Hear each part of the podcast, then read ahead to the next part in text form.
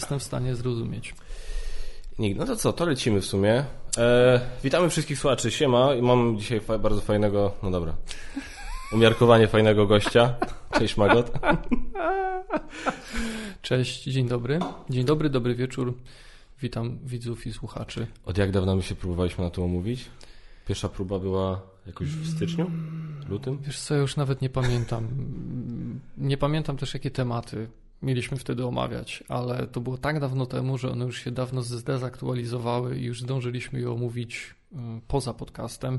Tak. I teraz pojawiły się nowe, więc... Które w sumie już też jakoś tak super aktualne nie są, jeśli mam być szczery, nie? Nie, no jeszcze, nie, no wydaje mi się, że jeszcze są w miarę, w miarę ciepłe. Tak, słuchajcie, na wstępie e, oczywiście ostrzeżenie, że e, może być brutalnie i wulgarnie. E, mało tego, no będzie bardzo mocno filmowo-serialowy.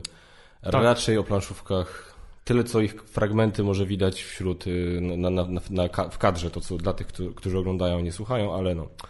Zobaczymy, zobaczymy, w którą stronę pójdzie rozmowa, natomiast y, tak, i myślę, że już na samym wstępie należałoby zaznaczyć, że będzie bardzo spoilerowo. Bardzo, bardzo. Bardzo, bardzo. Jeszcze będziemy o tym przypominać, ale dzisiaj będzie jeden wielki spoiler. Dokładnie.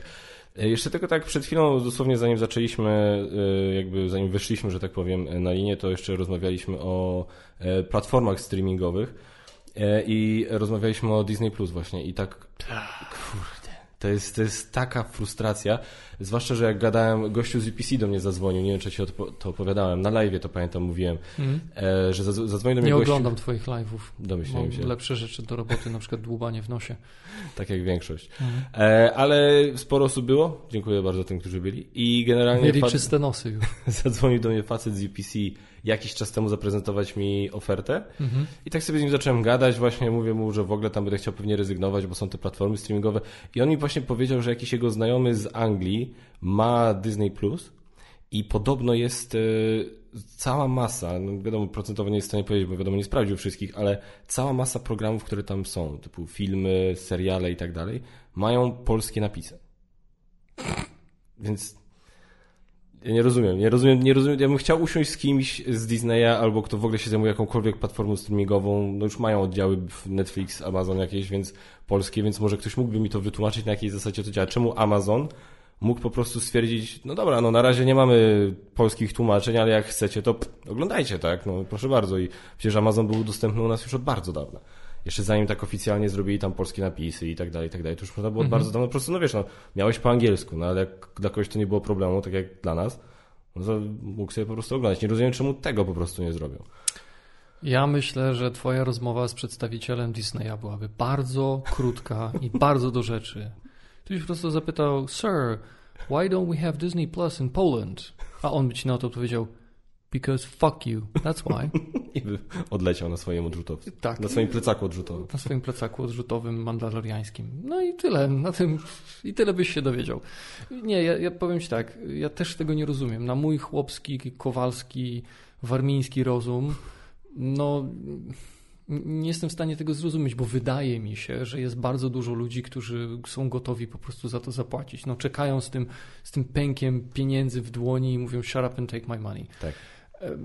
Czy to jest jakieś wyzwanie technologiczne, techniczne, infrastrukturalne, organizacyjne?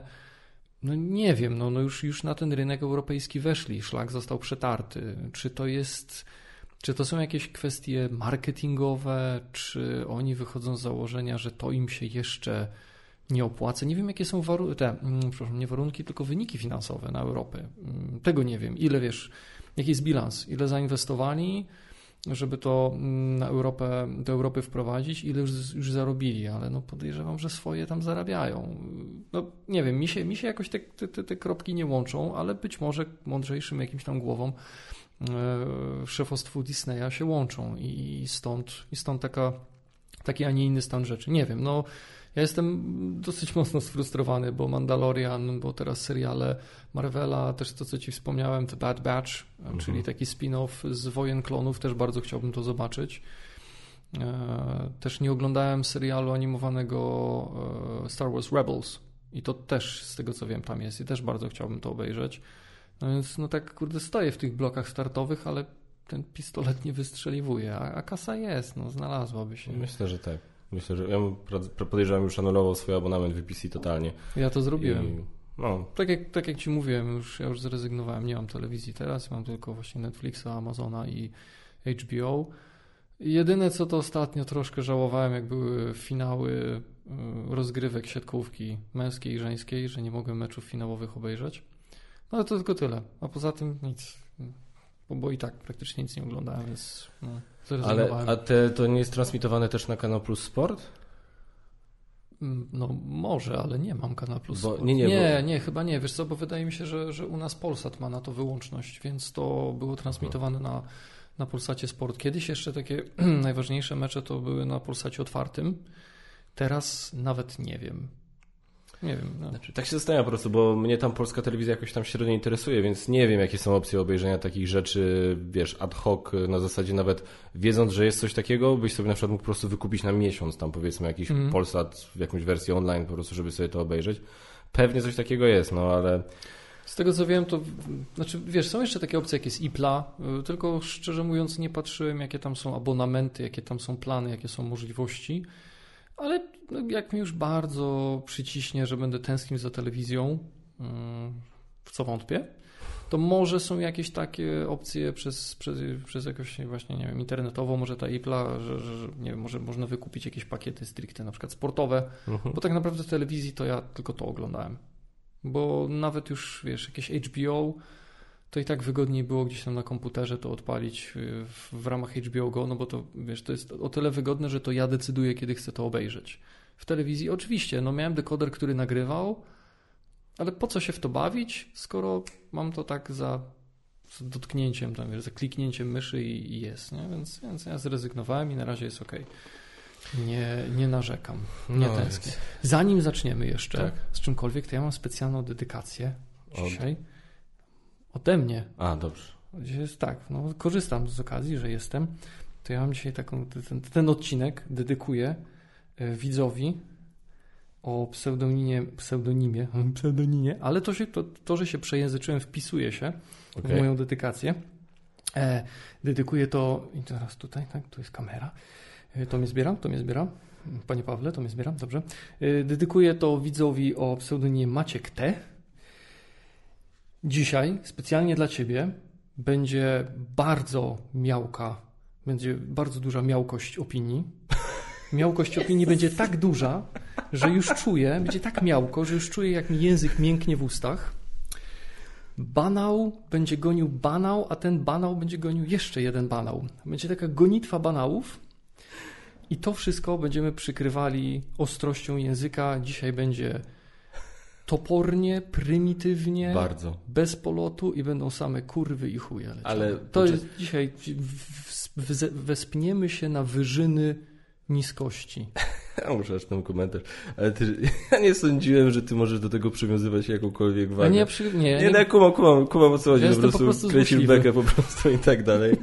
E, ja powiem Ci tak, ja z podcastem e, przyjąłem teraz taką politykę raczej, no tą politykę, nie robić podcastów najwyraźniej, bo bardzo rzadko je wrzucam, ale jak mm. już mhm. wrzucam, to e, nie przeglądam i nie reaguję na komentarze. Znaczy inaczej, przeglądam czasami komentarze, ale nie, nie odpowiadam. Stwierdziłem, że jakkolwiek bardzo doceniam i szanuję widzów i słuchaczy, zwłaszcza jak się chcą angażować i chcą dyskutować i chcą ja bardziej bym chciał, żeby komentarze na przykład była, było, były opcją, żeby sobie ludzie, wiesz, widzowie, słuchacze pogadali między sobą. Mhm. E, a ja, ja się nie muszę. Ja raczej uważam, że te podcasty są na tyle długie, że tam jakieś moje zdanie na jakiś temat jest już dosyć konkretnie i precyzyjnie i wyczerpująco wyrażone, więc ja się już tam produkować nie muszę. E, poza tym no, mam takie doświadczenia, jeśli chodzi o angażowanie się w komentarze na samym Geek Factor, że trochę mi to krwi napsuło, więc stwierdziłem, że może sobie tutaj zaczynam, wiesz, zaczynam nowe i sobie mogę tego oszczędzić, ale sobie aż chcę przeczytać ten komentarz. Ty swoje normy komentowania wyrabiasz na Facebooku, ja gdzie na angażujesz Facebooku. się całkowicie niepotrzebnie i bezsensownie w różnego rodzaju bezowocne dyskusje, chociaż ciężko to nawet nazwać dyskusjami, bo to jest... E, Czasami to nie, to, to są, to jest obok dyskusji to jest, taki, to jest taki ping-pong e, udowadniania swoich racji. I racji. W racji, no tak, no, no próby udowodnienia, że to ja mam, że to ja, ja mam rację, no. Tak, nie, nie, wiesz, jest, do mnie to absolutnie nie przemawia, ale mm, jakbyś mnie zapytał, y, za czym nie tęsknię w kontekście odejścia z Geek Factor, no to jest właśnie za, za ludźmi, którzy, którym się wydaje, że mają patent na wiedzę, którzy wiesz, komentują w taki sposób, e, mhm. taki z taką wyższością. Bo to, tak. nie jest, to nie jest dla mnie krytyka, to nie jest konstruktywna krytyka, to nie jest na zasadzie dam coś od siebie, nawet jeśli no, no muszę powiedzieć coś wprost, coś, co mi się nie podoba, ale dam coś od siebie, żeby to, co, czego lubię słuchać, na przykład w przypadku takiego podcastu, żeby to było coraz lepsze, żeby to było coraz lepsze dla mnie i, i dla, dla tej małej społeczności, która się wokół tego wytworzyła. To, to doceniam, to szanuję, nawet jeśli coś trochę zaboli, no bo to ego zawsze gdzieś tam człowiek ma, ale jeśli, no, no wiesz, zdasz sobie sprawę z tego, że no tak, no faktycznie, no gdzieś tam coś można by zrobić lepiej, można by zrobić inaczej, to ja to w pełni rozumiem i szanuję, ale coś takiego, co jest takie puszczone w eter i nie wiesz, jaki masz z tego wniosek wyciągnąć, poza tym, że ten ktoś daje ci w pewnym sensie do zrozumienia, że no jesteś na niższym poziomie niż on, no to nie, no to sorry. No więc ja nie traktuję tego emocjonalnie, ja nie biorę tego do siebie, ale jak mogę się odwdzięczyć i, no, i, i, i po prostu wykazać się taką lekką złośliwością, to może jest płytkie, to może jest takie próżne, ale co mi tam, fuck it. E, znaczy, powiem tak, no... Co to ma w ogóle znaczyć? Miałkość opinii. Co, co znaczy, że moja opinia jest miałka? To że... znaczy, że jest y, gorsza niż... Gorsza niż jego, tak? Gorsza niż jego, tak. Co to, co, ale serio, co to w ogóle ma znaczyć tak, wiesz, w takim szerszym kontekście? No wiesz, bo o opiniach, jest... o opiniach i o zdaniach i o gustach się nie dyskutuje, ale mój jest lepszy niż twój. Gusta i guściki i to jest guścik. Tak. Tak, ja mam gust, a ty masz guścik. No, no właśnie. No, Gnoju. Chuju. To jest po prostu dla mnie niepojęte. Niepojęte. Mówię, znaczy, wiesz, no z jednej strony może ja się nie powinienem wypowiadać, bo ja faktycznie też czasem, też jak sam zauważyłeś, dużo się angażuję w różne dyskusje na, na Facebooku, ale jakoś tak nie przypominam sobie, żebym po prostu tak rzucił właśnie takie hasło bez cienia, po prostu bez jakiegoś chociaż sensownego uzasadnienia, bez jakiegoś racjonalnego argumentu i tak dalej, i tak mhm. dalej. No, ale... Wiesz, samo pojęcie banału, tak? Ja ostatnio miałem taką refleksję, yy, tam od czasu do czasu, wiadomo, teraz bardzo dużo rzeczy przeniosło się do internetu. No i tak jak y, były różnego rodzaju konferencje, jakieś takie meetupy takich grup y, zainteresowanych jakimś, jakimś tam tematem, no to one były bardzo często organizowane na żywo. No teraz to wszystko przeniosło się do, do, do internetu, więc ja czasami tam biorę udział w jakichś e, webowych meetupach czy w jakichś webinarach. I ostatnio dwa razy brałem udział w czymś takim, byłem słuchaczem de facto, i były osoby, które jak dla mnie no po prostu waliły strasznymi banałami takimi, że no niczego się ciekawego nie dowiedziałem e, i aż byłem zaskoczony entuzjastycznym przyjęciem e, moderatorów tego spotkania. Takie, takie zachwyty, kiedy dla mnie no to faktycznie to było banalne, to było o niczym. Mhm. Ja nie wyciągnąłem z, z, tego dla siebie nic konkretnego. Mm, I, i, I tak sobie właśnie myślałem, no banał, no po prostu takie banały, ale potem sobie pomyślałem, okej, okay, z mojej perspektywy no właśnie. to jest banał, ponieważ ja przyszedłem tam z innym oczekiwaniem. Ja taki, taki tego całego hypu na jakiś tam temat, e, to już tam nie będę w, się wdawał tutaj w szczegóły, bo to jest tam ze świata powiedzmy zarządzania zespołami, zarządzania projektami. Ja ten, ten, ten taki hype, ten, ten, ten taki wstęp, nazwijmy to, czyli te, te, te ogóły, te ogólniki takie związane z pewnymi zagadnieniami, ja już to znam, ja już to słyszałem na paru konferencjach, ja już to przeczytałem w paru artykułach i tak dalej, mnie to nie interesuje. Ja teraz do, biorę w tym udział, ponieważ ja do mojej pracy potrzebuję konkretów. Mhm. Ja potrzebuję przykładów, ja potrzebuję jakichś doświadczeń z życia wziętych, żebym ja mógł sobie z tego zaczerpnąć coś i też samemu to wykorzystać. Ja potrzebuję konkretnej inspiracji, a nie takiej inspiracji, a jakby to mogło być. Nie? No takie tam wiesz. No cool. Nastaw się odpowiednio. Nie, ja już jestem odpowiednio nastawiony. Ty mi powiedz jako kiełznać, kurde, zespół, który ma tam, nie wiem, deweloperów z siedmiu krajów. Nie? Ja potrzebuję takiego przykładu. No więc takie jest moje oczekiwanie. Ale być może są osoby, które potrzebują generalnie szeroko pojętej albo takiej bardzo ogólnikowej, na wysokim poziomie abstrakcji, inspiracji. Być może potrzebują jakiejś takiej motywacji, żeby zacząć działać, żeby potrzebują czegoś takiego, może nawet w sposób nieświadomy, co e, popchnie ich do działania. I dla nich taki przekaz będzie ok, i do nich to trafi. Jakieś tam metafory, które zostały użyte, czy takie ogólnikowe informacje, które dla mnie były niewystarczające. Dlatego też to, czy coś jest banałem, czy jest informacją przydatną, czy jest informacją pożyteczną, jest bardzo subiektywne. I wydaje mi się, że no, powinniśmy mieć to na uwadze, tak? No. że nie zawsze mamy rację i też nie zawsze to, co dla nas wydaje się mało przydatne, będzie dla wszystkich obiektywnie mało przydatne. Amen. A ja chciałem zapytać Ciebie o jedną Tak. rzecz.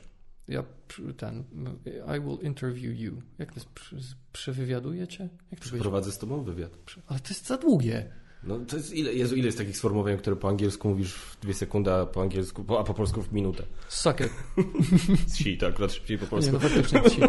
E, Chciałem Ciebie zapytać, chciałem się dowiedzieć, jak z perspektywy czasu, e, jak, czy masz jakieś refleksje, jak z perspektywy czasu oceniasz e, tę inicjatywę, czyli Geek Factor Podcast.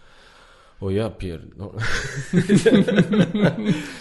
A w następnym podcaście będę po raz kolejny i wtedy porozmawiamy o tym, o czym mieliśmy rozmawiać dzisiaj. Tak, dokładnie. E, znaczy powiem Ci tak. E, e, przeceniłem, niewykluczone, że przeceniłem trochę swoje możliwości, jeśli chodzi o czas. Mhm. E, faktycznie ciągnięcie, wiesz, tego i normalnego życia, gdzie mam robotę i dzie- dzieci i e, gdzie jeszcze jest normalny kanał i tych gier wychodzi coraz więcej, a nie coraz mniej. Nie, gadasz. No, Ja myślałem, że to wszystko z pięciu ostatnich lat. E, nie, ale cztery z tych e, pięciu to są z tego miesiąca na przykład, nie? E, ogarnięte. Oprócz, znaczy nieustraszeni to jest akurat e, stary temat, e, ale ja dopiero niedawno dostałem i niedawno dopiero tak de facto z, zacząłem Mhm. ogrywać, bo miałem dług, długą przerwę też przez COVID. E, znaczy powiem Ci tak, ja... e, no, Jeszcze, jeszcze jedno pytanie. Bo teraz tak, czy ja ciebie głos, głośniej słyszę, czy twój też głośniej zbiera, bo jesteś głośniejszy? e, ja myślę, że mnie może głośniej zbierać trochę. A Aha. czemu? Okej, nie, bo strasznie dudnisz mi w uszach. To poczekaj, to trochę zawsze można zjechać. Jak teraz lepiej trochę? Tak, Dobra. dziękuję. E, to znaczy powiem Ci tak, na pewno ja jestem zadowolony z tego, że po, w ogóle zacząłem to robić i że faktycznie to jakoś idzie i że mam e, moim zdaniem mam już na, na, w tym momencie na kanale, czy po prostu na, na, mam już tam parę fajnych wywiadów, parę, wywiadów, parę fajnych rozmów, parę fajnych podcastów. Em, ja troszkę po prostu żałuję, że nie mam na to więcej czasu i boję się, że to może dalej tak wyglądać z Mhm. tym czasem. I ja szczerze uważam, że to mogłoby na przykład urosnąć do czegoś naprawdę zarąbistego i naprawdę popularnego. E, tylko niestety właśnie to jest potrzebna regularność i jest potrzebna po prostu, wiesz, no ciągła praca nad tym, ciągłe szukanie właśnie gości i też przede wszystkim, ale przede wszystkim robienie tego, tak? Mhm. Bo to jest to, przez co się uczysz, to jest to, przez co nabierasz tej wprawy, tej ogłady, tej takiej po prostu, wiesz, takiej szybkości po prostu w mówieniu, bo to jest, wiesz, e, to ci znani podcasterzy mówią tak, że oni się nawet od, od, prowadzenia, od prowadzenia swojego podcastu, oni się nauczyli rozmawiać z ludźmi w życiu. Mhm. Więc to jest, wiesz, to jest dla mnie, to, to jest dla mnie też właśnie taka, taka fajna rzecz, że można różnie się, różne rzeczy mogą, mogę sobie z tego wyciągnąć do swojego życia prywatnego. Ale no to jest to, że to trzeba robić, nie? I powiem tak, jeżeli by to miało tak wyglądać cały czas, no to boję się, że to za, wiesz, nie, nie chcę mówić, że miał z tego zrezygnować kiedyś, tak zupełnie, zupełnie, ale no to niewykluczone, że wtedy to będzie taka, wiesz, trochę sztuka dla sztuki, tak, dla właśnie takiego wąs- wąskiego kręgu i tak dalej, i tak dalej. Jeżeli ja, to miałoby zrealizować ten, ten mój zajebiście ambitny plan, żeby z tego wyszło coś naprawdę zajebistego i naprawdę popularnego, coś, z czego ja na przykład mógłbym się utrzymywać, to, to nie może wyglądać tak, jak wyglądało to przez ten rok. Moim zdaniem start był fajny, Mhm. różni goście, różne tematy, ale trzeba y, po prostu wrócić do większej regularności, bo to, to tak jak jest teraz, to jest za rzadko, moim zdaniem. Mhm. E, też nie wiem, czy nie ukrywam i aczkolwiek to by trzeba pewnie jakoś ten e, im e, jakoś się w miarę szybko zdecydować, żeby nie, wiem, czy nazwa też nie jest trochę kłopotliwa, jeżeli faktycznie chcę poruszać różne tematy, nie? Mm, To jest, wiesz, bo to jest tak, że jak masz na przykład podcast typu Joe Rogan Experience, który jest po prostu, on w, on w tym momencie może mówić o wszystkim i jego nazwa nie jest myląca, bo jego nazwa po prostu naprowadza na, naprowadza na niego. mhm. Albo podcast o nazwie e, Your Mom's House, który jest po prostu, nazwa jest po prostu tak abstrakcyjna, że też, tak, okej, nie naprowadza bezpośrednio na autorów e, Mhm. podcastu, ale jest tak abstrakcyjna, że też może być o wszystkim. To jednak to hasło geek, w tym Geek Factor Podcast, ja to, ja to zawsze tłumaczę i bronię tym, że wie, że to chodzi o szukanie pasji, a pasję można mieć dosłownie na każdy temat. Mhm. I jakoś tak tym próbuję się wybronić. E, Więc nie wiem, no to tutaj jeszcze mam jakieś, nie wiem, co ty na przykład myślisz na ten temat? Wiesz co? Mm, Ciężko powiedzieć, bo to jest tak, że jest kanał Geek Factor, Tak. który słusznie jest to oczywiste, jest kojarzony z tobą. Więc teraz, kiedy jest podcast i kanał Geek Factor Podcast, no to to Geek Factor już to to, co mówisz, tak, że Joe Rogan Experience to jest od razu nakierowuje na niego, ale tak samo nazwa Geek Factor tutaj automatycznie nakierowuje na ciebie. Osoby, które znają Geek Factor, ale osoby, osoby, z zewnątrz, które nie znają Geek Factor? Osoby, które znają Geek Factor. E, no i teraz jest pytanie, no bo owszem, można by próbować pewnie robić jakiś rebranding, czyli zmienić nazwę, mhm. ale to się wiąże z tym, że w tym momencie, gdybyś chciał wyjść do innych ludzi właśnie z inną nazwą, która będzie inaczej się kojarzyć, no to też musisz sobie zbudować tę bazę widowni. Mhm. Czyli to, co, to wracamy do tego, co powiedziałeś. Przynajmniej tak, tak mi się wydaje, tak? No, może tutaj rozumów nie pozjadałem, ale tak mi się wydaje, że w tym momencie trzeba by podejść do tego z większą regularnością. Bo na razie, no to faktycznie to, że to jest mniej regularne, to wydaje mi się, że nie, nie boli aż tak bardzo, ponieważ nazwą Geek Factor i generalnie jakimś tam czasami wydźwiękiem tych, e, czy, czy tematyką, może nie wydźwiękiem, przepraszam, tematyką tych podcastów, no ściągasz do siebie tych ludzi, których i tak już masz. Mhm. Więc masz przynajmniej tę bazę, więc to jest póki co bezpieczne. Mieć Geek Factor podcast, bo wiadomo, że ci ludzie są i oni od czasu do czasu, jak tam coś wyrzucisz, to oni przyjdą i obejrzą. Gdybyś teraz chciał wyjść do szerszego grona i, i faktycznie zrealizować tę swoją wizję, żeby to było o wszystkim, z każdym, jeśli tylko jest to interesujące i, i, i warte czasu, to może wtedy faktycznie pójść w inną nazwę, ale no to już wydaje mi się, że to wtedy trzeba by się skupić na tym, a to może być trudne. O. Kiedy jest ileś tam tytułów na ten miesiąc, a miesiąc jest w połowie, no troszkę ponad. No ale to, znaczy powiem Ci tak, yy, mi się fajnie słuchało podcastów, wszystkich i na przykład było dla mnie parę sporych zaskoczeń. Yy, dużym zaskoczeniem było dla mnie to, jak fajnie mi się słuchało pierwszego podcastu z serii, czyli z Basią, bo trochę się obawiałem, że to będzie takie wasze tam trochę małżeńskie, rodzinne pierdolenie. Nie, że bez sensu, tylko takie, że będzie dużo takich wewnętrznych historii, które tam gdzieś mogą nie zainteresować a bardzo fajnie mi się Was słuchało. E, wiesz, no my się przyjaźnimy, tak, więc jest jeszcze tam inna kwestia, ale no właśnie, mimo że się przyjaźniły, to ja się obawiałem, że ten odcinek może mnie nie zainteresować, bo będzie za bardzo gdzieś tam o, jakichś tam waszych prywatnych sprawach, że też oczywiście prywatnych do pewnego stopnia. No może właśnie dlatego, że się przyjaźniły, na zasadzie, no jak będę chciał posłuchać, co tam, się, co tam o nich słuchać, to po prostu podjadę do no, nich no, i pogadamy właśnie, sobie. No właśnie, tak, tak. E, a jednak naprawdę bardzo, bardzo fajnie mi się tego słuchało. E, powiem tak, odcinek z szafą wysiadłem.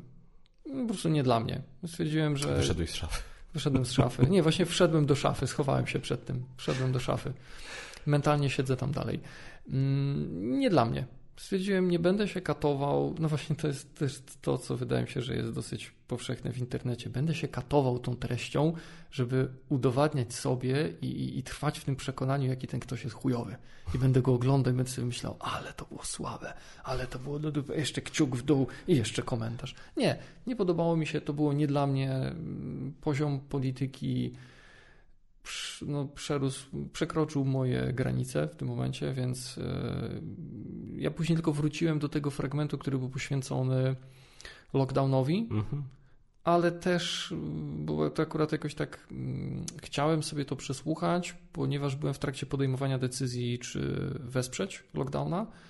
Szczerze powiedziawszy, to co się dowiedziałem Dużo z tego, się nie. Nic, no. nic tak naprawdę, więc decyzję gdzieś tak czy siak podjąłem już, już samodzielnie nie wróciłem do niego.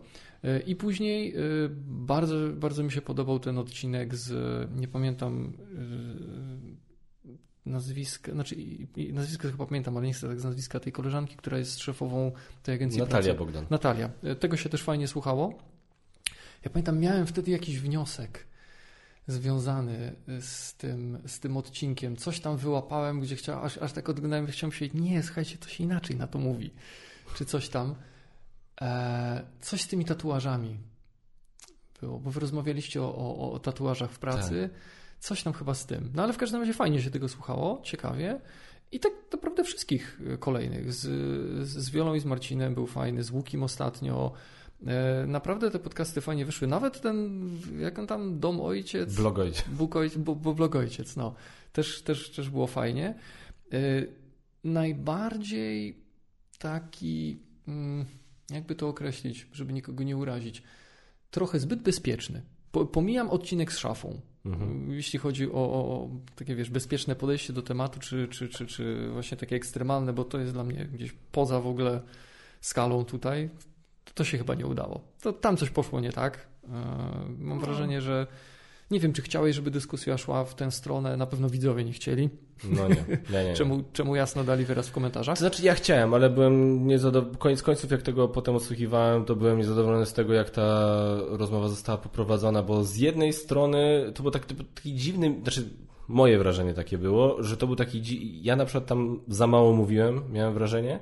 E, I to nie o to chodzi, mi o to chodzi, że ja w tym momencie powinienem więcej odchodzić też, żeby właśnie gości więcej słuchać, ale bardziej mi chodziło o to, że dałem szafie z jednej strony popłynąć, to właśnie był taki dziwny miszmasz, bo z jednej strony cisnął ostro, ale z drugiej strony jakoś tak powierzchownie, tak w sensie mhm. na zasadzie, wiesz, że tego to wymagało większego jakby przedyskutowania, doprecyzowania i, i, i tak dalej. A tak koniec końców wyszło, że niby rzucał ostro, ale takimi hasłami, które w sumie mogą niewiele znaczyć, tak? Mhm. I, I, myślę, że tu był ten problem. I to jakby wiesz, i to też myślę, to też nie jest tak, że teraz y, zwalam coś na szafę, bo absolutnie. E, szafa też wiem, nie był przygotowany na to. On, mhm. on był, podejrzewam, przygotowany na to, że będziemy tam sobie gadać o planszówkach. Mhm. E, I ja po prostu go zaskoczyłem, tak, na, na, na, dzień dobry, bo to z mojego pytania tam się zaczęło o głosowaniu, zdaje się, na, mhm. na kogo głosował, czy coś tam. Mhm. I, i, I on nie był też przygotowany, więc tak po prostu też tak poleciał, jak tam, wiesz, i to. to mhm Wiesz, ja też miałem no, na względzie, wiesz, na, na uwadze względy czasowe i tam chciałem to w miarę tam szybko zakończyć i przejść do tych tematów właśnie planszówkowych, więc no mówię, no to tam była seria błędnych decyzji, no ale no tych planszówek to tam niewiele, koniec końców niewiele było. było. No. Tak, ale do czego zmierzałem, że taki dla mnie trochę zbyt bezpieczny, a mający bardzo duży potencjał na to, żeby mhm. być ciekawym i takim może gdzieś poruszającym kwestie takie bardziej, czy to kontrowersyjne, czy takie trochę mm, tabu. Mm, to był odcinek i to znowu pamiętam nazwisko, nie pamiętam imienia. Emilia. Emilia, Emilia, tak. Stawikowska pamiętałem, Emilia nie, właśnie z Emilią. Gdzieś y, myślę, że ty mogłeś zadać jej parę konkretniejszych pytań i oczekiwać konkretniejszych odpowiedzi, bo nawet gdzieś, już nie, przepraszam, teraz nie, nie, nie przytoczę, nie zacytuję tego pytania, ale ty o coś tam zapytałeś i ona tak odpowiedziała tak bardzo bezpiecznie, wymijająco bezpiecznie, a ja tak siedziałem i tak, nie, no nie mów, nie, nie, nie uwierzę, że jesteś tak bardzo neutralnie, politycznie, poprawnie do tego nastawiona. Na bank jest inaczej. Okej, okay, tu może, wiesz, ja już teraz przesadzam i coś mi się wydawało, ale tak, tak miałem wrażenie, że można było e, pewne tematy trochę bardziej zeksplorować e, i, i, i gdzieś tak wydobyć trochę ciekawsze, ciekawsze informacje od niej. No, znaczy... Y, Ale tak czy siak też, też ciekawie się tego słuchało. No ja ci powiem, że nawet z, z Emilią to bym się nawet jeszcze raz chętnie kiedyś spotkał na podcast, zwłaszcza, że no parę ciekawych tematów wyszło od momentu, jak się z nią widziałem. Nie? Jestem przykład bardzo ciekawy, co ona miała do powiedzenia na temat tego, co dzisiaj przeczytałem. E, a propos filmu, który ma powstać. O Fallen Fox. Nie wiem, czy wiesz, co to jest. Fallen Fox jest... E, no właśnie, zawodniczką dla tych, dla tych, którzy słuchają, a nie oglądają, zrobiłem Aha. minę przeczącą, czyli nie, nie wiem, kim jest ta osoba. E, jest zawodniczką MMA, mhm. E, która wywołała bardzo duże kontrowersje, bo urodziła się mężczyzną. Mhm. Więc jest trans, transpłciową zawodniczką MMA. Mówiłeś mi kiedyś o tym, no. I, no i yy, przeczytałem dzisiaj tego newsa, A do, do, że... do, dokończ, bo ja wiem, tylko dokończ, żeby też widzowie wiedzieli o co znaczy, chodzi. tak, tak, tak. Yy, to jest właśnie, yy, znaczy ona wywołała spore kontrowersje, ponieważ nie ujawniła od razu że mhm. jest biologicznie mężczyzną, tak? Mhm. Że ona się urodziła jako mężczyzna. Od razu mówię, że ja właśnie jeszcze nie zgłębiłem tak tematu w 100%, na zasadzie nie wiem na przykład, czy ona jest po jakiejś y, szeroko zakrojonej terapii hormonalnej, czy, czy, czy jakoś przeprowadziła jakąkolwiek biologiczną ingerencję. Tego nie wiem.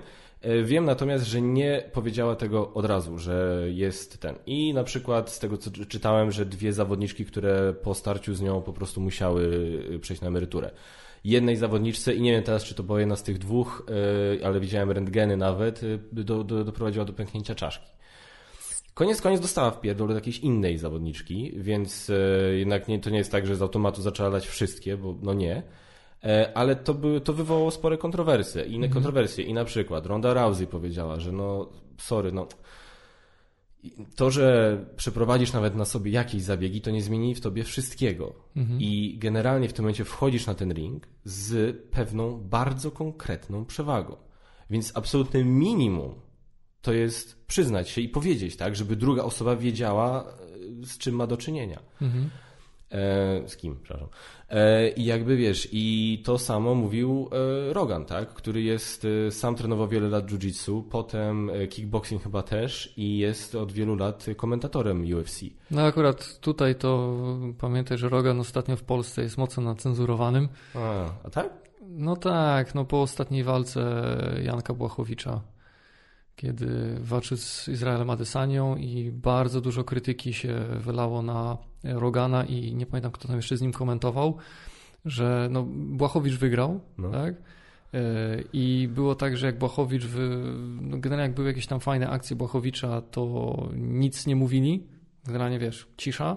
E, Ja nie widziałem tej walki, ale no, Mhm. tam coś czytałem w internecie, tak? E, I, I to były głosy widzów, ale też gdzieś tam głosy mm, samych zawodników, którzy tam gdzieś na Twitterze, na Twitterze czy, czy coś umieszczali swoje mm, wypowiedzi, takie, znaczy swoje opinie, że, że komentarz był bardzo biased. No a kiedy generalnie jakby mówiąc teraz tak trochę prześmiewczo, że jak Błachowicz bił, to nic, nie było żadnego komentarza, a jak Adesanya dostawał po ryju, to gratulowali mu tego, jak, e, jakich fajnych tam, wiesz, jakie fajne wykonuje akcje, jak układa swoje ciało, żeby dostawać w pierdol. No, to tak wiesz, teraz z przymrużeniem oka, no ale generalnie przegrał, a z komentarza samego podobno można było wywnioskować, że że to była najpiękniejsza walka w jego życiu, tylko że obskoczył w ryj, tak? No, więc ostatnio Rogan jako komentator w Polsce nie ma najlepszej prasy. Aha, no to możliwe, to nawet I podobno, podobno, tego też nie potwierdza, ale podobno to nie jest pierwszy raz, kiedy, kiedy jakieś względy, prawdopodobnie jakieś marketingowe, bo no też tam się mówiło trochę o tym, że, że, że, że, mm, że gdzieś to UFC, że Dana White i UFC tak trochę nie, nie dopromowywali Błachowicza, że chyba nie wierzyli w niego, on się wspiął tam, wiesz, na sam szczyt tej swojej kategorii wagowej, że zawsze, że, że gdzieś po prostu był tak trochę po macoszemu traktowany i to też się odbijało e, tutaj w komentarzach i że ponoć tak się czasami tam zdarza, że jak ktoś nie ma wystarczająco dobrego marketingu, się na niego nie stawia, to się go nie hypuje i też mm, komentuje się go w stronniczy sposób. I, i, Roganowi zarzucali gdzieś tam, że to ponoć nie pierwszy raz. No, Możliwe, możliwe. E, Wiesz co, też muszę wybadać, bo na pewno nie, na pewno nie jest uprzedzony do Polski, bo wielokrotnie Nie, nie, nie, wiesz, to jest- plany na temat Joanny Jędrzejczak wypowiadał, więc Jędrzejczyk. Jędrzejczyk, przepraszam. E, więc- Tak, tak, absolutnie. No to, to bardziej zarzuty były takie, że jak trzeba kogoś hypować, bo on jest tą, tym, tym wyżej, tym lepiej promowanym zawodnikiem, tak, no to wtedy też to się przenosi na komentarz, a komentarz powinien być bezstronny i powinien yy, no, zachwalać te akcje, które faktycznie miały miejsce, te, te, te ciosy, te, te chwyty, mm, te, te rzeczy, tak, a nie, że ktoś, wiesz, dobrze Nie, bije jest oczywiste, skutecznie że- i się siedzą zasznurowane usta, a ten dostaje po ryju i o, ale, ale cudownie się złożył, mógł dostać mocniej, ale dostał tylko tak, bo No nie, doskonale... no, to jest dla mnie oczywiste, że komenta- koment- koment- komentarz powinien być absolutnie jak najbardziej dla mnie na tyle szczegółowy, na ile jest to możliwe i na tyle obiektywny, na ile jest to możliwe. Przecież to jest po to, żeby ludzie, którzy, albo żeby ludzie, którzy oglądali, żeby sobie mogli się doedukować na przykład na temat y, technik, na temat Tak. w ogóle samego sportu, albo dla ludzi, którzy słuchają walki, bo na przykład nie są w miejscu z telewizorem, ale są w miejscu z radiem albo coś takiego, No, tak? no. Więc jakby, no nie, no to absolutnie, więc... y, No ale, y, tak czy siak, mimo wszystko ma za sobą wiele lat, więc coś tam na ten temat wie. Tak, tak, no. I on wypowiedział się coś, co nawet dzisiaj swoją drogą, jak gadałem o tym ze swoją trenerką, to ona też to nawet zaczęła praktycznie od tego, pomimo tego, że nie nawiązałem do niego, że w takim, w tak kontaktowym sporcie, jakim jest y, MMA, wszystko ma znaczenie. Ma znaczenie rozmiar dłoni, ma znaczenie rozstaw ramion, ma znaczenie gęstość kości, wiesz, wszystko ma tam znaczenie. Więc w tym momencie, wiesz, za jakby przemilczenie pe- pewnych aspektów właśnie takich, że urodziłem się facetem, no to jest grube, grubo nie fair, tak? I jakby jestem, i najgorsze jest to, że ja na przykład nie jestem zdania absolutnie, że nie jak urodziłeś się facetem, masz do końca życia, do usranej śmierci po prostu startować w kategoriach męskich. Ty Nie. lewaku jebany. Ja, nie, bo dlaczego? Bo ja uważam, że jakakolwiek jedna od- odpowiedź tutaj jest nie ma opcji, żeby była jedna ogólna odpowiedź, która będzie poprawna. Bo to jest za dużo niuansów, za dużo niewiadomych, tak? Sport sportowi nierówny, osoba trans, osobie trans nierówna, tak? Jest osoba trans, która nic nie robiła ze sobą, po prostu się zaczęła identyfikować jako osoba płci przeciwnej. Jest osoba trans, która przeszła, kurde, wieloletnią terapię hormonalną na przykład, żeby się właśnie upodobnić bardziej do jakiegoś tam swojego obrazu płci przeciwnej, więc nie ma żadnej jednej ogólnej odpowiedzi, moim zdaniem.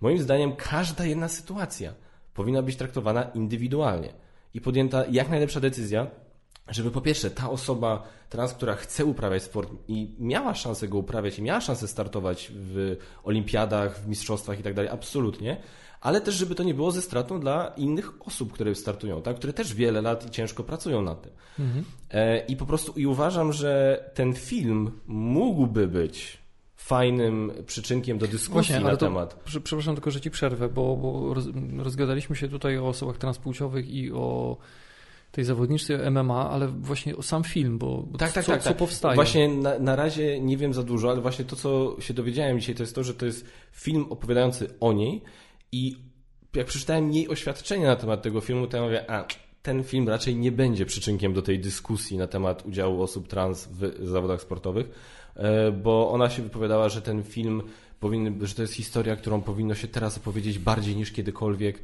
e, żeby ludzie usłyszeli, jak, wyglądała moja, jak wyglądało moje życie i jakiego, teraz mi właśnie brakuje polskiego słowa, abuse e, do, doświadczyłam od UFC na przykład, mhm. tak? Ja tak... Okej, okay, ja nie twierdzę. Na pewno niektóre osoby, które ją krytykowały, robiły to w sposób grubo poniżej wszelkiej krytyki. Nie twierdzę, na, na bank. No to jest, mm. to jest świat, to jest no ludzie, tak. jest internet. E, ale wiem, że w tej krytyce było też bardzo dużo rzeczowej krytyki, bardzo dużo spokojnej. Ronda Rousey powiedziała, słuchaj, no moim zdaniem to nie jest fair, tak? Moim zdaniem możesz zrobić to, możesz sobie obciąć chwyta, może, no dobra, może nie, nie brzmi to spod super wyważenia, ale, ale, wiesz, ale na zasadzie możesz sobie coś tam... Wcale, wcale nie zszedłeś do poziomu 99% internetu ale koniec, teraz. koniec końców powiedziała po prostu, że jej zdaniem to nie jest fair, tak? Mhm. No i, ale wiesz, jakakolwiek jakikolwiek kontrargument, jest od razu, że jesteś transfobem, jesteś naziolem, jesteś nie wiadomo co. No, tak. Mm, no tak, no bo lubimy, znaczy lubimy w cudzysłowie, lubimy skrajności, lubimy szufladki, lubi, lubimy szufladki bardzo, bardzo, znaczy lubimy. Nawet, my chyba nawet nie wiemy, że to lubimy, ale jesteśmy tak uzależnieni od ulegania emocjom. Oczywiście. O, Dobra, stary, słuchaj, bo ja nie po to tu przyszłem. Już 40 minut, to my nawet nie, nie zbliżyliśmy się do początku tematu odcinka. Ale nie, już, już właśnie jesteśmy. tak, tak. To już tak. jest teraz. Dobra, to jest, jest teraz. Teraz już po raz kolejny uprzedzamy spoilerów od groma. Tak. Yy, od czego chcesz zacząć? No może od krótkiego wprowadzenia. Yy, niedawno miało miejsce wydarzenie, nie chcę powiedzieć, że bezprecedensowe, ale no dosyć istotne dla środowiska fanów science fiction, kina superbohaterskiego dla fanów komiksów, a mianowicie to, o czym wszyscy doskonale wiedzą. E, jako wynik tak naprawdę inicjatywy fanowskiej mhm. została wypuszczona wersja oryginalna, reżyserska, zgodna z e, pierwotnym, pierwotnym zamysłem e, Justice League, Liga Sprawiedliwości Zaka Snydera. Tak. I od razu trafiła na HBO tak, już, już HBO Max w Stanach, HBO u nas Max, HBO, Go. HBO Go, e, z czego się bardzo cieszyłem. E, ja powiem szczerze, nawet nie wiedziałem, że taka inicjatywa była. Nie wiedziałem, że, że, że to powstaje. E, ale jak tylko się dowiedziałem, to no, od razu ciekawość bardzo duża się pojawiła we mnie. I jak tylko zobaczyłem trailer, trailer to już po trailerze miałem takie wrażenie, oczywiście poprzeczka nie była wysoko zawieszona, po Justice League Jossa Whedona, do czego wrócimy za jakiś czas? W pewnej sekcji tak.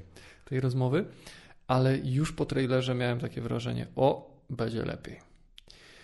No właśnie, i na okazję tegoż precedensowego, bezprecedensowego, jakby je tam zwał, wydarzenia, dosyć ważnego, uważam, bo też związanego mm, bardzo mocno z tym, w jakich okolicznościach Zack Snyder musiał pożegnać się z kręceniem e, Ligi Sprawiedliwości. Uważam, no, no, temat naprawdę godny takiego podcastu. A jak już będziemy przy DC, no to też później już płynniutko przejdziemy do ostatniej premiery, e, znaczy w zasadzie nie ostatniej, dla nas ostatniej, bo pojawiła się e, w, w, dla nas jako widzów, odbiorców w Polsce po Justice League, chociaż de facto chronologicznie pojawiła się przed, Tak. Czyli druga odsłona historii o Dianie Prince, czyli Wonder Woman 84. Także planszówkowo... Spoilery. Spoilery. Spoilerów. Chuj. E, także planszówkowo, no co, nie możemy dzisiaj niczego zagwarantować. Nie. A teraz już tylko Superman i spółka. Tak jest. Ja sobie E, nawet przygotowałem, bo O, obawiałem o się, obawiałem się, że o czymś zapomnę, więc dzisiaj przy obiedzie sporządziłem sobie krótką listę. Umawialiśmy się, że gdzieś tam to będzie taki, taka formuła, pewnie co nam się podoba, nie podoba w różnej kolejności, w zależności od tego, e, co szybciej chcemy mieć za sobą, więc może być różnie. No, znaczy, ja powiem tak, e, przede wszystkim dla tych, którzy nie wiedzą, e, chociaż wątpię, bo to było dosyć bardzo, bardzo szeroko nagłośniane, że Zack Snyder musiał opuścić e, Ligę Sprawiedliwości ze względu na to, że jego córka o tym popełniła samobójstwo. E, aczkolwiek on też w jednym wywiadzie tam tak do, dał jasno do zrozumienia, że to jakby, że troszkę, na- nawet gdyby ona tego nie zrobiła, to niewykluczone, że to i tak by się skończyło, jak się skończyło. Bo po, podobno tam się jakoś zdrowo, bardzo, bardzo się tam dużo krwi napsuło podobno. E, tak w, jak, w jednym wywiadzie on coś takiego zasygnalizował. Nie? A między że, kim a kim? E, między, między nim a szeroko pojętym szefostwem Warner Brothers, tak? Gdzie on też się wypowiadał, że podobno szefostwo Warner Brothers bardzo nie lubiło Batman vs. Superman, tak? No, I jakby- To się nie dziwię. No, then don't rush it, motherfucker. No tak, to jest, to jest właśnie to. No, wiesz co, ale jak często to się przewija, że to szefostwo zabija projekty albo sprawia, że one nie idą w tę stronę, w którą trzeba, bo mają jakieś swoje wyobrażenia. Niejednokrotnie związane właśnie z brakiem cierpliwości, brakiem odpowiedniego planowania i, i, i wizji tego celu, tego why. Powiedz mi przede wszystkim, przeszkadzało Ci e, format obrazu? Nie. Mi to też, ja się Nie, bardzo, tam bardzo szybko nie, się przyzwyczaiłem. Bałem nie. się, jak zobaczyłem trailery, to wtedy jakoś tak, mm, nie wiem, czy to kupię, ale jak już oglądałem film, to poszło. Nie, wiesz co, absolutnie nawet nie potrzebowałem, żeby się do tego przyzwyczajać. Może dlatego, że właśnie już widziałem trailer i wiedziałem, że to będzie w, taki, w takim formacie, więc po prostu zasiadłem do oglądania i tyle. Nie musiałem się do tego dopasowywać, znaczy, przepraszam, do przyzwyczajać w żaden sposób. Nie, tak było i było ok. No. Ja powiem szczerze, moje pierwsze takie, jakieś takie, taka, pierwsza taka rzecz, która mi się rzuciła w oczy, bo ja w ogóle od momentu jak ten e, film miał premierę, myśmy to, ja, myśmy to z Basią obejrzeli dzień po premierze na HBO, czy dwa dni po premierze na HBO. Od tamtej pory obejrzałem go jeszcze raz. Mhm. Mało tego, obejrzałem jeszcze raz e, Justice League Jossa Whedona. To już zakrawa na masochizm, ale okej. Ale powiem Szanuję. Ci, że ja byłem w szoku, i zwłaszcza jak sobie obejrzałem jedno po drugim, e, te dwie wersje, ile rzeczy tam było pozmienianych. To jest Tak. naprawdę... To są dwa inne filmy. Ja pie... Nawet rzeczy, które są z pozoru bardzo podobne albo wręcz takie same, Mhm. to jednak inna, inna kolorystyka. Tak, e, chociażby ta kolorystyka, ta, no. in, wiesz, ujęcie jest o pół sekundy dłuższe, zanim przejdzie w kolejne. To już Dlatego film trwa 4 godziny. Dlatego film trwa 4 godziny. I czy to jest Twoim zdaniem ważna rzecz, którą trzeba podnieść, że pomimo tego, jak bardzo nam się podobała Liga Sprawiedliwości Zacka Snydera, umówmy się, ten film nigdy w życiu by się nie miał prawa ukazać w kinie. Nie. Oni by w życiu nie poszli Nie, na 3 nie, godziny nie. 50 minut filmu. Nie, ale no, no dobra, no to właściwie możemy od tego zacząć. No. Yy, nie wiem, jak planowałeś, ale ja tu mam właśnie zgodnie z tym, co tam wstępnie ustaliliśmy, ja mam Justice League, najpierw mam minusy, No to lecimy. których jest mniej. Tak. Więc nawiązując do tego, co powiedziałeś, ta wersja Justice League, zarówno jak i ta wcześniejsza Jossa Whedona, cierpią z powodu pośpiechu wytwórni. I teraz nie wiem, czy. No, jeśli teraz mówisz, że Snyder miał tam już w, tamtym czasie jakieś tam, jak, jakąś kosę, czy były, no po prostu były jakieś problemy na linii on wytwórnia, szeroko pojęta, no to domyślam się, że to nie było tak, że on cisnął na, na pośpiech, e, a oni, a oni nie, że wręcz było odwrotnie. Jakby nie było, ten film cierpi, te dwa filmy cierpią z tego samego powodu. Braku osobnych filmów prawie wszystkich bohaterów. No, na tamtym, na tamtym etapie nie mieliśmy Aquamana, Flasha i Cyborga. Tak. Połowę. E, Wonder Woman już była Tak. e, i teraz Cyborg, do czego przejdziemy myślę, że dalej, bo Cyborg jest dużym plusem Tak. tego filmu. I właśnie nowa wersja pokazuje, że cyborg jest tak integralną częścią tego filmu, że dla niego osobny film z jego tym origin tu nie miałby sensu, więc to jest ok. To, tak. że cyborg jest tak, mm, jego historia jest tak pokazana w Justice League Zacka Snydera, jak jest, to dla mnie jest ok. Ale uważam, że zarówno Flash, jak i Aquaman mogliby mieć e, swoje filmy już wcześniej. Oczywiście nie zaoszczędziłoby się za dużo czasu, bo to też jest tak, że no Barry Allen, no widzimy, że jest u starego w więzieniu. Mhm. Z Aquamanem to też przynosi gościa i rzuca go na stół i bierze whisky tak, na, jego, tak. na jego koszt. Dużo by się tego czasu nie zaoszczędziło. Myślę, że trochę można było, ale też, i to jest rzecz, która mi się nie podobała, e, to jest chyba rzecz, która mi się najbardziej nie podobała w tej, w tej, w tej wersji. To jest ten, jak dla mnie, zupełnie niepotrzebny motyw z Wonder Woman, gdzie ona e, ratuje tam tych ludzi w tym muzeum, czy gdzieś tam w Londynie, gdzie jest ten atak terrorystyczny. Tak. Bo tak, mieliśmy już film solowy Wonder Woman, wiemy kim ona jest, a ta scena, ten fragment jest tak o niczym, Mhm. No dla mnie jest totalnie o niczym. No, grupka terrorystów, którzy niczego nie chcą, tylko chcą wysadzić coś w powietrze, wybiera sobie kurwa za cel muzeum z grupką, z wycieczką szkolną. Jesteście w Londynie. Jest Buckingham Palace. Bo to chyba Londyn był, nie? Tak, tak. Jest Buckingham Palace. Jest kurwa Wembley. Big Ben.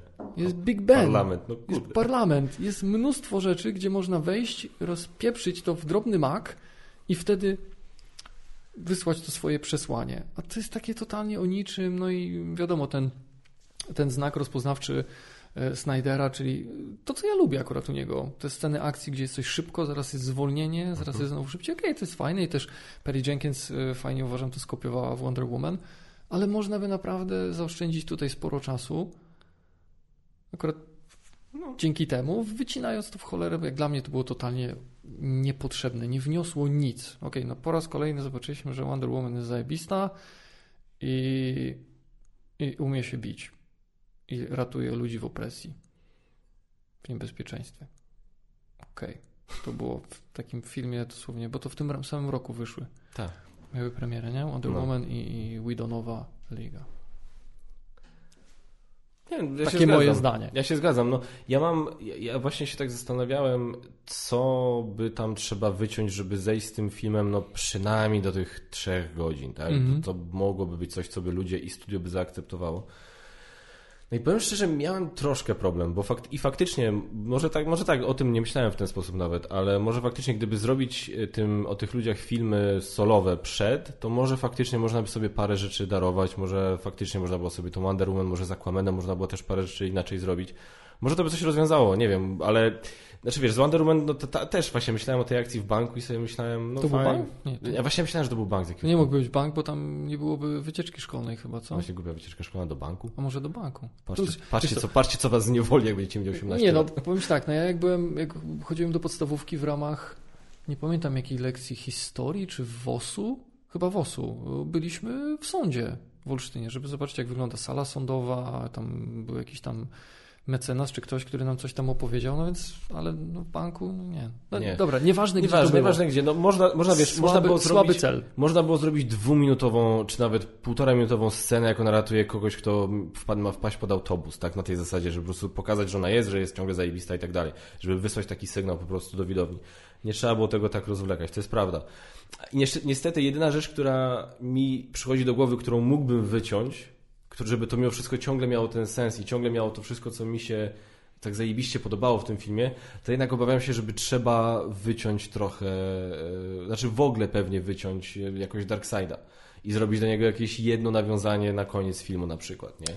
Albo wątek z, e, przypominamy, spoilery, e, Martian Manhunter, tak? Tak, na przykład. on, mm, Martian Manhunter myślę, że też mógłby, aczkolwiek, no widzisz, bo Martian Manhunter pojawia się w momencie, kiedy przeistacza się z powrotem tak. w siebie z Marty Kent i to jest w trakcie filmu, ale później ta scena, jak on jest u Bruce'a Wayne'a, to jest, to jeszcze było, to już było post-credit scene? Nie, nie, ale nie? już to była zupełnie ostatnia scena. No, no właśnie, Darkseid, no z Darkseidem jest tak, że mm, mam wrażenie, że jest trochę ze skrajności w skrajność z Darkseidem. Bo u Jossa Whedona Darkseida nie ma w ogóle, jego imię się pojawia raz, Mhm. wymawiane przez Steppenwolfa. Steppenwolf jest w, u Whedona chujowy straszliwie i tak na, bardzo, tak na dobrą sprawę nie wiesz, o, o, o, co tu się dzieje. Po co on przyjeżdża na tę ziemię, bo mu się należy. Mi też się kurwa wiele rzeczy należy, ale nie przelatuje na inną planetę i nie robię rozwałki, tak? No więc y, tam jest, właśnie tak, tam jest ta wzmianka o Darkseidzie, więc apetyty się nabudowały. Tutaj Darkseida masz dużo więcej, może trochę za dużo. Pytanie, jaka miała być wizja dalej? Tego się już pewnie nigdy nie dowiemy. To jest jeszcze taka kwestia, którą trzeba brać pod uwagę. Co mogłoby być dalej? Mm, No myślę, że jednak mimo wszystko Marvel to dużo lepiej zrobił z Thanosem, gdzie najpierw go pokazali tam dosłownie na chwilkę w Avengersach, potem on już odgrywał większą rolę w Guardians, Tak. no i później w Infinity War no już przyjechał z przytupem, nie?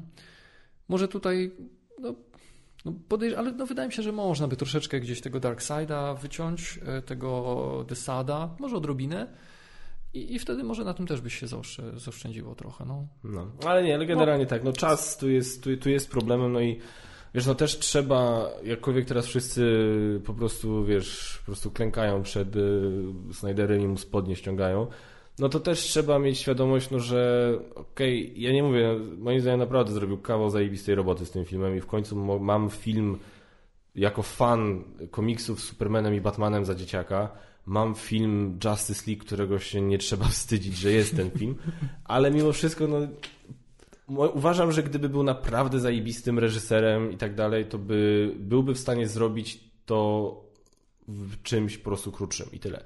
Albo właśnie lepiej to przeprowadzić. No, albo z drugiej strony Ja on, myślę, że do, on dostał... lepiej mógłby zrobić to, co lepiej mógłby zrobić poprzedni film. Bo to trochę już gdzieś ma swoje konsekwencje, tak? Czyli Dawn of Justice. Aczkolwiek tam też polecam wersję reżyserską. A jest? Jest. To nie Ulti- widziałem. Ultimate Edition. Mam A. na Blu-rayu, mogę ci pożyczyć. Jest, Oczywiście. Jest, y, nie rozwiązuje Doomsdaya, nie Mhm. rozwiązuje Lexa Luthora, nie rozwiązuje Martha.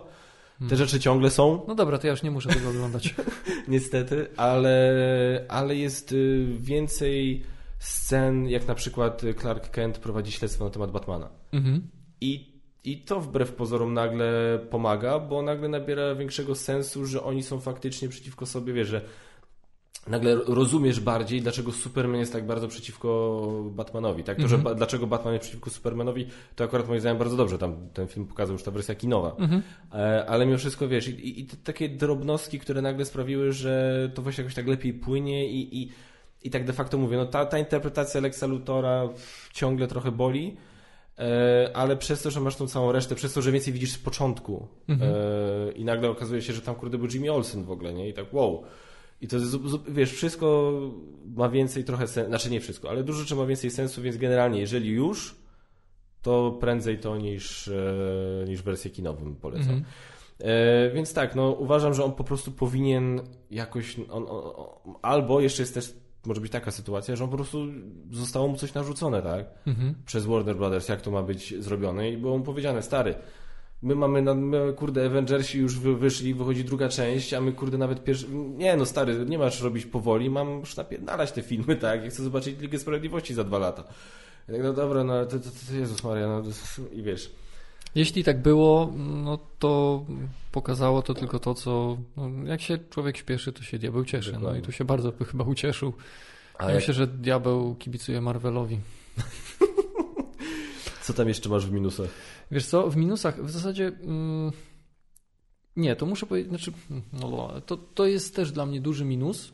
I to jest akurat rzecz, która u Widona podobała mi się bardziej. A mianowicie, e, jak Lois Lane, co sprawiło, że Lois Lane pojawiła się e, pod tym statkiem, no, przy, przy tym kompleksie, gdzie jest statek e, Supermana, w momencie, kiedy Superman został wskrzeszony przez, przez ekipę. Em, bo tutaj u Snydera jest to, co jest y, typową bolączką. I ja wiem, ty, ty mi powiesz, że tam są te, tam są te, te, te, jak te, tam, te zaworki, tak, które przykręcasz odpowiednio, Tak, w zależności od tego, tego, jakiego typu film oglądasz. Oczywiście. Kiedy oglądam film superbohaterski, to mój bullshit meter, jego Tak, y, bardzo zasilanie skręcam na minimum, żeby mi tam nie wył za często.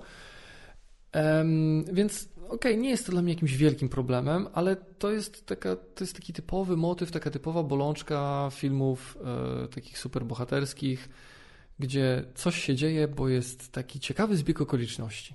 I u Snydera jest właśnie tak, że akurat tego dnia Lois Lane, ja wiem, można by powiedzieć, że to jest na skutek, e, że, że to ten Martian Manhunter był w postaci Marty Kent, e, był u niej, i ją zmotywował do czegoś, ale nie miał pewności, że akurat ona w tym momencie stwierdzi, dobra, to idę po raz ostatni tam, po raz ostatni kupię kawę temu gliniarzowi, w ogóle i tu chodzi kawa gliniarzowi, kupuję, nie? I akurat w tym dokładnie momencie niesamowitym zbiegiem okoliczności znajdzie się tam, kiedy oni wskrzeszają Supermana.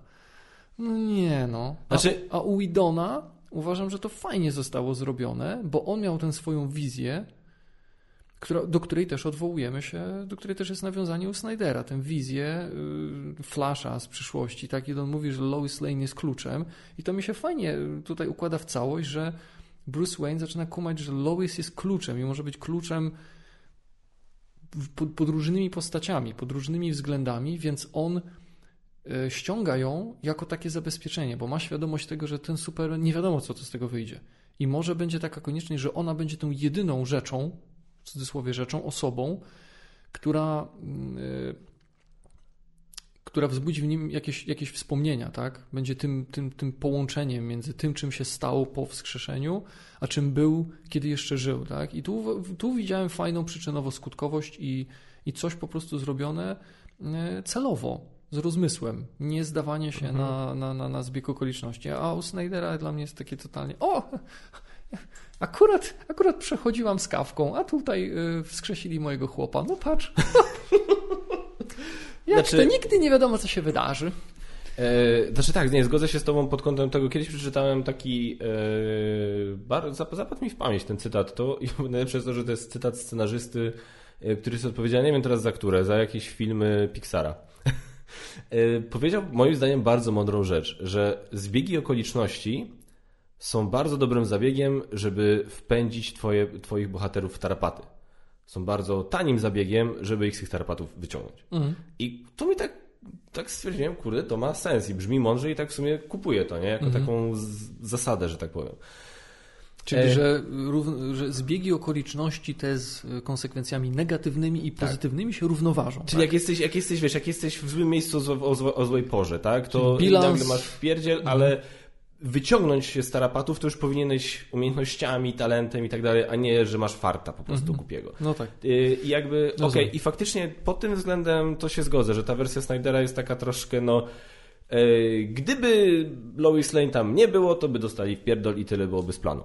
No właśnie. No, więc y, tak, to jest prawda. Natomiast to, że ona tam była, to już jakby nie, no to jakby ja kupuję, bo ona tam była codziennie. Więc, więc jakby ja to rozumiem, tak? I może faktycznie zbieg okoliczności, że, że na zasadzie, że wiesz, że, że akurat tego dnia to był jej ostatni raz, kiedy miała tam być, bo już, bo już się przy... Dobrze. Kurwa, dobrze, że wczoraj nie byłam ostatni raz. No wiesz, oni tak stwierdzili, kurde, dobrze, że nie mieliśmy żadnej obsuwy, nie? Coś się nie wydarzyło, nie, nie, nie byliśmy tu jutro, bo... Hmm, już byśmy nie byli. Ale, prze, ale, przez chwilę myślałem, że ona, co musiała sobie pomyśleć i że chociaż część mózgu jej tak sobie pomyślała na zasadzie, że jak ona, wiesz, pożegnała się z nimi, pogodziła i w końcu jakby w pewnym sensie pogodziła się z tą stratą. Okej, okay, pora zacząć nowe życie. Pff, jeps. Serio? kurwa, teraz wracasz się do... Tak mówię, kurde, ciekawe. Szybciej się nie dało? Celowo, Więc... celowo czekałeś? Jakiś taki dowcip? Więc, ale jest i, I może faktycznie gdzieś tam w tym, że to był jakiś taki pomysł y, Bruce'a Wayne'a, żeby ją tam ściągnąć, jest troszkę jakby w tym trochę więcej takiego sensu, jeśli chodzi o tą przyczynową skutkowość, to jednak on w tym momencie troszkę y, dla mnie y, przekłamał, jeśli chodzi o to, co mówił Barry Allen, y, że Lois Lane jest the key. Bo w tym momencie to jest jakby takie jeden do jeden, że Lois Lane jest the, is the key i ona przyszła, pokazała się tym kluczem, żeby Superman ich wszystkich nie rozwalił, bo gdyby jej nie było, to by pewnie ich wszystkich rozwalił i nie wiadomo, czy by nie rozwalił całej reszty i by wtedy się wydarzyło to, co się wydarzyło w wizji Batmana, tak?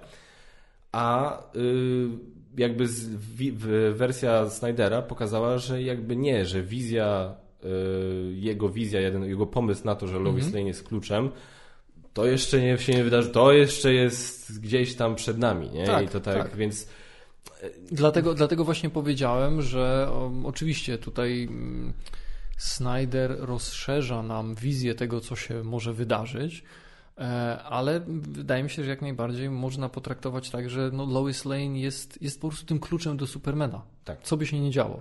co Tak? zresztą Wonder Że- Woman mówi w wersji Snydera, nie? Że No. ona, jest, ona jest po prostu dla niego, dla niego kluczem. Tak. No tak, no.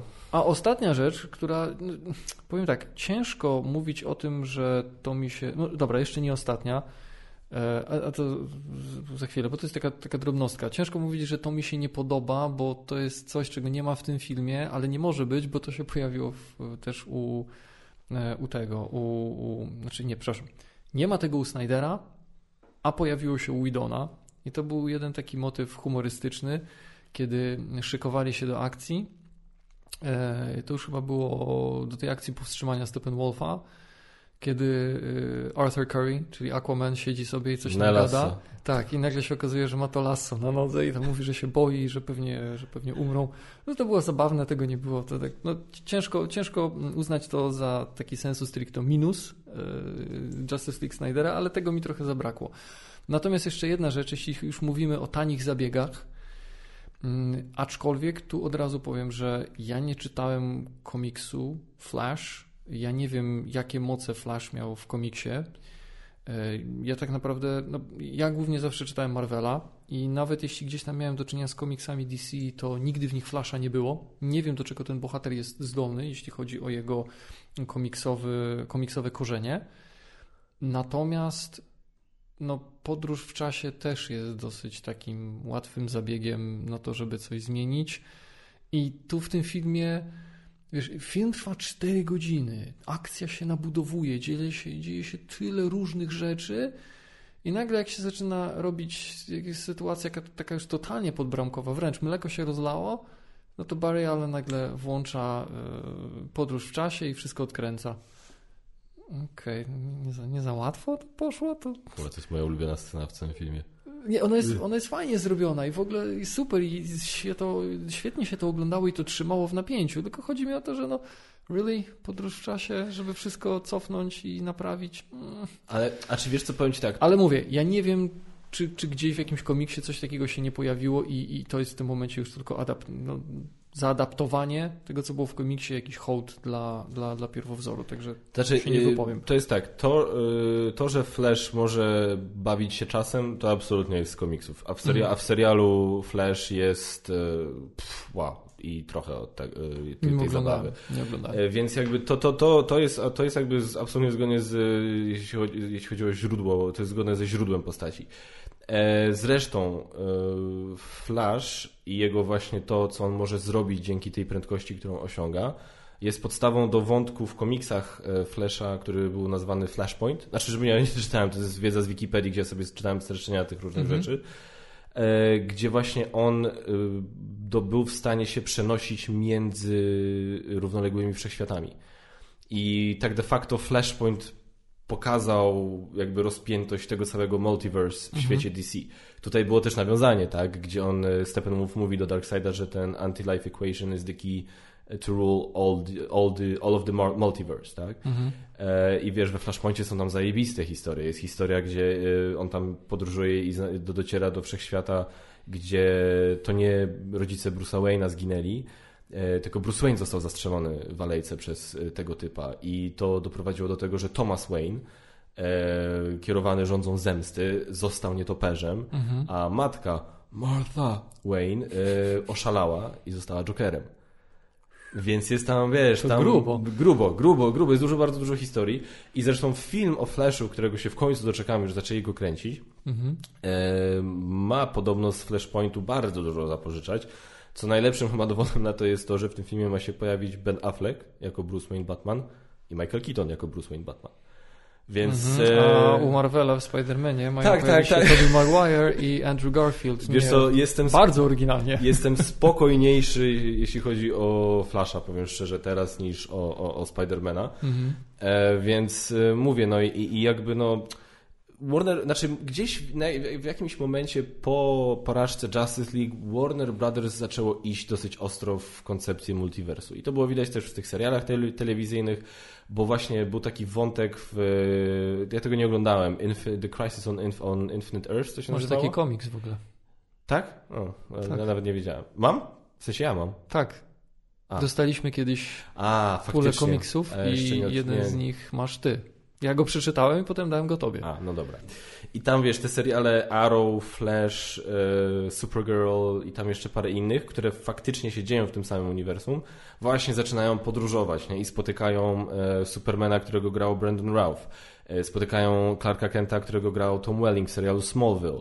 E, I nawet w ostatnim odcinku, zdaje się, tego całego wydarzenia pojawia się Ezra Miller jako Barry Allen. Hmm. Na sekundę sobie na jedną scenę, gdzie rozmawia z tym Barry Allenem e, z tego, z tym, z tego serialu. serialu. Więc ewidentnie idą w tym kierunku, nie? I nawet są już jakieś, pojawiają się jakieś oznaczenia, że Batman Roberta Pattinsona jest e, na jakiejś tam konkretnej ziemi, tak? I więc, więc wiesz, to jest jakby wszystko dla mnie było to spójne. I dlaczego mi się to też podobało właśnie, bo ja też nie lubię, kiedy po prostu dzieje się coś takiego, że dzieje się coś złego i nagle prostym rozwiązaniem jest podróż w czasie i koniec, i problem z głowy, nie? Więc cokolwiek by się nie działo od teraz, to tak de facto po się tym przejmować. Najwyżej się cofniesz w czasie, tak? Na Mhm. zasadzie, what, no, spoko, no no, nie uda się, może znowu zastrzelą doktorka, no to się cofnij jeszcze raz, no i go uratuj, tak? Wiesz, na tej zasadzie nie ma stawek wtedy. Natomiast tutaj, tak jak to zostało zrobione, to po pierwsze było widać, że po pierwsze on tego nie chce robić, że to jest łamanie jakiejś tam konkretnej zasady i jest to cholernie niebezpieczne. Po drugie, jak on to, co on mówił, że tato, cokolwiek się wydarzy, twój syn był jednym z nich, to było dla mnie takie, że aha, że on się żegna, że on, on nie wie, czy to się uda. Mhm. Więc równie dobrze z jego punktu widzenia, on wie, że dojście do takiej prędkości może sporo na, napierdzielić, jeśli chodzi o czas i czasoprzestrzeń, to jednak on do końca nie jest pewny, jakie będą skutki i na ile on ma na to wpływu. Mhm. Więc dla mnie w tym momencie, aha, czyli, to, czyli ja w tym momencie jako widz dostaję taki sygnał, że to nie jest coś takiego, do czego on się będzie teraz chciał, o, wiesz, y, do czego on by chciał uciekać za każdym razem.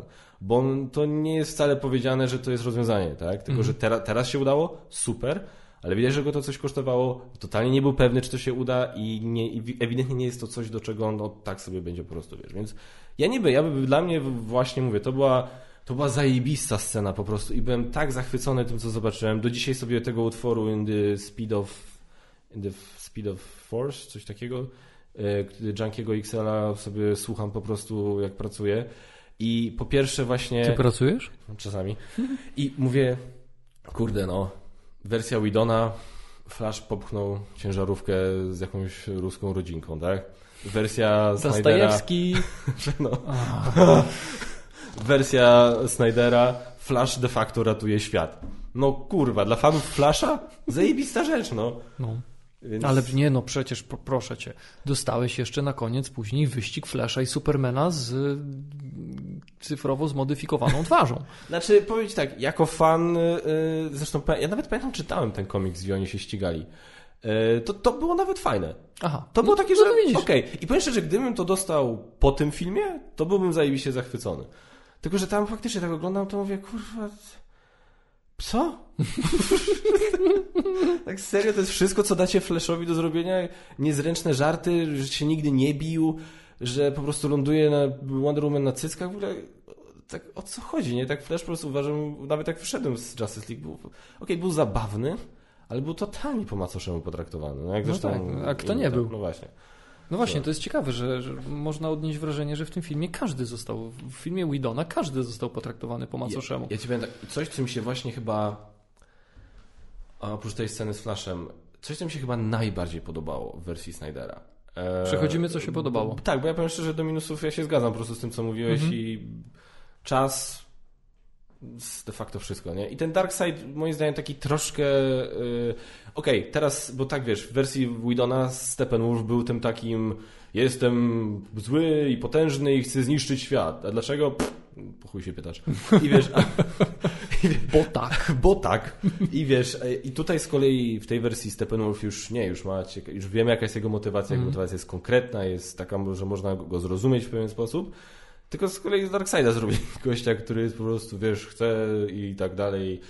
No ja rozumiem, że on jest tak tylko zaznaczony, więc tutaj nie ma się co doszukiwać, no ale, ale mówię, to jest, jest taki No nawet... może, może on ma jakieś problemy, wiesz, no tam może, może chodzi na terapię. Może. Tylko terapia od paru tysiącleci nie przynosi skutków, no ale słuchaj, no droga jest y, celem, no. Tak, dlatego, yy, więc poza tym ja nic do więcej do minusów nie mam yy, i właśnie wracając, co mi się najbardziej chyba podobało w tym filmie, to jest to, że oglądając już tą wersję, chociaż przypominam, ja byłem jednym z apologetów wersji Widona, ja nie, ja nie hejtowałem jej tak po całości, ja czułem y, w trzewiach, że to jest do bani film, ale nie był tak totalnie, to nie była dla mnie totalna porażka. Tam było dużo rzeczy, które mi się mimo wszystko podobało, żarty, na których się zaśmiałem, sceny akcji, które mi się dobrze oglądało, aktorzy moim zdaniem dali radę ogólnie.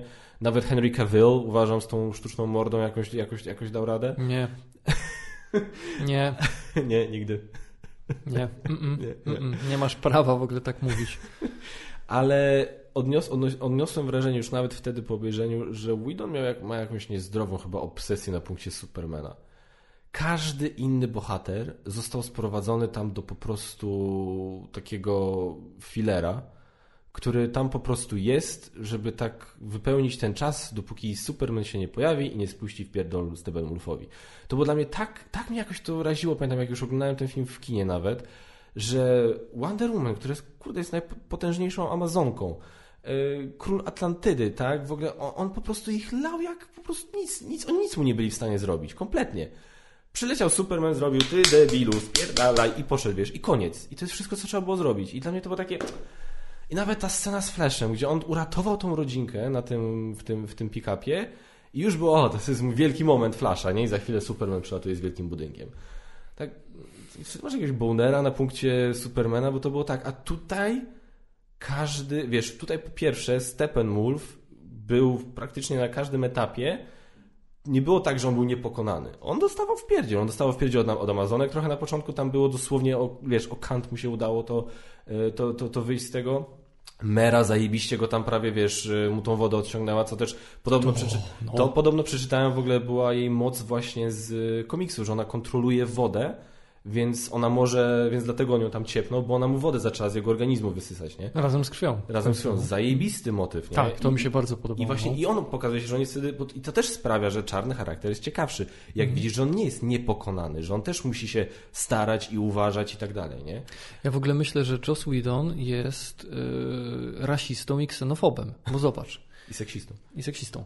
Bo tak, kobieta niewiele miała do roboty. Nie. Gościu o korzeniach y, hawajskich, znaczy no, z Hawajów, tak? Chyba tak. No, hawajskie korzenie ma. Czyli stąd mama się urodził na Hawajach. A, no, no, nie jest idealnie biały. No nie, absolutnie. Nie, to mało miał. Absolutnie. Y, Ezra Miller jest Żydem. Nie, tak. nie, nie, None of that. Nie, none of that. Y, cyborg, nawet nie będę mówił, tak? E, to tylko, że jest srebrny. No więc teraz Wiem, że to jest teraz już się trochę śmiejemy, tak? No ale najwięcej y, uwagi dostało dwóch klasycznie wyglądających białych mężczyzn. Heteroseksualnych. Heteroseksualnych. I to było tak. Clark Kent i Bruce Wayne. Oczywiście, że tak. I to było dla mnie tak. To było tak zajebiście się to oglądało w tej wersji Zaka Snydera, zwłaszcza ta końcówka Zwłaszcza ta końcówka, gdzie jak Superman przyleciał, okej, okay, on go odciągnął od cyborga i tam spuścił mu parę pierwszych ciosów, ale za chwilę Wonder Woman też go, też go spuściła w pierdziel. To jak go ten Aquaman po prostu tym e, tridentem po prostu go, nie, to nie był trident w sumie, tymi widłami go po prostu tam odsieczył, no to też było zajebiste. I nagle okazało się, o kurde, fajnie, oni mu razem spuszczają w pierdziel, mm. a nie jest tak, że Superman ich zrobił, poczekajcie, ja się tym zajmę, ja się tym zajmę. Potrzymaj mi piwo. Dokładnie, nie? To, mnie to tak wkurzało w tam, w tam bo mówię, bo po co po co mam oglądać film, gdzie się spotykają najwięksi superbohaterowie, jakich znam, jakich pamiętam, kiedy oni kompletnie jakby nie, razem nie tworzą zespołu, tak? I jakby równie dobrze mogliby nie być tam razem. I to było dla mnie takie, a tutaj każdy dostał swoje. I nie potrafię sobie zrozumieć, bo okej, okay, dużo się dowiedzieliśmy ostatnio na temat tego, jaką Joss Whedon najprawdopodobniej jest osobą. dużo złych rzeczy. Natomiast... Ale ludzi tak mają najwyraźniej. Natomiast... No weź Louis C.K. No, ale wiesz, Judasz. Ale to są, to są ci ludzi, których najbardziej znasz. Louis C.K. i Judasz. Neron. No tak. Podobno. A, e, Michał Bajor. E, ale, ale wiesz... E, e, Jezu, co chciałem powiedzieć... E, A, że, że mimo wszystko byłem przekonany, że jesteśmy zgodni co do tego, że filmowcem jest dobrym. Że umie mądrze pisać, dobrze reżyserować i jakby nie potrafię zrozumieć sobie, gdzie w jego głowie ta wersja, gdzie po prostu niszczą topór Steppenwolfowi i on zaczyna się cały, co się dzieje, co się dzieje? Ej, czujecie to? Strach. No idź. I oni, one go zaczynają. W jakiej wersji to było, w jaki sposób w jego głowie to było lepszym i takim bardziej satysfakcjonującym zakończeniem niż kurde Aquaman nadziewający go na te swoje widły, Superman sprzedający mu kopa i jeszcze Wonder Woman na dokładkę odjebająca mu głowę. Odcinająca mu głowę. No po prostu, ja, ja po prostu jak ja to sobie zobaczyłem. Ale wiesz, ale wiesz dlaczego tak mogło być? Bo zauważ, że wersja Snydera jest taka dosyć, e, brakuje mi polskiego słowa, gritty. Nie? Jest, jest parę faków. Można jest było to zrobić brutalniej. tak, żeby to się trzymać w ramach PG-13. Totalnie można było to zrobić. Okej, no pewnie tak, ale może to też była część tej kości niezgody ze. Snyderem a wytwórnią, no tego, tego nie wiemy. Tak, i w ogóle to, to, o czym wspomniałeś, ten motyw, że te parademony są przyciągane do strachu, jest tak leniwym zabiegiem, jest tak chujowy, jest tak po prostu po linii najmniejszego oporu, to jest tak jak był ten, jak się nazywał ten film z Willem Smithem, gdzie on grał z tym swoim wybitnie utalentowanym synem, After Earth. After Earth, gdzie były te stwory, które co, one były ślepe, ale przyciągało je do strachu Tak, też. tak, tak, tak. Tak, i to w ten. e, Ryan George się śmiał w, w tym, w pitch meeting, że aha, czyli rozumiem, że ludzie wynaleźli, wynaleźli takie skafandry, które maskują ten zapach e, strachu i już te potwory ich nie zabijają. E, nie, nic takiego nie ma. no i to jest, to jest tak tani zabieg, że gościu był takim kozakiem i właśnie to, co mówisz, rozwalili mu zabawkę i co, nagle ogarnął go tak paniczny strach, że te stwory, które przyciąga do strachu, rzuciły się na niego i zeżarły go? No Ni- nie, no to jest, to jest nie dziecinada. trzymało. To jest po To prostu tak. infantylne. No. Więc i ja właśnie tak się zastanawiałem, bo widzisz, ja, no, żaden z nas na pewno nie wiedział, jakie będą różnice. I tak po jakimś czasie już się zastanawiam, kurde, są te parademony, ale nic się nie mówi o tym, że one ciągną do tego strachu. I w którymś momencie sobie uświadomiłem, że aha, czyli tego nie ma. O, no to zajebiście, tak? Bo to, to, to zaczyna być normalne, no bo to jest tak, uważam, leniwy i tani zabieg yy, scenariuszowy, te, te, takie pójście na skróty scenarzysty, że to głowa mała. Więc cieszę się, że tego nie było. No i myślę, że możemy pozostać tu przy samym Steppenwolfie. No, finally. No wreszcie, kurwa, no. To, co powiedziałeś, gościu, widać czym się kieruje. No dał kiedyś dupy i teraz... Srogo chyba, jak jest Srogo. 300 tysięcy światów. Dokładnie. I teraz jest mu winien 300 tysięcy światów. No, powiem tak, nie wiem, czy to gorsze, czy, czy kredyt we frankach, ale nadal trochę musi spłacić. I tutaj y, żadne gremium y, tam bankowców i prawników się nie zbierze, żeby mu pomóc, więc y, musi to odrobić. No i też y, ta zbroja fajna, jeśli już tak mówimy o względach wizualnych, to to też y, fajnie zrobione. No i no, no to w końcu był bohater z krwi i kości, którym wiemy, co kierowało, a nie tak jak powiedziałeś na zasadzie to mi się należy i wszystko rozjebie. Czemu? Bo tak. No właśnie, to jest... I'm gonna need you to get all the way off my back about this earth destruction shit. To jest dla mnie yy, tak, bo już nawet, wiesz, sam fakt, że ty widzisz, że on się też kogoś boi, tak? To, to Mhm. już sprawia, że gościu jest ciekawszy, nie? To, Mhm. to, to już jakby. Ja pamiętam, że jak oglądaliśmy tą e, wersję Jossa Whedona, to ja pamiętam, że tam jedyny motyw ze Steppenwolfem, który mi się spodobał, to była ta sugestia, że yy, on właśnie nie zdobył wtedy ziemi za tym pierwszym strzałem i że przez to oszalał, bo do tej pory nigdy nie przegrał i pierwsza porażka doprowadziła go do szaleństwa. I to mi się podobało na zasadzie, o, to jest jakiś tam cień, wiesz, portretu psychologicznego czarnego charakteru. Nic z tym oczywiście potem nie zrobiono, w ogóle do tego nie nawiązano już, więc ni cholery, tak? A, ale mówię, no i tam, ale to był jedyny moment. Poza tym to leciał po, ty, po tym, że miał jakiś kurde kompleks Edypa na temat e, kurde tych mother boxes i tak dalej i cały czas mother i tak no, dalej. ja No to, myślę, to, że on miał właśnie Edypa, no, No. i to tak konkretnego. Taki mother lover z niego był, To intergalaktyczny. właśnie ten e, Jeremy Jones się śmiał na tej recenzji, że ten, damn, this guy really wants to fuck his mother boxes. I, i, I no tak, więc tym jest zdecydowanie Steppenwolf o wiele lepiej zrobiony i ja tak miałem lekki zarzut trochę do jego twarzy, coś mi tak momentami nie grało, momentami dla mnie trochę przygłupi wyraz twarzy, No, takiego, ale... tro, trochę bardziej był w stronę takiego ogra, orka Tak, niż, tak, tak, niż coś człowieka. takiego. No. Ale nie, ale zbroja była zajebista. Jak ten moment, jak on tam był, miał te strzały Tak. pozbijane, on tam się napił i to wszystko podlatywało. Tak. Nie no, tam była, tam było po prostu tyle fajnych, takich naprawdę zajebistych smaczków, które po prostu widać było, że Snyder miał gdzieś tam to wszystko przemyślane i poukładane, że Mhm. no, no, no żal dupę ściska, że, że, że to po prostu poszło w kierunku, w jakim poszło. I muzyka zajebista. Tak, to też mam tutaj. To było po prostu, wiesz, że, że Justice League Widona wzięło po prostu Daniego Elfmana i motyw właśnie z przewodni z Batmana z Tima Bertona, że tam był wykorzystany. No bo tak, okej, to się kompletnie kupy nie trzyma, bo to zupełnie inny Batman, zupełnie inny klimat, ale okej. Więc nie wiem o co tam chodziło. Jedyne co też mnie tam, znaczy to nie jest tak, że mi się to nie podobało, tylko że to jest inaczej. Też się to trochę zmieniło od czasu, jak ten film obejrzałem, bo po obejrzeniu tuż miałem takie trochę poczucie, no, ale widzę teraz te wszystkie rzeczy, które mogłyby być, Mhm. A których chyba już nie będzie, tak?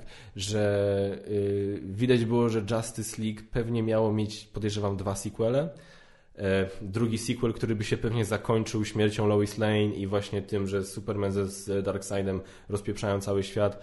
I pewnie kolejny film, gdzie Batman i ekipa, ci co zostali, cofają to wszystko, że tak powiem. Brzmi znajomo. Nie. czekaj, czekaj.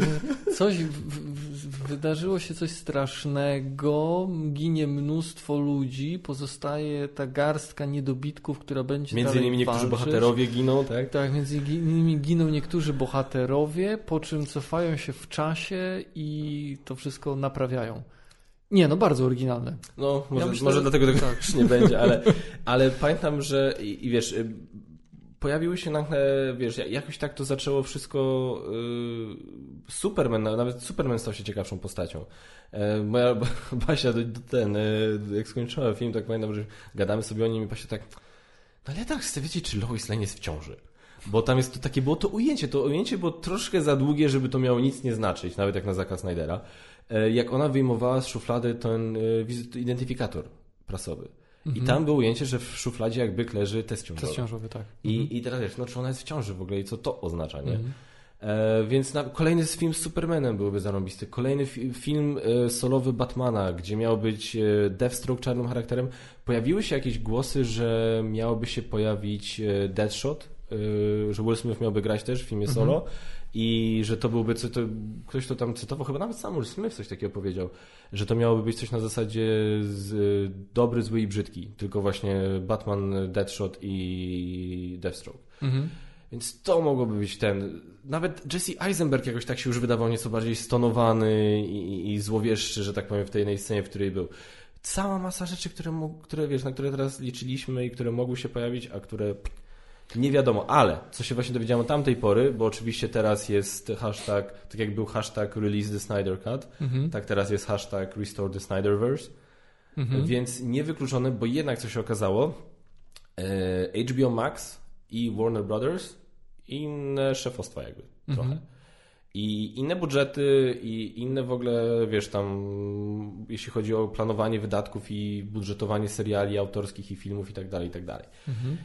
Warner Brothers tak naprawdę jedynie co musi dać zielone światło, że dobra, już odpierdolcie się od nas i róbcie swoje. Więc teoretycznie, gdyby HBO Max chciało i zebrało wystarczająco dużo kasy, to teoretycznie Hmm.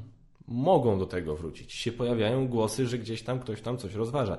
Nawet podobno się pojawiają głosy, że Bat, Batfleck może się jednak doczekać swojego solo filmu. Co już byłoby totalnie dziwne i podejrzewam, że dla kogoś, kto nie jest przynajmniej na takim poziomie jak my, wkręcony w komiksy, filmy i tak dalej, totalnie by się pogubił, jak No zaraz ma wyjść tak. Batman z Pattinsonem. Tak? Można spierdolczeć wtedy, no. Ale tak. wtedy, i to jest taka myśl, tu chciałbym wrócić do pewnej rzeczy, którą powiedziałeś wcześniej.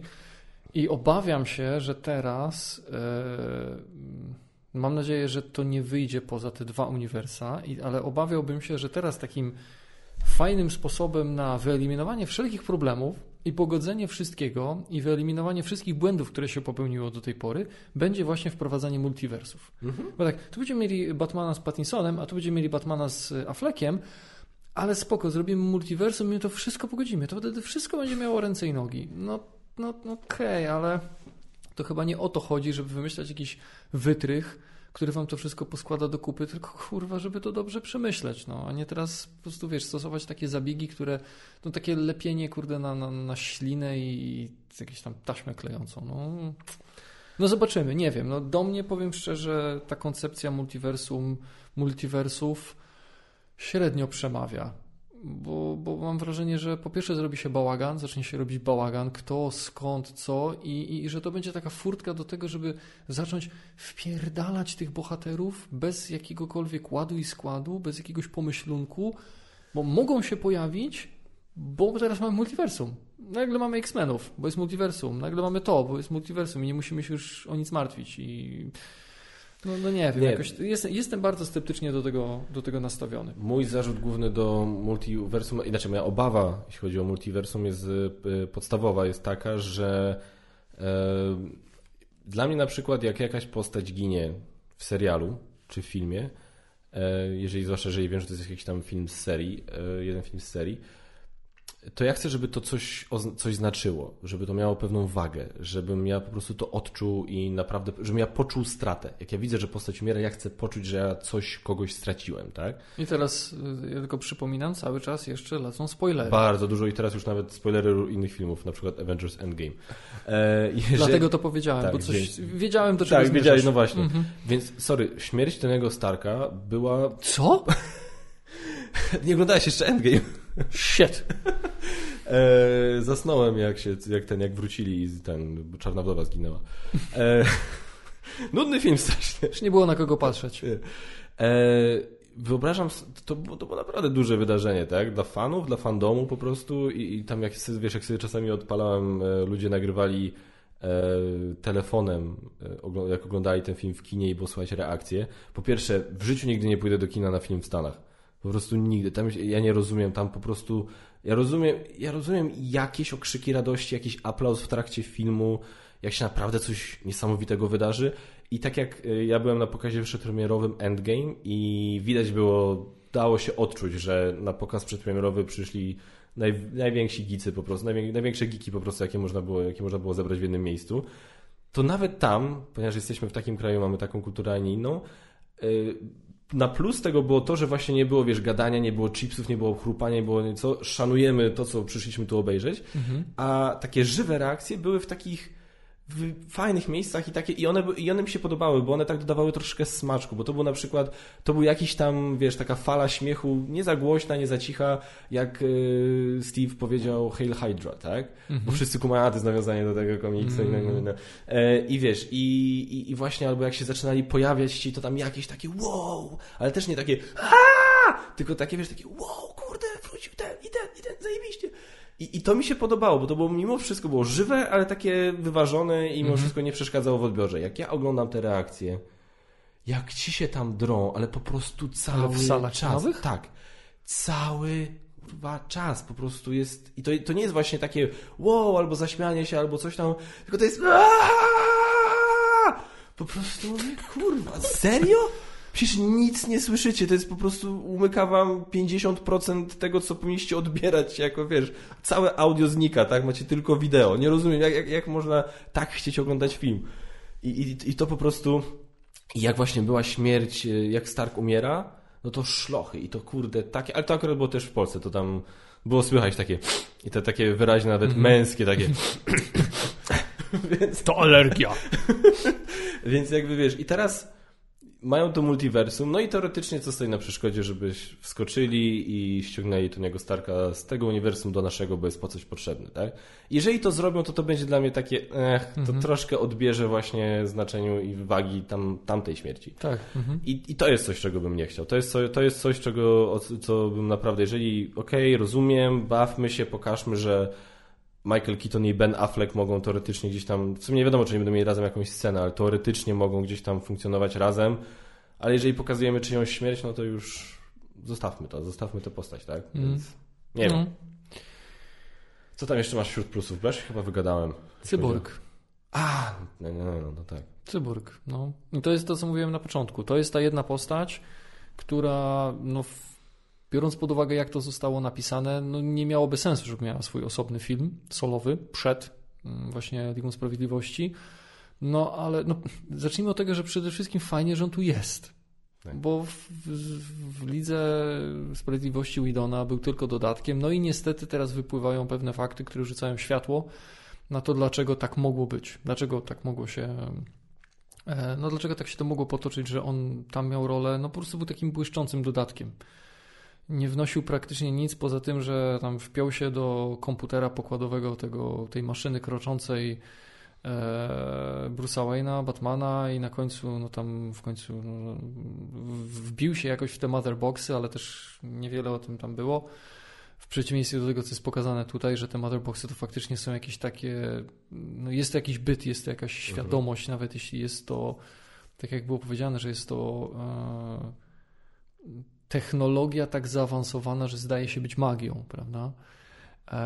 No to on dużo tutaj zrobił i, i, i to mm, ta jego relacja z ojcem i sam ojciec, który też mm, dużo odgrywa bardzo kluczową rolę. Tak. W ogóle swoją drogą, ja nie pamiętam jak ten aktor się nazywa, ale to jest ciekawe, że on po raz kolejny gra naukowca, który pracuje nad jakąś bardzo zaawansowaną sztuczną inteligencją, która doprowadzi do zakłady ludzkości. E, przypominam, grał Milesa Dysona, e, głównego inżyniera e, pracującego nad Skynetem w Terminatorze 2 Dzień Sądu. Joe Morton, tak. Joe Morton, no. Tak. I, i, i tam i tu zginął, poświęcił się dla sprawy, żeby zapobiec tej zagładzie. Ciekawy zbieg okoliczności. Tak. No w każdym razie, ale, ale Cyborg na bardzo duży plus i to jak on powstał skąd on się wziął, jakie emocje nim targają, ta relacja właśnie z ojcem. Bardzo fajnie to było pokazane. Bardzo mi się podobało to i cieszę się, że dostaliśmy bohatera z krwi i kości, a nie taką taką trochę irytującą wydmuszkę, bo on w tej, jak dla mnie, w tej wersji Widona był taki arogancki, niemiły, no dobra, potem tam do nich dołączył, potem no, pokusił się o uśmiech gdzieś tam w którymś momencie, ale tak nawet drażnił trochę ten bohater mhm. momentami. Tak, o co ci chodzi? No z czym masz kurwa problem? No ja wiem, no to nie jest łatwo. No, no jak wychodzisz na ulicę nawet ubrany, to ci prześwituje ten, to światło z klatki piersiowej. Ale o co tam właściwie chodzi, tak? No. Z czym masz problem, nie? A tutaj dowiadujemy się tego dużo więcej. I to mi się właśnie podobało, że Cyborg został oddano mu, no oddano mu to, co mu się należało. Tak, nie, plus, wiesz, postaci. Nawet takie e, drobnostki typu fakt, że nasze drobnostki, no tam do, dosyć konkretnie to zostało wyrażone, że on jest geniuszem na przykład, tak, że zanim w ogóle się cokolwiek mu przytrafiło, on już był geniuszem. E, i, I wiesz, więc nawet tak to też fajnie pokazane jest, że w tym momencie to się no, bardzo dobrej osobie przytrafiło. Bo to jest osoba, która jest na tyle inteligentna, że jest w stanie docenić to, co to oznacza i to, co on może z tym zrobić, nie? A w wersji Widona ja pamiętam i, i to jest coś, co ja też zrozumiałem dopiero w jakimś tam komentarzu. Jakiś gościu jechał po właśnie e, aktorze, po Rayu Fisherze, e, bo pamiętam, że oglądałem tą Ligę Sprawiedliwości Widona i przypomniałem sobie, że jak oglądałem to też w kinie, to miałem tą, tę samą myśl na zasadzie, a co to było? To był moment, kiedy oni rozwalili te skrzynki i Steppenwolfa i Steppenwolf zniknął i jest w wersji Widona takie zbliżenie na cyborga, jak on robi buja. I ja pamiętam, że co? Bo to jest tak wyrwane z kontekstu, tak totalnie niepasujące do tej postaci, która, tak jak mówisz, była przedstawiona taka, wiesz, taka mroczna, posępna i w ogóle. I nagle wyskakuje z buja na koniec filmu i to było trochę dla mnie na zasadzie, wiesz, jakby ktoś pomyślał, ej, mamy czarnego w filmie, niech powie coś czarnego. Wiesz, na zasadzie tak, co, to kompletnie się nie, nie trzymało i podobno Ray Fisher się strasznie e, wkurzał, że ma coś takiego powiedzieć i w komentarz w jakimś w internecie powiedział, że to jest po prostu odniesienie do, cyborg, do cyborga z serialu animowanego Teen Titans, mhm. gdzie to jest jakiś jego taki catchphrase, że on mhm. mówi buja. Okej, okay, okay. mam to troszkę w dupie. ja nie oglądam Teen Titans, nie muszę oglądać. Ja, to, jest, to jest to, to jest to samo, co jak ja nie lubię tego argumentu, na przykład, że mówię, że coś mi się w filmie nie podobało, bo gdybyś czytał książkę, to byś zrozumiał. Ja nie chcę mieć pracy domowej przed mhm. obejrzeniem filmu. Ja nie, ja, ja nie twierdzę, okej, okay, może książka jest lepsza i, i książka by mi się spodobała, nie twierdzę, że nie, absolutnie. Ale mimo wszystko ja bym chciał, żeby film stanowił, wiesz, niezależny tak. byt. No to ma przede wszystkim, tak, to ma przede wszystkim działać w filmie. Tak. A jeśli jeszcze dodatkowo uderzy gdzieś tam w jakąś dodatkową stronę, tak jak wspomniane przez ciebie Hail Hydra, ja nie wiedziałem, że to było w komiksie, mi to pasowało do tej konkretnej sceny. Do, dokładnie. Prawda? On pasowało to powiedział, do sceny tak, pasowało do smaczek. sceny, miało to absolutnie sens, a dodatkowo było smaczkiem. Ja smaczku nie, nie wyłapałem, bo nie wiedziałem o czymś takim. Ci, co wyłapali, fajnie dla nich, nie? Ale przede wszystkim to spełniało swoje zadanie w filmie. A tutaj faktycznie no takie buja. Jeszcze brakowało, żeby powiedział buja, motherfucker, Bez kitu. Steppenwolf, punk ass bitch. No, I tylko tak- tego brakowało, nie? Ale to już też wiemy, znaczy no... Znowu wracamy do tego, że Whedon chyba jest złym człowiekiem. Chyba trochę tak. Chyba trochę tak. Aczkolwiek nie, może, fakty, może faktycznie tutaj chciał zrobić jakieś takie odniesienie dla fanów tego serialu. Może. Ale sorry, no to ponownie, no to się chyba nie tak robi. I ktoś taki jak Whedon to powinien wiedzieć. Żeby on to zrobił chociaż tak, żeby, nie wiem, żeby pokazać, że e, wystarczyłoby jakiś jeden, kurwa, jeden flashback do tego, jak e, Wiktor gra w jakimś meczu. I na przykład pokazać, że on po touchdownie za Tak. każdym razem mówi buja! I, I w tym momencie Mhm. nie dość, że miałoby to sens, bo ja bym wiedział, z czego to wynika, to mało tego, to, mia, to miałoby takie znaczenie na zasadzie, ty, on wraca trochę do tego, kim był przed. Mhm. I wiesz, i ponownie, my byśmy dostali coś, co ma sens, Mhm. wiemy skąd się to wzięło i dlaczego, tak, i nawet miałoby takie znaczenie, a fani serialu Teen Titans było, a, Aha, no. Ale nie, kurde, nie, trzeba... Z... No nie, i, i no, jak najbardziej. Ale także, no, i to jest znowu to, co by było gdyby, E, ale cieszę się, że oddano sprawiedliwość tutaj, e, przynajmniej w tej wersji e, Cyborgowi, no i samemu Rayowi Fisherowi, bo też domyślam się, że gość nie miał lekko, bo to była chyba taka jego na tamten czas taka przełomowa rola. Mhm. Wcześniej chyba nikt o nim nie słyszał. No i, no i dostał coś, co miało duży potencjał, a zostało totalnie potraktowane po macoszemu. No. Tak, tylko niestety teraz chyba już e, Ray Fisher sobie sam trochę kariery w tym momencie prze- pogrzebał. On miał się w tym flashu pojawić, podobno w jakiejś konkretnej roli. Mhm. Wypisano go ze scenariusza. E, Że wypisano, czy on sam się wypisał? Znaczy, no, no jest decyzja, że on się w tym filmie nie pojawi. Konkretne tam kulisy tego, to się wiesz, nigdy nie dowiemy. E, Niezależnie nawet jakie by były oficjalne oświadczenia. E, Więc pytanie po pierwsze, znowu moja myśl, biorąc pod uwagę, że ten news wpadł, padł niedawno, więc pytanie, dobra, to od kiedy scenarzyści wiedzą, że go tam nie będzie, bo teraz się boję, że znowu kurwa sflasza, żeby nie wyszedł jakiś potworek, Mhm. gdzie widać, że jest jakaś luka i aha, dobra, to pewnie miał być cyborg albo coś. Mhm. No i teraz pytanie, jak wiesz, jak inne studia, nie? Będą chciały z nim pracować, bo umówmy się, okej, jeżeli, się, to, jeżeli wszystko to się odbyło tak, jak on mówił, a jest sporo sygnałów, które by sugeru- raczej tak sugerowały, żeby mu wierzyć w tym wszystkim, no i to jednak wiesz, no jest to, jest, jest, jest, może można na niego patrzeć teraz na zasadzie, bo, bo on nie odpuszczał, nie? On cały czas cisnął, nie? I teraz mo, może być takie wrażenie, że ktoś się może go bać po prostu. Na zasadzie, że okej, no nie planujemy zachowywać się jak debile i jak chuje i w ogóle, ale cholera, jak gość, jest, jak gość jest aż taki, może nam się coś po, powinie Tak, noga, niechcący coś zrobimy, a on z tego zrobi jakąś aferę i ja się boję, Mhm. że on przez to mógł trochę sobie, trochę sobie wyrządzić krzywdę. Jeszcze No jedna, zobaczymy. a, przepraszam. I, Zobaczymy. Nie, nie, no to... mhm. Jedna rzecz jeszcze, która mi się podobała. e, Ten film bardzo dobrze pokazuje, jak drobne rzeczy, drobnostki dosłownie, potrafią dodać masę ładunku emocjonalnego w pewnych miejscach w filmie. I dla przykład y, moment pod koniec, gdzie ten, gdzie y, Wonder Woman rzuca to lasso Hesti na Steppenwolfa, żeby go powstrzymać, nie daje rady i Aquaman do niej podbiega i razem z nią go ściągają na dół. Mhm. Ile więcej ma to znaczenia, kiedy mieliśmy tą scenę, jak oni rozmawiają przy furgonetce? I, że mieliśmy jeszcze tą scenę, jak y, była ta bitwa z Darkseidem, tak, pokazana, y, gdzie była pokazana, że te relacje między Atlantydami i Amazonkami nie są takie Mhm. 100%. tak. I potem ta ich rozmowa, gdzie kurde, Atlantyda i Amazony po prostu, po prostu pracują razem, nie? I w ogóle kurde.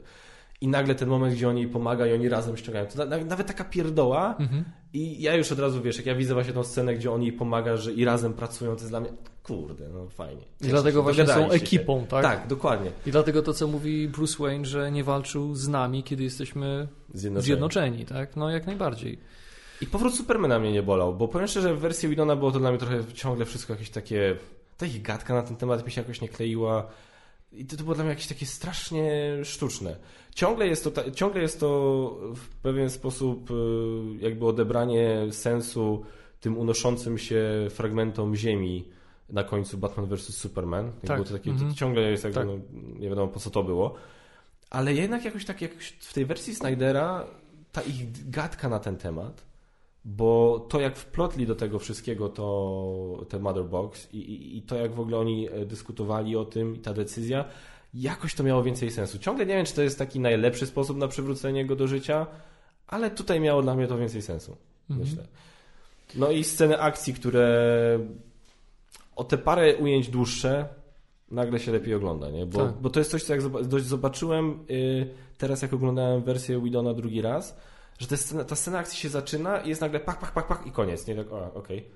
Tak w ogóle co było? I wiesz, i ta cała scena tego ratowania, pamiętam, że w tym tunelu w Widona kompletnie mi się nie podobała, jakaś taka właśnie była szybka, nie wiadomo o co chodzi, a tutaj i ta właśnie ta gadka dziwna flasza z Batmanem o tym, że on się nie bije nigdy, jak się nie bijesz, jesteś flashem. tak, No, to było takie.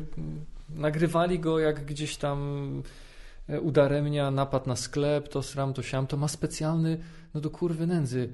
Nie robi tego hobbystycznie od czasu do czasu, bo ma specjalny kostium. tak. Czyli robi to często, tak? No, Interweniuje.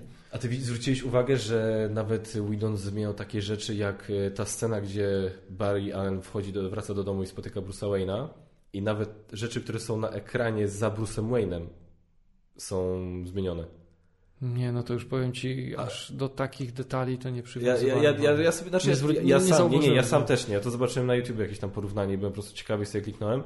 E, W wersji Snydera za, za Bruce'em Wayne'em na ekranie widać w, na jednym z ekranów e, czaszkę. Mhm. Taką sobie podobną do pani Szerowej czaszki. Mhm. I czyli to tak jakby sugeruje, że Al- Barry Allen sobie w wolnych chwilach hakeruje, nie? Mhm. A w wersji Widona teledysk K-popowy. Wiesz co to jest K-pop? Tak. No, niestety, niestety. Niestety, niestety wiem.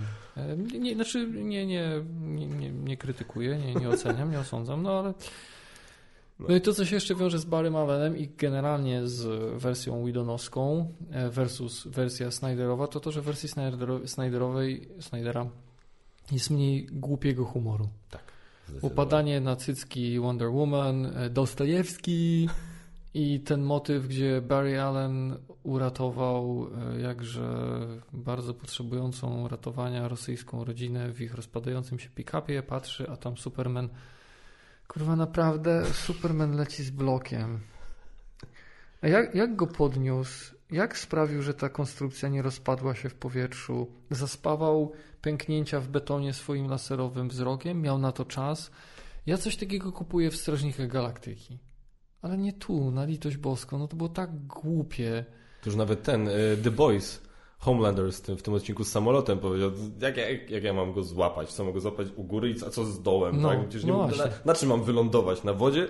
To, to było takie, wow, faktycznie. No.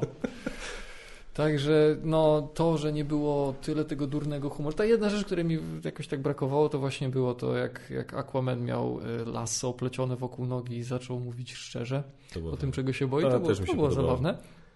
Ale tak, no to właśnie tego mi nie brakowało. I też ciekawy wniosek, znaczy ciekawy, no taki mam wniosek, że te cztery godziny przeleciały jak z bicza strzelił. Ten Bardzo film mi szybko. się w ogóle nie dłużył. Ten czas został bardzo dobrze zagospodarowany, panie Scorsese. Naprawdę, można. Można. No troszkę jest to łatwiejsze, jak masz superbohaterów i sceny akcji takie rozbudowane, no ale, no ale tak, tak, można, zdecydowanie można. To Y. wtedy robi się krótszy film. Ale, Ale nie, słuchaj, i jeden i drugi film miał sporą ilość CGI w, korek w korektach y, twarzy. Dobra, może nie, tu już korekty. No właśnie, u Snydera już korekt twarzy komputerowych nie było, natomiast Nie. u Scorsese były. No, Więc mają coś te filmy wspólnego, no, efekty ja, ciągle, ja ciągle nie wiem, co myśleć o tym żarcie, jak Batman spada na ziemię i yeah, something's definitely bleeding. To mi się też trochę podobało, powiem szczerze. Ale, ale, ale, ale zarąbiście, nie, znaczy podobało mi się, ale tak to totalnie nie pasuje do Batmana. To znaczy, w ogóle ten tekst, to mi się podobało, kiedy Superman łapie y, Batmana i pyta się, do you bleed? No, to było fajne nawiązanie do poprzedniej części i, i tak, to, to było spoko. Gdyby tylko nie to, że on mówi to do you bleed y, nie swoimi ustami. No, to, to Widzę, to faktycznie boli. psuło bardzo dużą część efektu zamierzonego. No. Ja Zdecydowanie. to jeszcze sobie zobaczę. E, tak, o, mam tu napisane, że brak wąsów jest plusem. No to, to chyba Tak, nie tak, trzeba tak. komentować, prawda? Tak, że mi się nie dłużył cyborg. e, No i teraz mam jeszcze taki wniosek. Mam jeszcze jeden plus, a potem mam jeszcze takie jedno pytanie do No. ciebie, bo mam wrażenie, że jednego w tym filmie nie skumałem. Widzę pewną lukę mm, gdzieś tam w fabule, pewną nieścisłość, ale też jeszcze na plus mm, to, że mimo, że ja nie widziałem wersji reżyserskiej Batman vs. Superman, to jakoś tak mam wrażenie, że obejrzawszy tę wersję Justice League, to wszystko zaczyna mi się układać w bardziej logiczną całość. Całość. Y, Man of Steel, potem Dawn of Justice i teraz. O, Dawn of Justice nie, niedawno sobie obejrzałem. E, Chyba było właśnie na. Jest chyba na HBO. Na Netflixie teraz Na. Netflixie jest. A, no Mhm. możliwe, że tam widziałem, tylko że no to nie jest ta reżyserska. Jakoś takie mam, może dlatego, że chcę tak czuć. E, nie wiem, może to jest potęga sugestii, ale mam takie wrażenie, że to wszystko teraz ma więcej sensu, bo pewne wątki zostały rozwinięte i to się zaczyna układać w pewną logiczną całość. Teraz pozwolę Ci się na ten temat wypowiedzieć, poza jedną rzeczą, do której chciałbym wrócić. E, to znaczy. y, y, powiem tak, ja, ja jakby do momentu, do końca Batman vs. Superman. E, znaczy inaczej. Ja jeszcze, uważam, że więcej, tak naprawdę, jeśli chodzi o Batman vs. Superman, to po prostu więcej sensu nabrała ta wizja, którą miał Batman. I mm, um- umieszczono jakby w tym momencie w szerszym kontekście, jakby okej, dało ten. Chociaż jakby ta wizja tej przyszłości, która jest w Sprawiedliwości, Lidze Sprawiedliwości Zaka Snydera i ta wizja, którą on miał w Batman vs. Superman, no one nie mogą jakby, wiesz, współistnieć, nie? Bo w obu wydaje się, że Batman ginie, no i nie, nie może zginąć dwa razy, tak? Więc jakby to jest ciągle jakoś tam, tu, tu mam jeszcze jakieś wątpliwości. Znaczy zdecydowanie widać, że tak, aczkolwiek powiem szczerze, nawet po tym, po yy, Supermanie, jak przeszedłem do Batman vs. Superman, to i tak widziałem tam, okej, no to, to tak, to ma sens, to jakoś gdzieś tam idzie dalej, no i faktycznie po prostu mi się to jakoś to, nie uważam, że ta Liga Sprawiedliwości Zaka Snydera jakoś więcej temu sensu nabrała, tak? Dla mnie to jest, dla mnie po prostu to nie odstaje od tamtych dwóch, tak jak odstawała tamta Liga Sprawiedliwości i tyle, nie? Mhm. Więc, no tak, ewident, ewidentnie, kurwa. Ewidentnie. E, Zack Snyder miał pomysł na ten e, Snyderverse, tak? I kurde, no trzymajmy kciuki, żeby go kiedyś jeszcze zrealizował. No pytanie, bo wiesz, y, inicjatywa fanowska i determinacja fanów to jest jedno, ale pytanie, czy on będzie jeszcze chciał. No właśnie, niby gdzieś tam sugerował, że, że nie chce, ale potem na jakimś tam wywiadzie to tam, jak się go spytał Tyrone Magnus, czy, czy to by rozważał, to on do niego powiedział, wiesz co, w życiu bym nie myślałem, że będę, w życiu nie myślałem, że będę tutaj. I będziemy rozmawiać o Lidze Sprawiedliwości mojej, tak? Mhm. Powiedział, że w życiu tego nie podejrzewał, że do tego dojdzie i jego zdaniem nie było, moim zdaniem nie było szans na to, więc Furtka pozostaje otwarta. furtka, furtka pozostaje otwarta. No to teraz, jeśli chodzi o, o, o te niejasności, nieścisłości e, fabularne. Pierwsza to jest taka, to jest, będzie może tylko i wyłącznie moje psioczenie trochę, bo to jest znowu z gatunku, no ciekawy zbieg okoliczności. No teraz popraw mnie, jeśli się mylę, bo ten film widziałeś dwa razy. Jesteś bardziej na bieżąco, ale w którymś momencie pojawia się, ktoś tam mówi, że te skrzynie matki, one po prostu bały się Supermana. Tak. Tak. Ale one zostały na Ziemi, zostały pozostawione na Ziemi jakieś 3000 lat temu. Give or take. Mhm. Nie? Superman pojawił się na Ziemi gdzieś tam w latach się- 70. Też się nad tym zastanawiałem. To co one kurwa robiły w tym czasie? Mia- Miały ustawiony timer na 3000 lat do przodu i timer zadzwonił i one się obudziły. Dobra, to teraz. O kurwa, no dobra. To jednak nie teraz, bo jest tu jakiś y, Kryptończyk. kryptończyk, który w blasku ziemskiego słońca nabrał zajebiście supermocy, więc y, jeszcze nie nasz czas. Znaczy, y, to, bo tam była jakaś kwestia, że one były uśpione i ta jedna się obudziła, jak y, ten y, Silas uratował Wiktora. I ona teoretycznie, jak się obudziła, powinna była wezwać y, tego, wezwać Steppenwolfa, Mhm. ale tego nie zrobiła, bo wyczuła obecność A, y, super, wiesz, okej. super gościa. I Mhm. dopiero jak on zginął, to Mhm. ona zrobiła swoje i tamte dwie też się, jakby zakładam, tak, że to tak było, że ona jakoś tamte dwie, ej, możemy. Yo, wake up. W ogóle nie powiesz mi, że początkowa scena, kiedy jest pokazane jak Superman ginie i te fale dźwiękowe z jego krzykiem przechodzą przez cały świat, że to nie zrobiło wrażenia. To zrobiło zajebiste Zajebiste wrażenie. O, Ale w ogóle, i to była jedna rzecz, której byłem, która mnie mega zaskoczyła, że mega mnie zaskoczyła, Mega. Że, że, Tylko teraz, mega zaskoczenia w Geek Factor. że Zack Podcast. Snyder jej nie zrobił. To był właśnie z kolei początek Ligi Sprawiedliwości Widona. Bo ta piosenka w tle, te ujęcia, ta, ta scena na ulicy, jak tam ci ludzie demolują sklep, to ujęcie na bezdomnego z tym napisem I tried i tak dalej, to mi bardzo zalatywało Snyderem i byłem, Mhm. pamiętam, że byłem tak, wow, on tego nie zrobił? Tak, wow, Joss Whedon totalnie jakoś tam się pogubił, że tak nawet nie swój styl uderzał. Tak mówię, no dobra, no okej, No ale... E, jedna rzecz, która też mnie tak troszkę teraz, e, znaczy martwi, martwi i nie martwi, no jest, jest taka ciągle drobna niespójność pomiędzy Ligą Sprawiedliwości, nawet Zacka Snydera, a Aquamanem.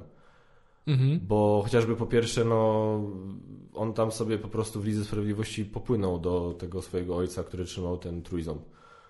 Tak sobie tam się spotkał z tym Volką, Willemem Mhm. Defoe i sobie tam pogadali, a w filmie Aquaman to tam się trzeba było trochę napocić, żeby się tam dostać. Nie mówiąc o tym, że po drodze tam spotkał swoją matkę. Spoilery dla Aquamana.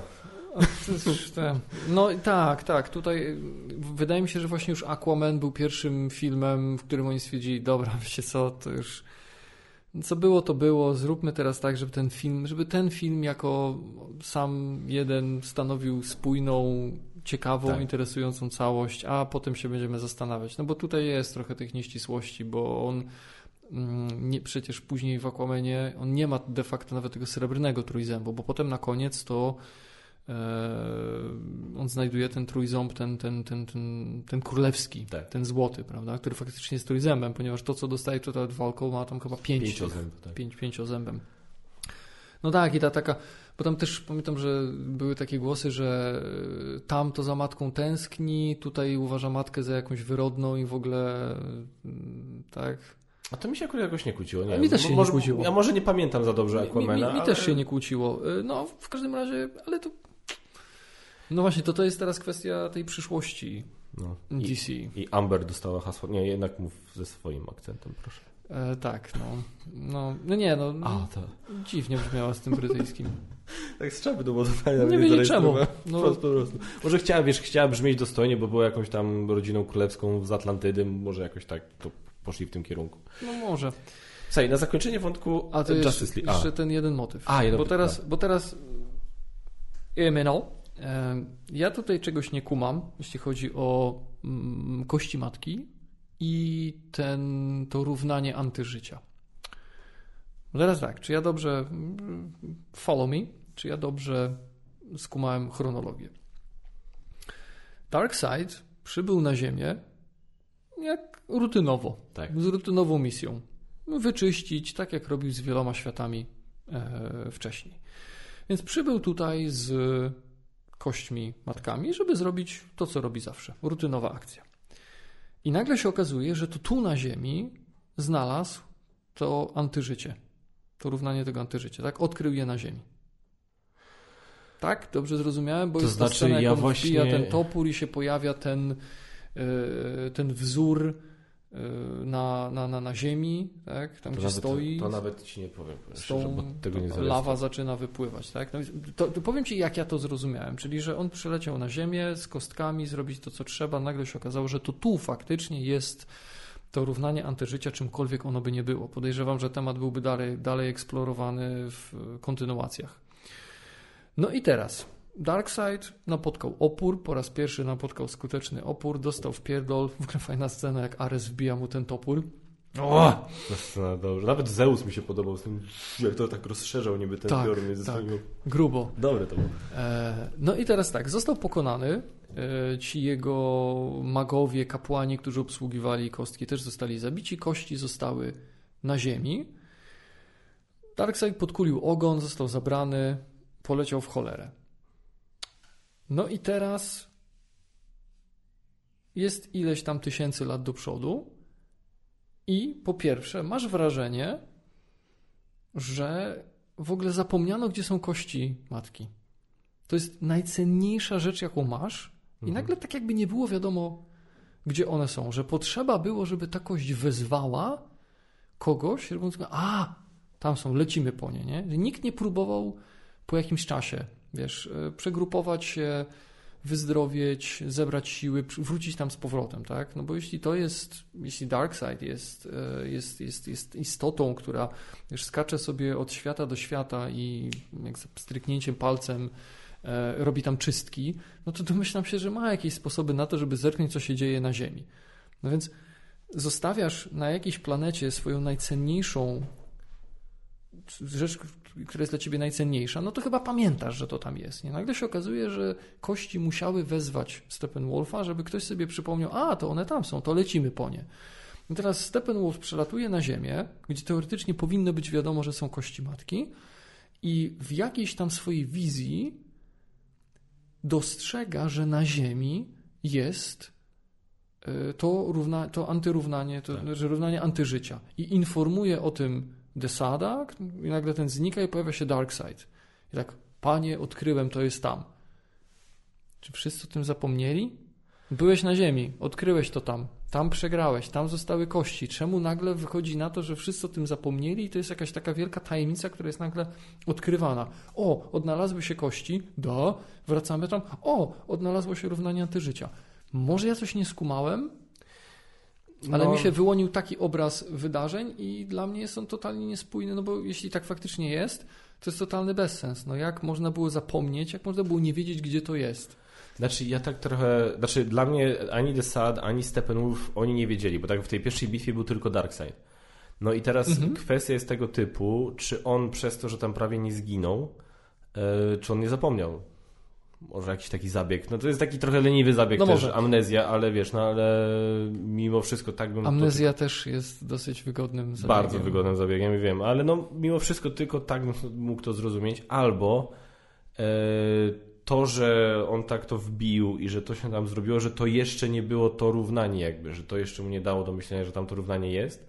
A same kości, ja tak troszkę to odebrałem, że to jest takie bardziej e, narzędzie do, wiesz, do, do, do niszczenia. No i jakby to dobra, no te trzy zostały tam, no ale może w kolejnych już było używane co innego po prostu i tyle, no albo wiesz, nie wiem, nie wiem, nie wiem, no to, to jest takie troszkę... Wiesz, niby też, tak, tylko że no to jest tak też jak, o tym myślałem. To jest tak jak Thanos, no robił to konwencjonalnie, świat po świecie, wybijał do nogi połowy życia, ale chciał mieć to to narzędzie ultimate, tak? No to tutaj masz to ultimate narzędzie w postaci tych kości i nagle stwierdzisz, dobra, jebać te kości, będziemy po prostu najeżdżać w poszczególne światy wielkimi armadami. No zrobimy to w starym stylu, no. Może jest, wiesz, na zasadzie jak, jak ty byś szukał na przykład tego zajebistego kompa i sprawdzał i byś odwiedził 300 tysięcy miast, i, by, I byś wrócił i powiedział: Słuchaj, stary, znalazłem tego kompa. Tak, serio, kurwa, w którym mieście? Kurwa. 300 tysięcy odwiedziłem, no mogło mi się pomylić. Tak... Słuchaj, no nie Radom i nie Wejherowo. To wiem na pewno. No, więc to jest takie trochę... E. Suwałki też raczej wykluczam. Oczywiście to jest żart, nie mamy nic do ludzi z tych trzech miejscowości. Tak w ogóle, to mm, ja jestem ciekaw, czy wy zrozumieliście e, ten motyw fabularny. Tak, nie. E, tak jak ja, my. E, jeśli, jeśli coś przeoczyliśmy e, lub rozumiecie to inaczej macie inną interpretację, to napiszcie proszę w komentarzach, bo jestem bardzo ciekaw, bo tu mam taką dużą lukę, która no to jest, no to jest trochę tak jak z wichurą w Marsjaninie, nie? Jak, jak, jak się na tym zastanowisz, to coś takiego nie miałoby miejsca i w ogóle nie ma filmu. No. Tak? No tak, jak tam kiedyś, kiedyś czytałem, że mm, atmosfera na Marsie jest zbyt rzadka, żeby wiatr o tej sile miał taką siłę nośną, żeby zdmuchnąć człowieka. I więc tak naprawdę na Marsie a, nie miałoby okay. coś takiego miejsca, a tym samym nie masz filmu. So the movie can happen. so the movie can happen. Fair enough. No to tak samo jak, to dobra, takie przejście z naukowego do bardzo nienaukowego, jak w Las Vegas, nie? Na zasadzie, no nie wiem, jakbym ja się narąbał do tego stopnia, że mi zaginął mój ziomek, to bym poszedł do ochrony. Słuchajcie, no taka, taka sytuacja, nawet bym dał w łapę. Czy możemy przejrzeć nagrania z monitoringu? O! Na dach go wsadziliśmy. Dzięki panowie. się film skończył. Znaczy, no dobra, może by było, może obawiałbyś się tego, że ochrona stwierdzi, dobrze, ale to jeszcze pójdźmy do was, zobaczmy, może coś tam zostało, może No coś tam nas nakieruje, a tam tygrys kiblu. No ale ja myślę, że dobra, no może oprócz Tygrysu, no to oni i tak tam mieli ich kartę, więc to jakby no nie było szans, żeby oni uniknęli odpowiedzialności za to, co tam się w tym pokoju odwaliło, nie? No, możliwe. E, słuchaj, na zakoń, zakończenie tematu e, Justice League, z Tak. mojej strony przynajmniej, e, co sądzisz o końcówce? Bo tutaj zdania są podzielone. O tej ostatniej scenie z przyszłości, gdzie Batman gada z Jokerem. Bo ja na przykład, ona mi się podobała. Nie, mi też się podobała, natomiast y, traktuję ją już, już naprawdę wyjątkowo jak, jako taki, taki treat.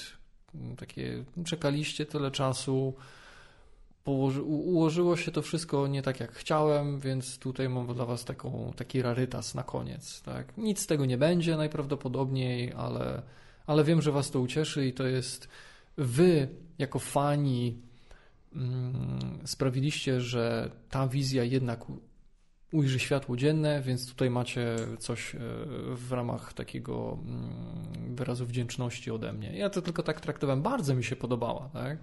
Bardzo mi się podobało i, i to, że no, najwyraźniej Aquaman nie żyje.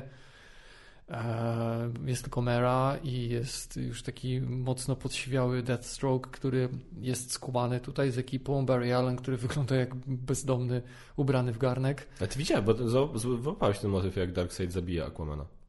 Eee, to, nie, To, to, była w te, to było w tej wizji, gdzie, co też było swoją drogą zajebiste, jak oni mieli ożywić Supermana i ten, co Cyborg tam powiedział no, a Barry Allen go i poszedł, nie? I to właśnie on miał wtedy wizję, gdzie zobaczył po pierwsze Supermana, jak trzyma spalone zwłoki, no ewidentnie Lois Lane Aha. i Darkseid niego podchodzi, gdzie widać było pogrzeb Wonder Woman i była scena pod wodą, gdzie Darkseid po Tak. prostu go nadzie, nadziewa Aquamana Tak, na ten. Nadziewa i jeszcze ten jego promień, który tam się jakoś Omega nazywa. Beam, Omega tak. Beam, który Tak. tam tak sobie. Tak, tak, tak, tak, masz rację, tak, zapomniałem o tym. No i, i Joker Lepszy niż Suicide Squad. lepszy niż Suicide Squad. No inny i, i, i fajna ta gadka, aczkolwiek też e, ciekawe było to, że wszyscy czekali na ten na tę linijkę, tak, że we live in a society, gdzie potem się okazało, że to jest nawiązanie do tego, tamtego, że tego Tak, tak, tak. naprawdę nie było w filmie.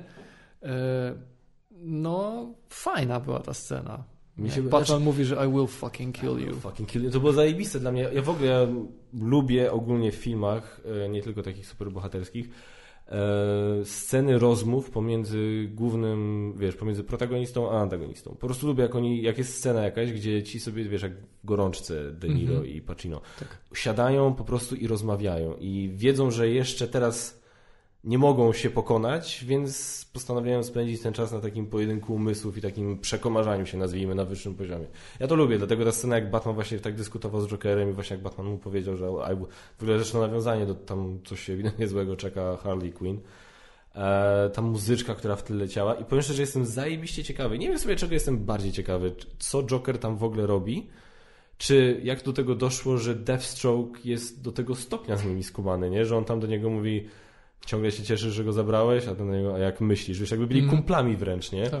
Więc nagle Deathstroke jest totalnie po ich... Jest, tu jest dużo ciekawych rzeczy. Aczkolwiek chyba tutaj nie jestem pewny, ale wydaje mi się, że Deathstroke w komiksach nie jest taką czarno-białą postacią. On Mhm. chyba tam trochę jak Magneto, nie? Że raz po tej stronie, raz po tej, Mhm. ale nie jestem pewny, to już się nie chcę, nie chcę kłócić. Możliwe. Nie, jakby nie było, końcówka bardzo mi się podobała. Była no, takim fajnym smaczkiem. Był to taki rarytasik, y, no, taki z lekką łezką gdzieś tam, e, nawet jeśli e, metaforycznie tak e, łezką, że mm, no, nic z tego raczej nie będzie. Raczej nie, ale no ja już mówię, no obstawiać nie ma już co. Chcesz coś jeszcze o Justice League powiedzieć? Nie. Dobra, mamy, słuchajcie, dwie godziny, pięć minut, więc generalnie już powinniśmy kończyć, więc słuchajcie, Wonder Woman jest chujowa, nie oglądajcie jej. Dzięki, cześć. nie no, żartuję, żartuję. Możemy jeszcze o Wonder Woman, ale myślę, że Wonder Woman nie wymaga chyba aż tyle analizy, co Justice League. Nie, wydaje mi się, że nie. E, Ja z, Just, z Wonder Woman, ponieważ tak jak generalnie plan był taki, jak żeśmy sobie tam gadali z Mogodem wczoraj, żeby o obu filmach gadać o plusach i minusach i w obu przypadkach zacząć od tego, czego jest mniej, żeby mieć z głowy. Więc tak jak w przypadku Justice League mówiliśmy, zaczęliśmy od minusów, tak tu zaczęliśmy od plusów. E, Kto śledzi Geek Factor, to już mógł zobaczyć, co ja mam do powiedzenia na temat tego filmu, bo tam wrzuciłem e, recenzję na, na, na profil po prostu. E, z plusów to ja mam tak. Muzyka Hansa Zimmera. Uważam, że była zajebista. Od razu powiem, że tak. Muzyka mi się bardzo podobała. Aczkolwiek w jednej scenie mnie totalnie zdziwiło. I to była swoją drogą scena, która. Ponownie słuchajcie, spoilery i to srogie. E... Scena, która swoją drogą mi się nawet podobała. E... Scena, w której Steve Trevor się żegnał z nią. I ona w tym momencie go zostawiła i od, mm. odleciała i ten. To, znaczy powiem tak, w dobrym filmie ta scena byłaby naprawdę taka, wiesz, nawet wzruszająca i tak dalej. Zresztą ta muzyka, która leci w tle, to też mi się podoba, też mam na playliście już w tym momencie. Eee, a, ale po prostu zdziwiło mnie, bo potem jak ona poleciała, jakby nauczyła się latać, jakby słuchajcie, ja wiem, skakanie po piórnach jest do bani, ale samo to, że ona lata, to jakby no mi nie przeszkadza i to, że ona się tak nauczyła latać dzięki niemu, to też mi nie przeszkadza. To moim zdaniem też było spoko. Ale ta muzyka, która leciała w tle, jak ona się uczy już latać, to była muzyka zupełnie innego kompozytora, zupełnie innego filmu. I to tak z kolei mi odebrało. Hmm. To, to było takie dziwne, bo to, to była muzyka, którą zrobił ten John Murphy do filmu e, Sunshine. Mhm. Adagio in D minor, czy coś takiego. No nie wiem. Generalnie mówię, muzyka w całym filmie Hansa Zimmera Ale się teraz chwali, że się znał. No jak, się na, jak się znasz na bardzo niewielu rzeczach, to się każdą chwalisz, kiedy tylko możesz. True, też tak robię. No. E, druga rzecz, która mi się podoba, to Gal Gadot, chociaż, chociaż to jest takie na plus i na minus, bo ona mi się podoba w scenach, jak ma być zabawna, jak ma być urocza, jak ma być charyzmatyczna i jak ma y, kopać dubska. O, tak. W tych scenach mi się podoba w scenach, w których ona musi trochę pograć, tak troszkę, wiesz, emocji głębszych pokazać, to już tak troszkę jest, gorzej. Jest różnie. Jest, jest różnie. I ostatnia rzecz, która mi się podobała, Chris Pine. E, uważam, że on, znaczy nie mówię jego wątku, mówię hmm. o, o, tym, jak on zagrał i po prostu ja lubię tego aktora. No, moim zdaniem jest spoko. No tak, no... Znaczy trudno go oceniać w oderwaniu od wątku całego. Tak, tak. No, znaczy powiem tak, gdyby od, odłożyć na bok yy, fabularny kontekst tego wątku, to tak, Chris Pine jest zawsze fajny. On jest taki lovable, tak. jak dla mnie. Ja, ja go lubię, Chris Pine jest fajny. Mm, Gal Gadot mi się podobała. Y, to znaczy, nie, czekaj, złego czasu użyłem. Gal Gadot mi się podoba. Gal Gadot de facto mi się podoba. Period. I poza tym y, nie wiem, czy może Basia bardziej zwróciła na to uwagę, bo no, my chłopy to tam, wiesz, nasz zmysł estetyczny i jakiś taki mm, dotyczący mody i, i piękna to różnie z tym bywa. Ale y, każda kolejna scena z Dianą Prince to układa się po prostu w jedną rewię mody. Trochę. Ale te kostiumy tam, no to fakt, że to lata 80., więc są takie rzeczy jak jakieś tam szerokie bary w, w jakimś tam żakiecie czy coś, takie rzeczy. E, nie wiem, czy to żakiet, bo się nie znam. Tak, tylko rzucam, bo tak mi się wydaje. Natomiast no, te, te, te, te stroje, te kostiumy, wow. Znaczy w każdym filmie, w którym ona się pojawia, to kiedy nie jest ubrana w strój Amazonki, w ten, ten swoją zbroję, to te kostiumy, te kreacje ma po prostu niesamowite. Niesamowite. No, no i no dobra, no Boże, no zaraz coś powie, że jebane szowinistyczne, świnie mizoginistyczne i tak dalej, no ale no jest bardzo atrakcyjną kobietą, więc dlatego powiedziałem, że Gal Gadot mi się podoba. A Wonder Woman... Hmm. Znaczy, z tymi strojami tego nawiążę, jestem ciekawy po prostu, bo Batman vs. Superman, dwie Ligi Sprawiedliwości, e, dwie, dwa filmy Wonder Woman, ciągle, jak mam wrażenie, nie wyjaśnili skąd ją stać na to. Bo ona jest pokazywana, zwłaszcza w sumie chyba najbardziej z tych wszystkich filmów w Batman vs. Superman, jest tak zasugerowana, że ona jest dosyć zamożną osobą. Bo ona kradnie, a ponieważ jest śmiertelna, to czekasz, to się przedawni. Już nikt jej nie szuka. To ma to sens, ma to Stary. sens. No. E, no tak. E, znaczy, mi się nie podobał film. Koniec końców nie, nie bardzo podobał mi się film Wonder Woman, ten pierwszy, czemu, czemu dałem wyraz w, jeszcze dawno temu, jak mieliśmy stronę Geek Factor w mojej pisanej recenzji. E, natomiast Gal Gadot sprawdza się w tej roli. Fakt, że może czasami, gdy prosi się o trochę więcej głębi emocjonalnej, to nie wiem, czy to był zamysł reżyserów, że ta postać ma taka być, bo cały czas gdzieś jeszcze nosi w sobie tę traumę, y, o czym tutaj też się mówi, tak, że ona cały, czas żyje tym, że straciła tę, tę osobę, którą to była to ta pierwsza ogromna miłość i to było to coś, co, co, co tak naprawdę nadało sens jej życiu poza tym jest Kirą. Tak? Mhm. takie, takie można odnieść wrażenie. E, więc może ona taka miała być, taka trochę przygaszona, chłodna, obojętna na ten świat, bo nie ma tego, czego kocha. Mm, więc nie wiem, może, może są to braki warsztatowe samej aktorki, mhm. może tak miało być. Ona się sprawdza w tej roli i, i, i, mi się to podobało, tak? Odkładając na bok fabułę i, i tak dalej. Więc Gal Gadot no, jest taka, jaka jest i uważam, że pasuje. Więc mógłbym, mógłbym w sensie, mógłbym w zasadzie powiedzieć, że na plus. Znaczy, jedna rzecz, która jest z kolei w sumie, jeden zarzut w sumie, z którym ja się nie zgadzam co do tego filmu, to jest to, że ludzie tam mówią, że o Jezu, serio, przecież ona tam spędziła z nim e, tam, nie wiem, dwa tygodnie czy ileś przed, e, przed nie wiem, 60, 60 laty, tak? Tak, no okej, okay, ona jest Amazonką, ona ma 5000 lat. Dla niej 60 lat, wiesz, na, na godzinę temu go straciła. Mm. To, jest, to jest trochę na tej zasadzie. Ona trochę inaczej chyba postrzega czas niż my. więc, więc jakby te, tego zarzutu nie mam. Absolutnie kupuję to, że ona mogła ciągle, że tak powiem, cierpieć gdzieś tam mm -hmm. po, po, po, jego stracie, nie? Więc to, to spoko. A coś jeszcze Ci się podobało? Yy, tak, więc mam o. wypisane muzyka, okay. tak? E, teraz tak, powiem coś, co będzie pewnie kontrowersyjne, ale mi się podobał Pedro Pascal. Podobał mi się, bo to był. Jesteś młody, masz prawo błądzić. E, tak, jestem starszy od ciebie. Nie, powiem ci dlaczego. E, I to się wiąże z drugą rzeczą, która mi się podobała w tym filmie, mianowicie przesłanie podobało mi się przesłanie tego filmu. To, jak to zostało zrealizowane, jak, okay. jak to zostało rozwinięte, to jest absolutnie osobna kwestia. Ale uważam, że przesłanie, jakie niesie ten film, i ono jest nierozerwalnie połączone z tym, no właśnie, nawet nie czarnym charakterem, tym gościem, który się po prostu pogubił. Uważam, że przesłanie tego filmu jest cholernie pozytywne i bardzo ważne, bo ono mówi, że cokolwiek nie przeszedłeś, gdzie byś nie był, to nie żyj tą przeszłością. Nie próbuj zmieniać siebie podług tego, jakie miałeś tam wyobrażenie lub jakie wyobrażenie mają inni. Nie, nie, nie goń za tym, co dyktuje ci świat. Tak? Jeśli przeżyłeś jakąś traumę, a widać tutaj właśnie, że bohater grany przez Pedro Pascala on, on, on ma jakąś głęboką traumę, tak, która go ukształtowała i która sprawia, że on chce więcej, bo on chce na przykład synowi udowodnić, kiedy wystarczyłoby, i to może brzmieć jak, jak wiesz, banały y, gdzieś wzięte z książki Paulo Coelho, ale to są rzeczy, które są bardzo, uważam, prawdziwe. Miłość i poczucie bezpieczeństwa w rodzinie gdzie się człowiek chowa, to jest fundament, to jest podstawa tego, kim człowiek się staje później, bo to później ma konsekwencje w tym, jak człowiek sobie życie zorganizuje, jak odnajduje się w związku, w, w rodzicielstwie, to to wszystko się zaczyna tam, tak?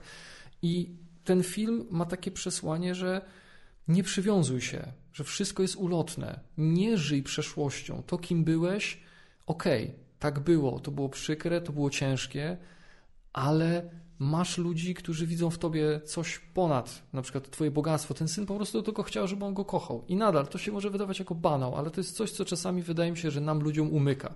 Gonimy za różnymi rzeczami na nie wiadomo czym, a to jest wszystko ulotne, tak? Ludzie gonią za pieniędzmi, gonią za władzą, a, a, a w trumnie ci się to kurwa nie przyda, tak? Żyj teraz, żyj tym, co masz.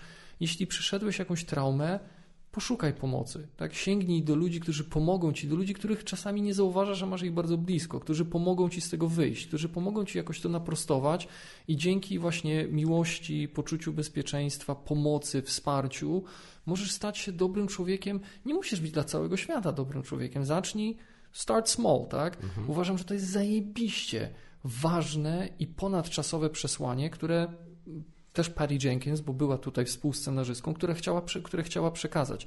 I biorąc pod uwagę to przesłanie, uważam, że Pedro Pascal był zajebistym bohaterem, nie był czarnym charakterem. Był gościem, który po prostu wpadł w pułapkę pewnych schematów, pewnej schematów, które się w nim wypracowały, pewnej traumy, którą, którą przeżył, którą, której nie przepracował, jakiegoś niskiego, bardzo niskiego, znaczy bardzo niskiego poczucia wiesz, własnej wartości, tak? Być może gardził sobą w jakiś sposób i, i, chciał, chciał to zmienić, a potem się zapędził, tak jak się zapędzamy w różnych rzeczach, tak? Zagalopujemy się, nie widzimy końca, nie widzimy, że już, już wystarczy, tak? Że, że to wystarczy, teraz cieszmy się tym, co mamy. I on się w to zapędził, to wszystko gdzieś też robił między innymi dla tego syna, a ten, ten syn tylko chciał uczucia od ojca.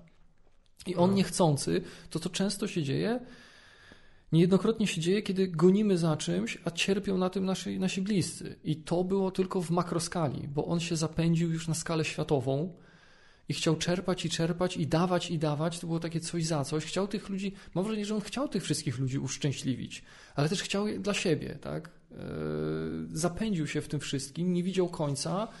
I to oczywiście, to zostało podane w taki dosyć patetyczny, może banalny sposób.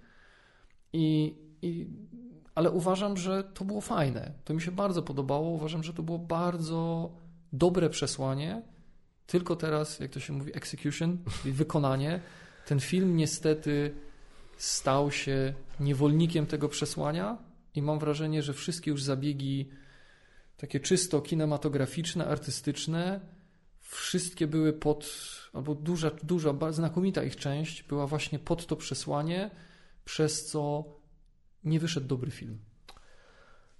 Okej. Eee, Znaczy powiem tak, nie mogę powiedzieć, że się nie zgodzę, bo to co mówisz ma absolutnie sens i, jak tak o tym myślę, to faktycznie. Znaczy dalej w moich oczach nie broni to roli Pascala, ale, ale faktycznie można to było tak dla mnie, tak, można było to tak zrobić, żeby właśnie wykorzystać to przesłanie i, i ubrać to w dobry film właśnie tą konkretnie fabułą nawet, tak? Z tym czarnym charakterem, z tym kamieniem, z Wonder Woman, z Cheetah i tak dalej. Ale ja na przykład, ja w ogóle kompletnie nie, nie, nie, nie, pomyślałem o tym. W życiu nawet mi się na pół sekundy nie, po, nie pojawiło to jako przesłanie tego filmu. Nie wiem, cał, całość mnie tak gdzieś tam wytrącała i mówię, i to jak Pedro to zagrał, po prostu dla mnie było to już zbyt. Ja, rozumiem, ja, ja tak odbierałem to tak, że on po prostu chciał uderzyć w jakąś taką nutę takiego właśnie lata 80., troszkę z przymrużeniem oka. Troszkę taki szajbus, taki wariat, taki, uu, taki sprzedawca, wiesz, Mhm. jak w Ameryce masz Taki te tak. reklama, są te reklamy tych salonów samochodowych, hej, hej, hej, hej, wiesz, no coś takiego, okej, kumałem w coś, ale jakoś mi to, totalnie mi to nie podeszło. Przyznaję, był troszkę over the top. Tro, no właśnie, Troszkę był, troszkę dokładnie, był, tak, dokładnie. tak. I teraz, yy, i może dlatego w ogóle, ja, ja odebrałem przesłanie tego filmu na zasadzie bardzo, no może to jest moja wina, że jestem bardzo prosty, więc w bardzo prosty sposób odebrałem ten film jako, e, no ponownie przepraszam za e, angielszczyzny, ale no to najlepiej brzmi po angielsku, be careful what you wish for. I jakby, i, i, i że to, co ci się może wydawać, że jest tym, czego potrzebujesz, to tak de facto nie jest. I, i, i cena, która ci przyjdzie za to zapłacić, może być większa niż, wiesz. Więc ja to przesłanie myślałem. Mhm. O tym, co ty powiedziałeś teraz, kompletnie mi się nawet na pół sekundy nie pojawiło, żeby tak ten film, tak tę fabułę spróbować zinterpretować. Mhm. Jak to mówisz, ma to sens, okej, i w sumie tym bardziej jestem wkurwiony na ten film, że mógł, mogli, mogli zrobić, wiesz, kumasz, mogli zrobić film o tych dwóch rzeczach. Mhm. I to i twoje przesłanie, i tam przesłanie, które ja tam zo- zobaczyłem, no to to jeszcze w ogóle zajebiście. No, film superbohaterski z zajebistymi aktorami, ze scenami akcji, jeszcze takie dwa ważkie przesłania, no zajebista sprawa. Znaczy, wiesz co, wydaje mi się, że to, tak jak teraz o tym rozmawiamy, to wydaje mi się, że tu można zidentyfikować pewien plus tego filmu, że mm, można z niego, że można go różnorako interpretować i można wyciągnąć coś dla siebie. Tak.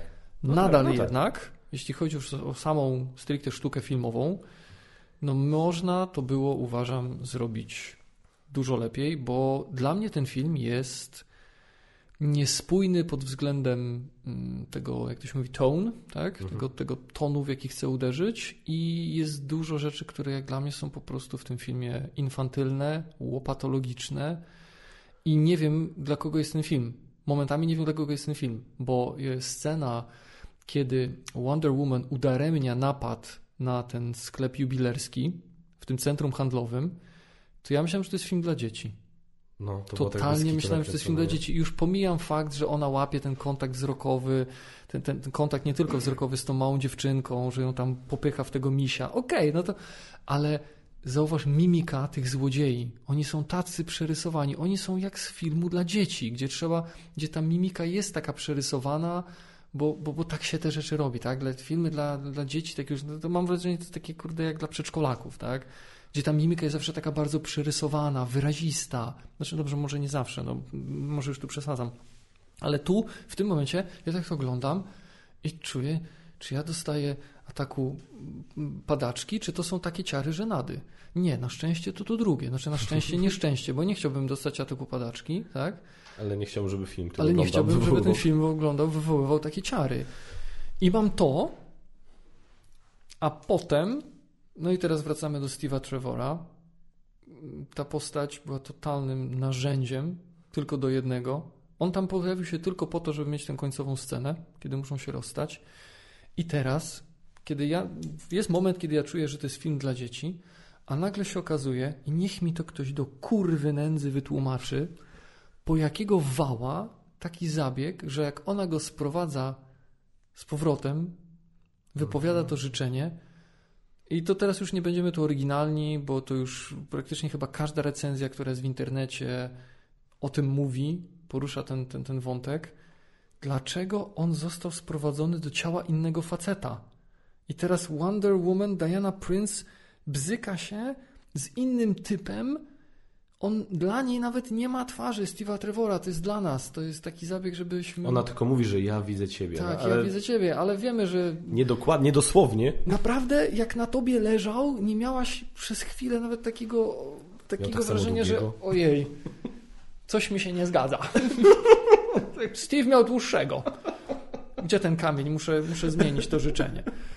No po, po co? Nie ma, I to absolutnie nie ma żadnego, to nie jest już później poruszone, nie widać celu w tym. Nie, żadnego. Zwłaszcza, że w filmie są inne rzeczy, które się pojawiają znikąd, typu wielki mur na pustyni. Dokładnie tak. Są rzeczy, które pojawiają się magicznie. Dlaczego Steve Trevor nie mógł się pojawić magicznie, a Tak. potem by zniknął? Musiał się pojawić w innym facecie. Po co? Nie widzę absolutnie żadnego usprawiedliwienia. To nie zostaje w ogóle poruszone poza tym, że jest zabawnie, no bo przyglądają tam typa garderobę, tak? I, I nic. I teraz z jednej strony mam taki ton mocno dziecięcy, a potem nagle bzykasz się z typem, którego nie znasz i właśnie takie pytania, które tam się pojawiają. A co, a, coś, a co się stało, że ten gościu nie poszedł do pracy? A może on ma rodzinę, może ma dziewczynę i zniknął na, na tydzień? A co by było, gdyby zginął? Jak można w taki sposób wykorzystywać Bogu ducha winnego faceta, tak? No, No i o, co, co, o co w tym wszystkim No chodzi? i cała kwestia, że jednak wiesz, ja, ja wiesz, znasz mnie, ja nie jestem, jestem daleki od tego, żeby się oburzać na jakieś tam zabiegi, no ale skoro o tych rzeczach się ostatnio tyle mówi, no to siłą rzeczy się takie pytania nasuwają, no że no uprawialiście seks wykorzystując ciało kogoś, kto o tym nie wiedział i tym bardziej na to chyba nie wyraził zgody. Więc tak, wiesz, tylko mówię, że coś czu... Ja, nie, bo o co mi chodzi? Coś czuję, że gdyby role były odwrócone, i to wiesz, na przykład był film, był film o Aquamenie i by Merę przywróciło do ciała jakiejś babki i on by bzykał się z tą babką, bo to on by w niej widział Merę. To by było przedmiotowienie. Tak, Wysoki sądzie, ja w niej widziałem Merę. To by, że to wtedy właśnie byłoby mitu i, i, i tak dalej, nie? A w, Ja w twojej mamie też widziałem różne osoby już, no. Tak? Mhm. A co, kogo ostatnio? Wiesz co, ostatnio właśnie Gal Gadot. Aha, to dobrze. Chociaż tyle. Poprawiłeś ich humor. E. Nie pokazywała ci mama e, tego stroju e, Amazonki? E, tego, miecz który, ta- tego, który ty zakładasz, tak. E, tak, a dla twojej mamy mam a, ten, Atlantę. E, no i się bawimy swoim mieczem, trójzębem, nieważne. Tak, no y, obawiam się, oczywiście to jest teraz gdybanie, ale podejrzewam, że właśnie gdyby role się odwróciły, to gówno burza by się zrobiła. Jak można tak uprzedmiotawiać kogoś, a tutaj, ale już nawet pomijając te aspekty, no po co? Dlaczego? To jest, wiesz, to jest... To jest Przecież to można by zrobić inaczej. No nie trzeba by przeglądać garderoby tego typa, tylko pójść do sklepu odzieżowego. On już jakieś ciuchy miał. Albo po prostu mieć jakiegoś gościa na Znaczy, początku przepraszam, wiesz... przepraszam, jakieś ciuchy miał, bo zabrał temu typowi. Gdyby się pojawił gdzieś, mógłby się pojawić w tym na przykład mundurze, w którym był, kiedy się poświęcił. Na przykład. Albo... Tak jak Diana pojawiła się w swoim stroju w y, 1900, tam którym, 17, tak? Poszli i kupili jej ciuchy, no. Tak, albo po prostu mieć krótką 30-sekundową wymianę, gdzie Diana wchodzi do pracy na początku filmu i jej kumpel do niej podchodzi i mówi dzięki, że zgodziłaś się zaopiekować się moim mieszkaniem, jak wyjadę do rodziców na weekend albo na, na jakiś tam czas. Nagle się okazuje, że ma klucze do mieszkania swojego kumpla z pracy, który powiedzmy jest podobnych rozmiarów ten. Bum, sprawa załatwiona. To mnie wkurwia, to mnie zawsze wkurza, nawet, nawet w grach planszowych na przykład. Jak, e, czyli coś, co jest, co nie działa, a co wiesz, że to jest po prostu easy fix, quick win, a, a, a nie zrobiono tego. To jest A jakby- musisz dać te 8 na 10. Jak z tego wybrnąć? Właśnie, Ignacy, ogarnij się, easy fix. E, masz, jak żeśmy grali w ten e, chromosom, co myśmy w sumie nawet tego nie zauważyli wtedy, ale Gambit... Ja już, to, ja już nie chciałem tam nic zauważać. ale, no właśnie, ale Gambit to wyhaczył, że tam przy, e, w pierwszej akcji pierwszy gracz może, e, teraz nie pamiętam na, na, co było na jaką wersję graczy, na iluś graczy może skończyć grę, a na jakąś inną wersję graczy zapoczątkować endgame. Bo jeżeli pierwszą akcją, którą zrobisz jest atak, Mhm. i, I wystarczy, że rzucisz tam, to policzy po prostu, no, że faktycznie, że jak wyliczysz tam, jak tam ile masz pól do tego tam przeciwnika i jeżeli ci dobrze wypadnie wynik na kości, to go pokonujesz, go zabijasz całego i dziękuję, do widzenia. I to jest, wiesz, i dla mnie to jest tak, kurde, i przypomniała mi się wtedy y, instrukcja swoją drogą teraz właśnie do gry portalu, y, gdzie do walecznych pikseli, gdzie miałeś w instrukcji zasadę, nie można przeprowadzać akcji ataku przez pierwsze dwie rundy. Koniec. Czemu nie zrobili tego w tej grze? Easy fix. Po prostu da- dajemy zas- Okej, faktycznie można tak zrobić. Dajemy zasadę, że nie można zrobić ataku przez, że przez pierwsze dwie rundy akcja ataku jest niedostępna. I koniec. I nie byłoby tego problemu. A tak masz do czynienia z zepsutą grą, której ktoś nie pomyślał, nie przemyślał. I tylko przepraszam, że przerwę. W ten sposób jest drobniutki ukłon Tak. wobec fanów planszówek podczas tego odcinka podcastu. Dokładnie, już Ale możecie to zaraz, bo to zaraz koniec. kończymy, tak. E, I właśnie i tak samo tutaj. No easy fix, niech on się po prostu pojawi. Skoro Mhm. nie macie zamiaru nic z tym tematem zrobić Tak. kompletnie, no to niech on się po prostu pojawi, ob- obudzi się w alejce, po prostu nawet możecie zrobić jakąś zabawną scenę ala Terminator, że po prostu jakiś bezdomny po prostu nagle patrzy, o kurde, typ się pojawił znikąd. A bezdomni chodzą z takimi koszami, mają tam mnóstwo jakichś kocy, ciuchów, no Na to przykład, coś nie? od niego wziąć, nie? I taki No. śmierdzący przyjść do Dajany, która zawsze wygląda po prostu jakby, jakby się kąpała w perfumach i, i mleku Dokładnie. dziewic, no. I swoją drogą zabawne, Znaczy, ona, ma- ona ma grać tą, ma Ko- grać Kleopatrę. Kozim mleku i krwi dziewic, jak e, rzekomo kiedyś e, no, Batory. I wiesz, Nieważne. te, i to jest, wiesz, i to jest takie, nic z tym nie zrobiliście, totalnie, i oszczędzilibyście sobie tych wszystkich durnych pytań. No, no nie chce mi się wierzyć, że tacy, tacy doświadczeni filmowcy, y, jak właśnie chociażby Patty Jenkins, tak, która ma na swoim koncie masę dobrych, tych, do, dobrych filmów, dobrych scenariuszy, dobrych odcinków serialu The Killing i tak dalej, że ona nie zadała sobie tego pytania, po co ja to robię? Co ja robię z tym wątkiem? Po, po co ja go wprowadzam tutaj, tak? E, więc, więc jakby to było to, tak, to było totalnie z czapy, ale właśnie to jest coś, co ja tobie mówiłem i, i co też chciałem powiedzieć, że ja mam taki przełącznik w mózgu, że jakby, no, bo ja na zasadzie mam czasami, jak rozmawiam z kimś o poważnym filmie i mówię, że czegoś tam nie kupiłem, to czasami usłyszę w odpowiedzi, aha, a kupiłeś e, coś tam w Avengersach i tak dalej. Mówię, nie, nie, nie.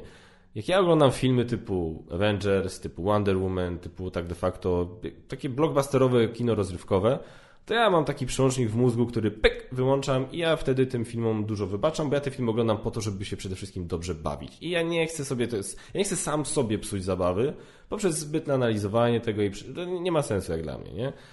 E, A na z kolei dobrych filmach, które starają się pokazać prawdziwe życie, prawdziwych ludzi, prawdziwe problemy, no to wiadomo, to wtedy nie, bo to chcę wtedy dostać coś dobrego i chcę się upewnić, że to faktycznie odzwierciedla rzeczywistość tak, jak ja ją znam, tak, jak ja kojarzę.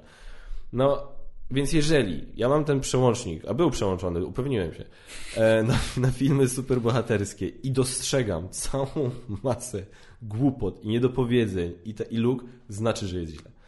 I na przykład y, motyw z tym kamieniem i tym dotykaniem. No, film wprowadza jakąś zasadę i za chwilę ją od razu łamie. Czyli nagle nie jest tak, że musisz go dotykać, wystarczy, że cię jakimiś falami z Tak. satelity pójdzie, tak? Mhm, mhm. Wszyscy, kurde, jak jeden mąż po prostu stwierdzili, że wycofają swoje życzenie, bo usłyszeli zajebiście wzruszającą przemowę Gal Gadot, chociaż powiedziała to w języku, którego większość ludzi na świecie nie rozumie. Tak. Więc jakby... Znaczy, zacznijmy od tego, że oni zaczęli e, wypowiadać te życzenia, słuchając języka, którego nie A, rozumieją. no, to tak? też, swoją drogą. Więc jakby... Znaczy nie, to, to akurat jest spoko, więc bo, bo, myślę, bo ten odsetek ludzi, który zrozumiał angielski, no to zrozumiał nawoływanie do wypowiadania życzeń, a potem tak samo zrozumiał nawoływanie do rezygnacji z tych życzeń. Ale właśnie co by było, gdyby wszyscy stwierdzili, spierdalaj, podoba mi się. Dokładnie, No, ale to bardzo, bardzo dobrze to zrobił ten e, z e, Ryan z e, Pitch Meeting, tak? No, a co jeżeli czyimś życzenie było, ej, bardzo bym chciał, żeby moje dziecko nie miało już raka? Tak. No, Fuck you po prostu, nieważne jak pięknie przemówi, że nie wycofam tego życzenia, tak? Dlatego właśnie to, co powiedziałem, moim zdaniem ten film stał się niechcący zakładnikiem tego przesłania, bo to przesłanie jest, jest w, pewnym sensie, w pewnym sensie uniwersalne, ale no są, gdzieś tam są jakieś, może nie tyle odstępstwa, ale są pewne sytuacje, tak? I, I wiadomo, że jeśli jest na przykład taka sytuacja, rodzice, dziecko jest chore, no to wiadomo, że nie jest tak, że pogódź się z tą sytuacją, bo jest jak jest. No wiadomo, że będą walczyć, tak? Więc wiadomo. No i tutaj, no tak, no, no, ten film narobił sobie problemów, a potem stwierdził, nagle, znaczy narobił sobie problemów, właśnie narobił, niechcący narobił sobie problemów i później nagle coś tam się dzieje, jak za dotknięciem e, czarodziejskiej różdżki, ale te problemy nie znikają, one zniknęły razem z, z tym, co tam się dzieje w fabule. Tak, y, ja mam podobnie, y, tak jak mówisz, ja mam ten swój bullshit meter, któremu po prostu zmniejszam moc, ale w momencie, kiedy Wonder Woman i Steve Trevor wsiadają do odrzutowca, jak to mówił e, kiedyś ten Joe Rogan, kiedy opowiadał, opowiadał o Arce Noego, jeśli opowiesz historię o Arce Noego to a five-year-old retarded boy, he's gonna have some questions. Po pierwsze, kto przy zdrowych zmysłach trzyma w Muzeum Lotnictwa, kurwa jego mać, zabrała go do Muzeum Lotnictwa, nie? Kto, w, no bo to było muzeum, nie? No tak. Dobrze skłamałem? Tak, to było tak, Muzeum tak. Lotnictwa. Kto w Muzeum Lotnictwa trzyma kurwa mać zatankowany odrzutowiec? You never know. Może się przydać. Może, może niektórzy tam nie wiedzą, jak się pali kerozyna, ale pali się dosyć cieplutko. To może fajnie jebnąć, tak? Dlatego samoloty na przykład taki mają mechanizm, że jak muszą awaryjnie lądować, to spuszczają paliwo, bo lądowanie z pełnymi zbiornikami jest niebezpieczne, a tam sobie stoi, tam gdzie ludzie przychodzą odwiedzać, gdzie różne rzeczy mogą się wydarzyć, stoi w pełni zatankowany odrzutowiec, to po pierwsze. I teraz naprawdę standardy oczekiwania były bardzo niskie. Bardzo, bardzo dużo byłbym w stanie, jestem w stanie takim filmom wybaczyć, tak jak powiedziałeś, z sobą. Ale no, no nie jestem w stanie, no, no nijak nie, nie kupuję tego. Jak, jak dużego marginesu bym tutaj nie dał. No, nie kupuję tego, że typ, który parę razy coś tam latał drewnianymi, obleczonymi w płótno dwupłatowcami podczas I wojny światowej, opartymi o silniki spalinowe. Nie, kurwa, Kaszmar, nie, wsiada teraz.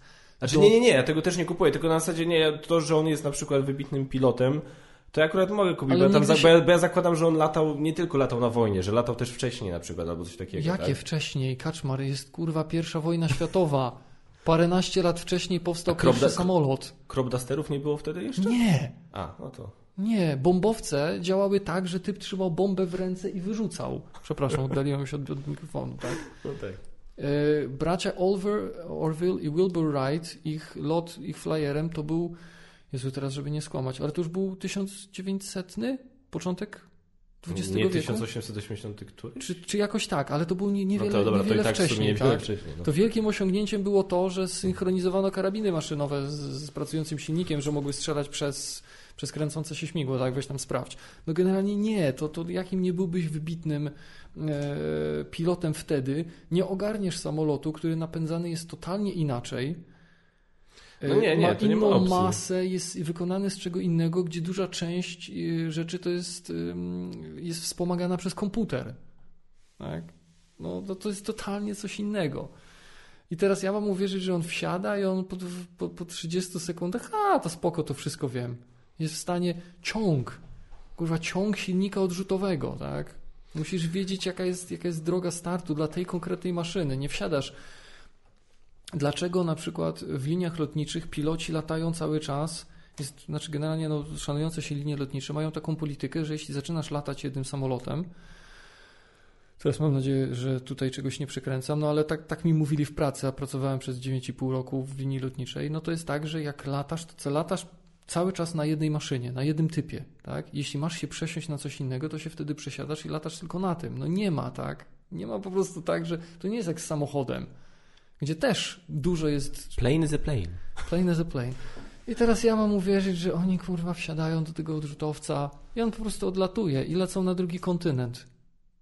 A, chciałbym tylko powiedzieć, że Czy, on, czy one nawet przy zatankowanym w pełni baku mogliby przelecieć na drugi kontynent? Wiesz co, powiem Ze tak, Stanów do Afryki? zacznijmy jeszcze od tego, że ja nie wiem, co to był za samolot. Po pierwsze, co myślałem, że to było Tornado, taki samolot bojowy mm, europejskiej produkcji, kolaboracja brytyjsko-niemiecko-francuska, ale Tornado ma miejsca, ma, ma co, co prawda dwa miejsca, ale one są jedno za drugim. Okay. Więc to nie ma dużo samolotów tego typu, które mają siedzenie obok siebie. To mógł być F-111, ale nie wiem, czy to miało zmienną geometrię skrzydeł. I, i F-111 ma taki charakterystyczny dziób. Ja nie to, że się teraz mądrze, po prostu za dzieciaka byłem przefanem i, i, i przefanatykiem lotnictwa wojskowego. Coś tam jeszcze pamiętam. Nie byłem w stanie tego samolotu zidentyfikować. Może to coś jest, czego nie znam, nie wiem. Nie wiem, a od tego zależy, jaki to ma zasięg. Myślę, że teoretycznie byłoby to możliwe, żeby przelecieć, ale nie jestem pewien. Nie wiem. Okej. Tego nie jestem w stanie powiedzieć. A, tylko że kolejna rzecz. Lądowanie jest trudniejsze niż start. Jest coś takiego, że jak zaczynasz startować, to jest, to jest taki kolejny, kolejny taki, taki, taki przepis, takie prawo. Jak zaczynasz startować, musisz wystartować. Nie startujesz i nie lądujesz w połowie. Bo nie skończysz tego. Skończysz kurwa w rowie za pasem startowym, tak? Lądowanie jest bardzo trudnym manewrem. No więc on, nie kumając, nie znając nic, nie wiedząc nic o tym, nie dość, że wystartował, to jeszcze potem bezpie, bezpiecznie wylądował. E, Dy, dygresja, taka, dygresja taka. Kiedyś e, lecieliśmy na najdłuższego double date'a w historii. E, Ja, Magot i nasze partnerki. Ówczesna twoja i moja obecna jeszcze do dzisiaj Basia. I żeśmy lecieli samolotem. Czy ty pamiętasz rozmowę naszą z samolotu? E, Jak ci mówiłem, co się może Tak, stać podczas bo to, lądowania, bo to a ty wyglądało, byłeś obsrany. Bo to wyglądało tak, nie? To wyglądało, ale słuchajcie, jak to wyglądało? E, moja, po pierwsze, wszyscy tam, wszyscy tam byli wspaniali. Moja żona i mój najlepszy przyjaciel. E, mieliśmy miejsca takie, to były, to były jakieś, nie wiem, czy to był Wizard, czy co to było, ale generalnie Ryan. trzy, trzy, Ryan, trzy Ryan. miejsca z jednej, trzy miejsca z drugiej. I moja żona bardzo chciała po prostu siedzieć przy oknie, czy jako, jakoś tak wyszło, że wszyscy w trójkę się, usiedliście w tej jednej, a ja usiadłem sam obok, nie? Tam obok mnie byli inni ludzie, ale ich nie znałem się rzeczy. I teraz ja się boję latać. Nie wiem, co się stało. Jakoś w 2000, pamiętam, 12 roku wsiadłem do samolotu. Latałem wcześniej, kiedyś nie miałem z tym żadnego problemu. W 2012 wsiadłem do samolotu i nagle poczułem, nie, to kurwa nie ma sensu. To jest, to jest kupa żelastwa, która się wzbije w powietrze w oparciu o zasady, których nie kumam. To się nie może a, a, że, a, a że nic się nie stanie, powierzam po prostu osobom, których kompletnie nie znam. Więc nie, i, zaczą, i autentycznie zacząłem nabierać strachu, który się uruchamia w momencie, najbardziej w momencie startu. I ja pamiętam, siedzimy i zbliżamy się do lądowania i mój najlepszy przyjaciel Magot się nachyla w tym momencie do mnie i mówi, "Ej, słuchaj, bo ja ten, co tam w ogóle, słuchaj, to... nie, bo ja chciałem z tobą pogadać chwilę, bo Basia mi mówiła, że się boisz, a teraz mamy lądować i, jakby po prostu nie, nie chcę, żebyś się nerwował, to ci chciałem zająć twoją uwagę. Ja do Magota mówię, no, no dobra, spoko, akurat jeśli chodzi o, jeśli chodzi o, o, o lądowanie, to spoko, ja się bardziej boję przy starcie. Tak, a to ciekawe, bo lądowanie jest dużo trudniejsze niż start i zaczynasz wymieniać wszystkie rzeczy, które trzeba ogarnąć podczas lądowania, które sprawiają, że bardzo łatwo można zginąć. Więc tak mówię, okej, dzięki, cool. Nie ma za co. Taka dygresja. E, wracając trochę do tematu, bracia Wright zapisali się w historii lotnictwa 17 grudnia 1903 roku. Wtedy to skonstruowany przez nich flyer wzbił się w powietrze i przez 12 sekund pokonał dystans 36,6 metrów. No. Okej. Dużo, dużo czasu nie upłynęło, więc No nie, to nie. nie były nie wiadomo jak zaawansowane konstrukcje. Pierwsze maszyny odrzutowe to jest dopiero druga wojna światowa. No tak. Niemieckie konstrukcje. No dobra, no to wyszło, No, to tym bardziej. Może właśnie filmowcy polegali na takiej ignorancji jak moja, że po prostu myśleli, że może to ma sens. no samolot to samolot, tak. No także generalnie poza tym, że bardzo lubię Chrisa Pine'a i on fajnie się sprawdza w tej roli, to jego obecność mam wrażenie, że była tylko po to, żeby był Chris Pine. Mhm. po nic innego I, i po to, żeby, no i właśnie po to, żeby służyć przesłaniu, nie przywiązuj się, pogódź się z tym, co się dzieje, tak, no, A jest ciekawe, co wspomniałeś o tych y, pierwszej scenie akcji. Ja właśnie wtedy sobie przypomniałem, a propos, że nie wiedziałeś, do kogo ten film jest kierowany i że nawet ta mimika tych czarnych charakterów. Ja pamiętam, że ten, że Dustin Hoffman w jednym wywiadzie Inside the Actors Studio opowiadał, że on nie znosi takiego staroświeckiego aktorstwa, jak on ogląda jakieś stare filmy z lat 50. i 60. i że facet, który ma broń, robi jeszcze takie jakieś takie Mhm. gestykulacje, dziwna mimika i tak dalej i on mówi, że ty masz broń, ty już nie musisz nic grać. Mhm. Masz broń, broń gra za ciebie, tak? Mhm. Na tej zasadzie. Taka, pamiętam, że bardzo, takie, to było też takie dla mnie takie mądre, tak na zasadzie, o, to ma, ma sens. Czyli też takie właśnie jakby oderwanie się troszkę od tego staroświeckiego właśnie stylu kręcenia, mhm. grania i tak dalej. Mhm. I teraz argument, który się pojawia i pojawił się w dyskusji właśnie pod y, moim postem na Facebooku, tak. troszkę nawiązujący do tego, jest właśnie to, no, że to jest po prostu stylizowany na lata 80. Rzecz się dzieje w 80., więc to jest tak jak w latach 80. Nie kupuję tego argumentu z jednego prostego powodu. E, to jest co innego odnieść się, zrobić jakieś smaczki, do, dla, wiesz, uruchomić tą nostalgię w widzach, mhm. odnosząc się do konkretnej dekady, a co innego zrobić coś tak, jak się robiło wtedy. Bo to jest złe. To pierwsze, super. I to mhm. na przykład robi serial chociażby Stranger Things. Mhm. Jeżeli obejrzycie serial Stranger Things, to ten serial po prostu kipi nawiązaniami do lat 80., no, oprócz tego, że się dzieje w latach 80., tak? Ale po prostu właśnie do, do, do, pewnych, do pewnego takiego, do właśnie on się odnosi do takich emocji, które się odczuwało, do, do pomysłów, które się wtedy miało na przygody dla głównych bohaterów, do, do relacji między postaciami, tak? Mhm. Ale aktorzy i postacie zachowują się tak generalnie, jak my to rozpoznajemy, tak, żeby właśnie nie było tego dysonansu. Mhm. Natomiast jak chcesz coś zrobić tak, jak się robiło kiedyś, no sorry, no nie, no aktorstwo Charltona Hestona z Planety Małp by się dzisiaj no nie sprawdziło. Nieważne, mo możecie zrobić remake Planety Małp ale nie, zróbcie, nie, nie, nie dawajcie tam takiej kreacji jak Charlton Heston w Planecie no, bo to się po prostu nie sprawdzi. To się nie sprawdza. Te no. rzeczy się starzeją niestety i, i, i to po prostu nie zadziała tutaj. Tak, I tak, nie zadziałało. No, tak, tu się w pełni zgadzam. I też właśnie nawiązując do tej dyskusji w komentarzach pod y, twoim wpisem też mm, ktoś tam napisał, że ten film jest cringe'owy, bo taki ma być. Y, ja się osobiście z tym też nie zgadzam, bo to co mówisz, można nawiązać do pewnych rzeczy jakoś tak trochę sentymentalnie, ale nie trzeba od razu robić z tego cringe'u. Można zrobić, zrobić to tak, żeby to miało klimat. Mhm. Ja nie kupuję tego, że film o Wonder Woman, kiedy pierwszy film był dosyć poważny, uderzał w poważne, w poważne tony, w ogóle no, ta, ta otoczka, że to jest pierwsza wojna światowa, która była czymś bezprecedensowym w, w dziejach świata, tak? I, I w sumie nie aż tak często pokazywana w kinie, jakby się na tym zastanowić. Tak. nie tak często jak druga wojna. No tak, dokładnie tak. I teraz mamy kontynuację tamtego filmu i nagle mówimy, że a ten film jest cringe'owy, bo taki ma być. Nie, no ja się z tym osobiście nie zgadzam. Uważam, że nawiązanie mm, do jakiejś tam duchowej spuścizny to jest jedno, a zrobienie karykatury to jest Absolutnie. drugie. Ja cringe akceptuję w The Office, na przykład, tak? Y, albo w, takiej filmie, w takim filmie jak to, ale, Anchorman. Tak, ale to też jest co innego, bo Anchorman to już jest w ogóle takie totalnie abstrakcyjne poczucie humoru, tak, więc to, i to kupujesz konwencję, i tak? Tam, I tam to kupuję. Tak, a jeśli chodzi o The Office, to też jest co innego, bo tam ty odczuwasz ten cringe razem z innymi postaciami tak, w serialu, tak. które czują cringe patrząc na Michaela Scotta, więc dokładnie ponownie. Tak, dokładnie tak. I to no jest... więc są okoliczności, w których ja to akceptuję, a tutaj nie. Uważam, że to nie było założeniem i jeśli ludzie coś takiego odczuwają, no to było jak najbardziej niezamierzone, jest no takim negatywnym skutkiem ubocznym. No, dlatego wiesz, ja, wiesz, jak popatrzysz na filmografię Patty Jenkins, no to masz oczywiście Monster z e, Charlize Theron, hmm. masz e, serial The Killing, nie widziałem go, ale generalnie tam fra widziałem fragmenty, czytałem o nim i tak dalej, to to bardzo taki e, grounded, taki ba bardzo taki realistyczny twardo stąpający po ziemi, nazwijmy mm -hmm. to, obraz e, tej społeczności, która tam była, była na, na pierwszym planie. E, I wiesz, więc Czekaj, może... Kurt Locker? Też jest... Nie, nie, nie, to jest Kathleen Kennedy. Nie, nie, nie Kathleen Kennedy. Nie on, to jest...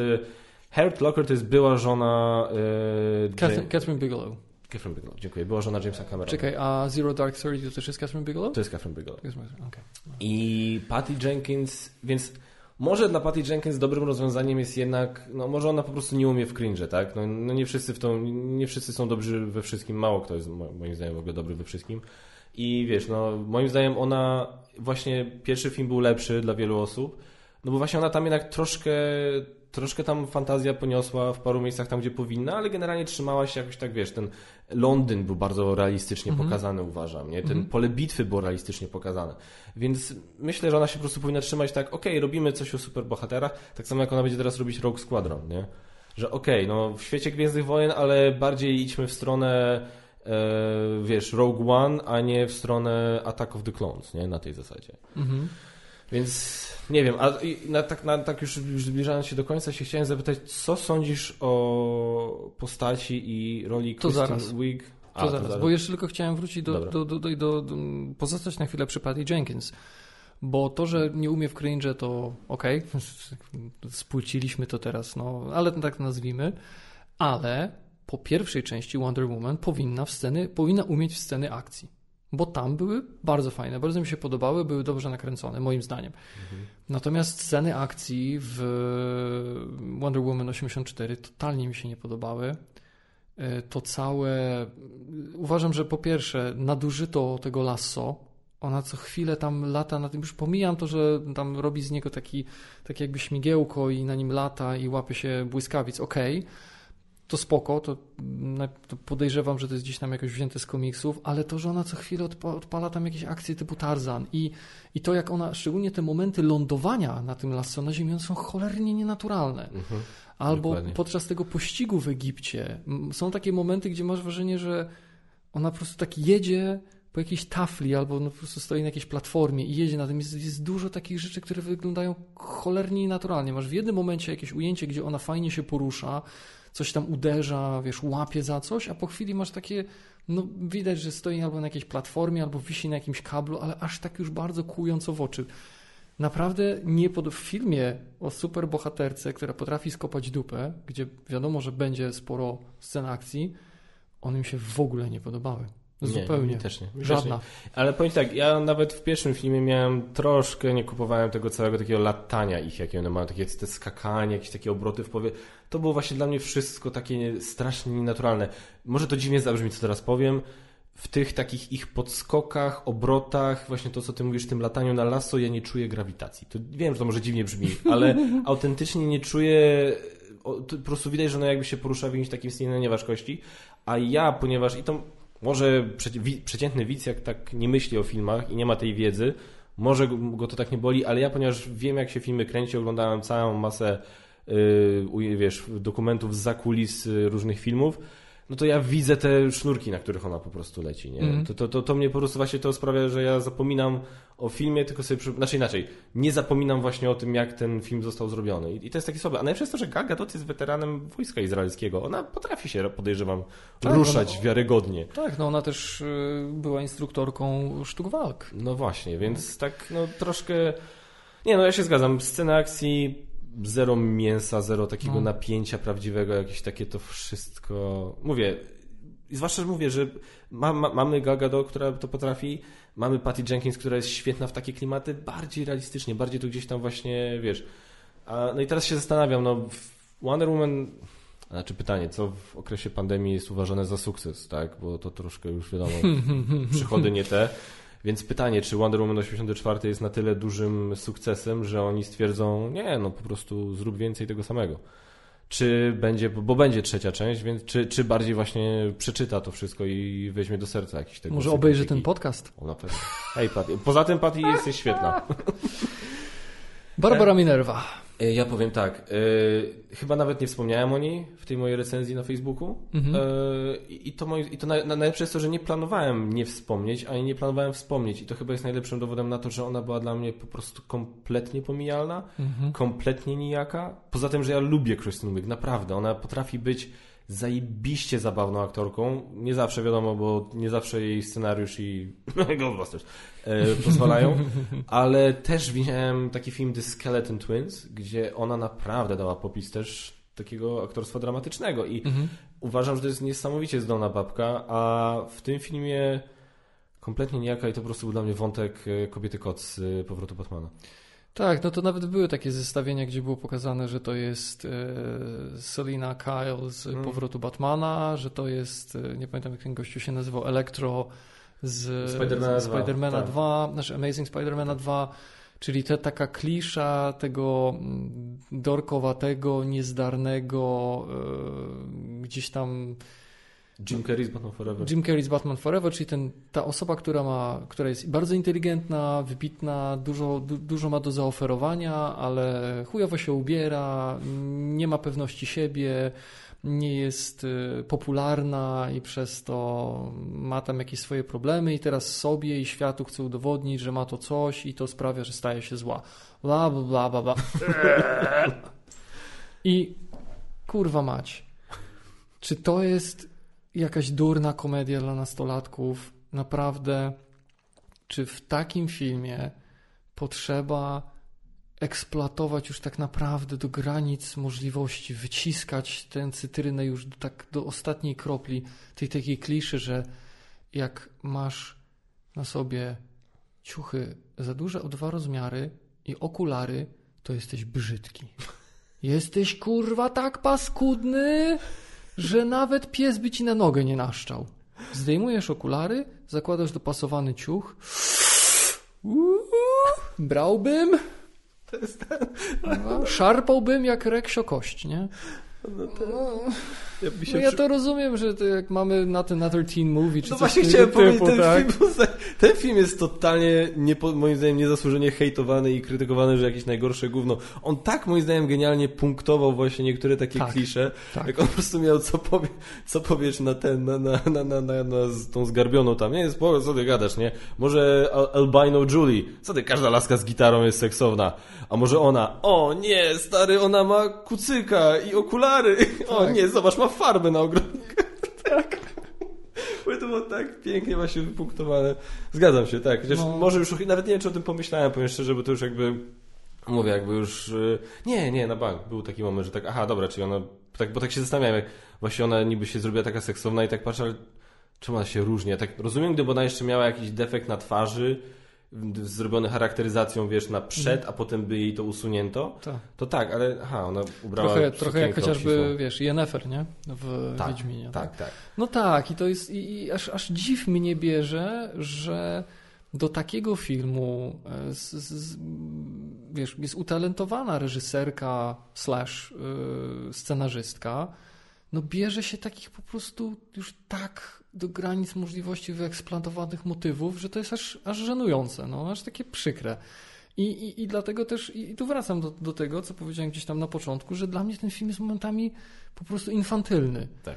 Ucieka się do najprostszych środków wyrazu, takich łopatologicznych. No więc e, ja, jak masz okulary i źle się ubierasz, to jesteś brzydka. Tak. Mhm. Teraz ściągasz okulary, ubierasz się ładnie i jesteś seksbombą. Tak, bo tak zawsze jest, bo to musi dotrzeć do przeciętnego wpierdalacza hamburgerów. Musimy mu pokazać, że doszło do przemiany charakterologicznej, która uwidoczniła się w przemianie e, garderobowej, czy jak to tam nazwać, i teraz e, ona będzie tą złą, bo nikt jej nie zauważał, a ona teraz chce być zauważona i to sprawi, że ona będzie zła.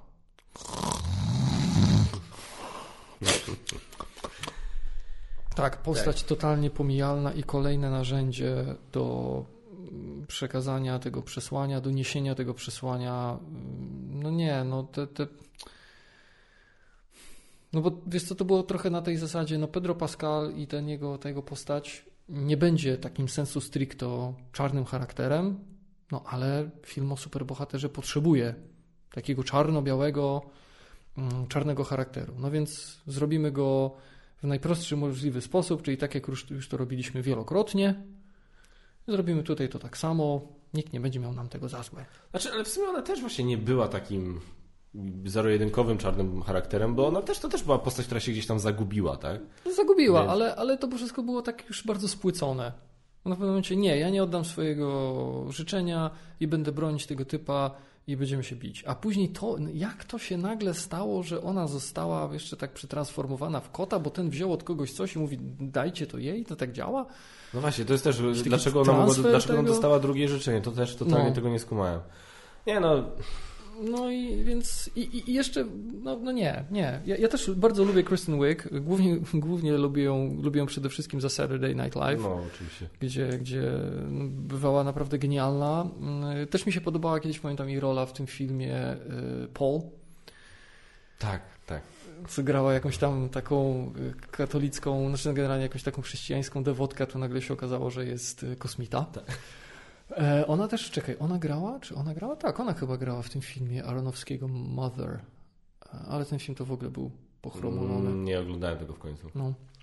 Także nie, ją bardzo lubię i no i tutaj no, no, no, nie dostała nic, czy mogłaby się jakoś wybitnie chwalić później gdzieś przeglądając swoje CV filmowe. No, no to no, jest tu No tak jak mówiłem, nie chcę się już za bardzo powtarzać. Niewolnik przesłania ten film i dużo rzeczy po prostu zrobionych tak tak, tak, tak, tak infantylnie. No. Tak bardzo, bardzo prosto, aż do bólu, do bólu prosto.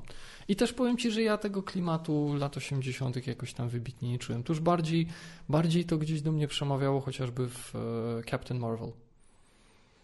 Tak, zdecydowanie. No, bez do- tego cringe'u nie było to jakieś takie nachalne i no to nie, no ten film, ten film się po prostu po prostu nie udał. Czego sobie zerknę tutaj. E, Steve Trevor. Mam napisane Steve e, w ogóle napisałem Steve R. Chyba mi się pomyliło, jak robiłem notatkę ze Steve'em Rogersem, to że no, taki spec, nie? Przyszedł na podcast, tam mieli Steve'ów. E, Steve Trevor i kradzież ciała. Niepotrzebne. Tak, klimat 80. średnio. Cheetah, Minerva i klisza urody. No i w ogóle po co była ta postać? Napisane mam purpose. Infantylizm. Mówiłem, sceny akcji do bani. E, ciary żenady i no i taki nierówny ton. Ja tak koniec końców nie wiedziałem, dla kogo to w końcu ma być. Czy to ma być dla dzieci, żeby wyrosły na mądrych e, ludzi, czy to była tylko czysta rozrywka, czy to było bardziej dla dorosłych, bo ona się puka z facetem w innym ciele. Nie wiem. Swoją drogą to, że ja pomyliłem Steve'a Rogersa ze Steve'em Trevorem, to mm, e, Steven, nie, nie, czekaj. E, e, James, James Corden miał taki, on ma tam swoje to show No, no. e, i, i kiedyś zrobił coś takiego, że zorganizował taki autobus jak do takich e, turów po tak, tak, tak, Hollywood. dla Avengersów. Tak, i zaprosił tam ekipę Avengersów i przyszedł e, Chris. E, Hemsworth on chyba tam nie był. nie, nie, nie, nie Hemsworth, nie, nie Evans, tylko Pratt. No i przychodzi Chris Pratt i mówi: Hi, I'm Chris, bo tam gościu ten, e, ten Corden miał e, taką, e, taką kartkę, gdzie miał naklejki z imionami. I tam ktoś przychodził, to on wydawał, nie? I, te, i ten przychodzi: Hi, I'm Chris. Chris Hemsworth? No. E, Chris Evans? No. Chris Pratt? No właśnie się wszyscy teraz śmieją, kto jest swoim ulubionym Chrisem, nie? I tam... E, zresztą Chris Pratt, Chrisowi Prattowi się oberwało, bo właśnie gdzieś była na Twitterze ankieta, kto jest swoim ulubionym Chrisem i było czy Chris Pratt, Chris Evans, Chris Hemsworth czy Chris Pine. Mhm. E, I więc pomylił się Steve Rogers jeszcze też aktor ten sam, to samo imię, nie? E, i, I tam ludzie zaczęli odpowiadać w komentarzach, że Chris Pratt tam jest członkiem jakiegoś kościoła, który jest e, anty-LGBT i on chyba wspiera Trumpa i w związku z tym jest e, white supremacist i generalnie e, chuj mu w dupę. I powinien umrzeć. Coś w tym stylu. I, W trybie i, natychmiastowo niezwłocznym. tak, tam nawet e, Robert Downey Jr. i Mark Ruffalo tam wypisywali jakieś posty na temat e, w obronie tego gościa, nie, że nie, słuchajcie, o Chrisie można wiele rzeczy powiedzieć, na pewno nie to, że kurde nienawidzi gejów, albo że to jest najbardziej otwartą, tolerancyjną osobą, jaką w życiu poznałem. Ja pamiętam, że przeczytałem jakiś komentarz, że pod, pod postem Roberta Downey Jr. przeczytałem komentarz a Robert, gdzie były te wszystkie słowa wsparcia, kiedy Brie Larson była atakowana w social mediach? No, ja tak, no może to ci powinno dać coś do myślenia. Nikt jej nie lubi. Jest tam bez to są na YouTube filmy, gdzie ktoś analizuje, gdzie jest- analizowana mowa ciała, jak Brie Larson uczestniczy w wywiadach z innymi aktorami z Marvela. I tam ktoś analizował, że oni się, oni się chyba nie dogadują za bardzo tam, bo ona tak trochę odstawała, że tak powiem. Mm. I słuchajcie, DC, e, Quo Vadis. jaka, przy, jaka przyszłość przed tobą nie wiadomo. Tak w ogóle Su- to jeszcze- Suicide, co? To, tak w ogóle to jeszcze dla osób, które oglądają, to żeby nie było wątpliwości o e, filmach, z jakiej wytwórni, Tak, z jakiej stajni komiksowej absolutnie. dzisiaj rozmawiamy, to tak, Kapitan Ameryka i Punisher. Ale to wcale nie jest żaden manifest, że uważamy, że Marvel jest lepszy. Ja, po Nie. pierwsze, y, nie mam koszulki y, żadnej y, z DC, bo nie mam. Mam Venoma, mam Kapitana Amerykę, mam Punishera, nie mam nic z DC. Ty na pewno masz jakiegoś Batmana Właśnie, albo Supermana. właśnie się sprawy. Sprawy mi się, No, więc sprawy się. Musiał, muszę uzupełnić kolekcję. A chciałem, żeby było komiksowo, no a u mnie Marvel zawsze będzie bliższy sercu, bo za dzieciaka więcej czytałem komiksów, więc to absolutnie nie jest tak, że teraz tutaj mówimy Marvel Master Race, Mhm. Taki zbieg okoliczności. Aczkolwiek kolejny zbieg okoliczności to jest taki, że. Oj, coś mi się czknęło, przepraszam. Że chciałem założyć dzisiaj koszulkę właśnie Punishera i siedziałoby dwóch smutasów w czachach i by smuciło jeszcze, konia. I jeszcze gadalibyśmy o DC. Tak. E, The Suicide Squad po tym trailerze, który widziałem, wygląda obiecująco i chcę wierzyć w Jamesa Gana, że zrobi z tym coś dobrego, bo ja ciągle powtarzałem i będę powtarzał. E, z tymi postaciami i z tą obsadą można zrobić naprawdę dobry film The Suicide Squad, tylko trzeba dać im dobry scenariusz, trzeba to dobrze poprowadzić. No i mówię, no trailer mnie kupił, ale no trailer do części pierwszej też mnie kupił. Tak.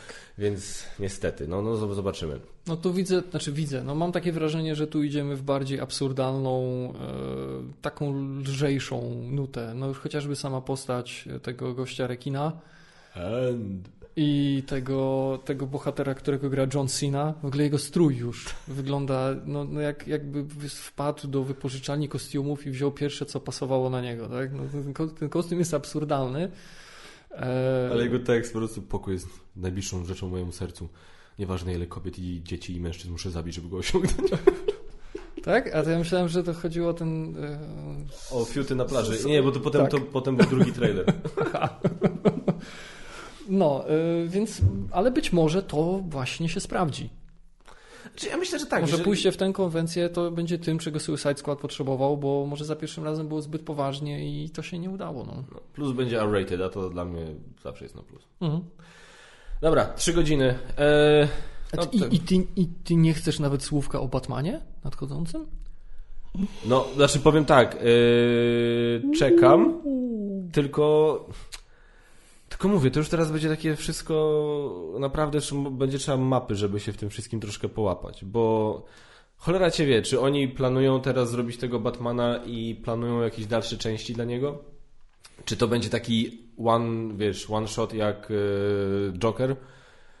No, nie wiadomo, tak? No, to jest po prostu pytanie za pytaniem. Chyba, że wprowadzisz multiversum. No właśnie, no ale wiesz, to jest na tej zasadzie, ja ci powiem tak, fajnie, żeby że wprowadzą multiversum i że na przykład jakoś tam połączą Batmana Keatona z Batmanem Afflecka, ale na przykład jakby już mieli do tego jeszcze dorzucić Batmana Bale'a, to już bym tak... Mm. Kurde, te Batmany były tak, na, tak totalnie oderwane od wszystkiego i tak, od tego, tak. że to by się totalnie nie, gra, nie, nie, nie, nie spoiło moim zdaniem.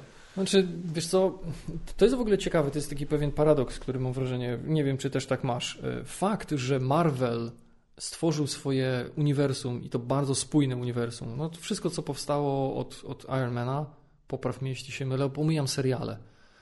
No, ale wszystko, co wyszło od, od Ironmana, już jest w uniwersum. No, oprócz tych X-Menów, które jeszcze były zrobione tak, przed, przed fuzją. Tak, tak. Bo, bo nawet, nawet wygląda na to, że Venom może gdzieś się tam Venom, Venom ewidentnie został zrobiony tak bezpiecznie, nie? Tak, Żeby tak. zostawiał furtkę, że... Jakby co. No, jakby co można No i, i teraz jest tak, więc Marvel ma to swoje uniwersum, które no, okazało się sukcesem, co by tu nie mówić. Tam z tymi firmami było, bywało różnie, ale generalnie to się trzyma kupy i to jest kontynuowane i, i, i ta wizja jest spójna i jest realizowana. DC zaczęło ze swoim uniwersum, i to się zaczęło nie udawać. I teraz, nie wiem, czy też masz takie poczucie, że wychodzą kolejne filmy, bo masz Jokera, e, teraz wyjdzie nowy Batman, Teraz nowy Suicide Squad, który nie wiem na ile będzie nawiązywał do poprzedniego. masz, masz Harley Quinn, która niby nawiązuje, ale też już jest osobne, tam Joker się nie pojawia. I, I, ja mam takie wrażenie, dobra, gdzie te wszystkie filmy się spinają? Mimo, że nie powinienem mieć takiego oczekiwania, ale już jest takie, tak, mam coś takiego podświadomego, to jak ja mam te filmy powiązać? Ciężko jest mi potraktować je jako jednostrzały. Jeszcze, znaczy jeszcze, taki, jeszcze Batmana można dać, pewnie, pewnie będzie w miarę łatwo potraktować jako jednostrzał. Y, jak zobaczysz, wiesz, chociażby aktorów i konwencje, bo szykuje się taki dosyć mroczny, poważny thriller ala 7. I też taki mocno osadzony w rzeczywistości się wydaje być. Plus... To jego teoretycznie mógłbym chcieć jakby co łączyć z Jokerem. Na przykład, na przykład. E, I, i, I więc, więc tak, ale na przykład, wiesz, ja na przykład miałbym taki problem, no okej, okay, no mamy jak mamy to, to tą samą aktorkę, tak? Margot Robbie, która gra Harley Quinn w Suicide Squad, Harley Quinn w The Suicide Squad i Harley Quinn w Ptakach Nocy. Mhm. I teraz wiesz, czy te filmy się ze sobą jakoś do siebie no nawiążą, właśnie. no to to jest jakby, wiesz, to jest w ogóle też jakaś, jakiś dziwny zwyczaj, żeby nazywać sequele e, po prostu powtarzając tytuł filmu, albo właśnie dodając The. I tak co? Tak jakby przecież to się... To jest, wiesz, jak będziesz googlował, to się można w tym wszystkim pogubić, tak jak będziesz. To, to jest tam jakiś taki dziwny zabieg, który, tak samo jak ten Halloween ostatni, się nazywał Halloween. Pomimo tego, że to była kontynuacja Halloween tego pierwszego zupełnie, tak? Mhm. No więc ponownie, tak, to jest jakiś taki głupi zabieg, no mnie po prostu kompletnie, kompletnie, tego, kompletnie tego nie czaję. Więc, więc nie wiem, nie wiem, no Co mam ci powiedzieć? czas pokaże. Nic ci nie powiem. To właśnie. Dobra, yy, słuchajcie, ja niewykluczone, że będzie to trzeba podzielić na jakieś dwa podcasty, bo może technologicznie nie wyrobić się serwer, ale to już jakby będzie moje zmartwienie. Tyle. Dzięki wielkie, że wpadłeś. Yy, Z twoją mamą. mam nadzieję, że do następnego razu nie będzie trzeba czekać roku, bo to chyba rok minął. Nie. Znaczy do następnego podcastu. podcastu, z moim udziałem. Tak, tak. To już zobaczymy, co widzę, widzę, widzę. Co widzę powiedzą, co widzowie powiedzą w komentarzach, czy, czy będzie, wiesz, back by popular demand.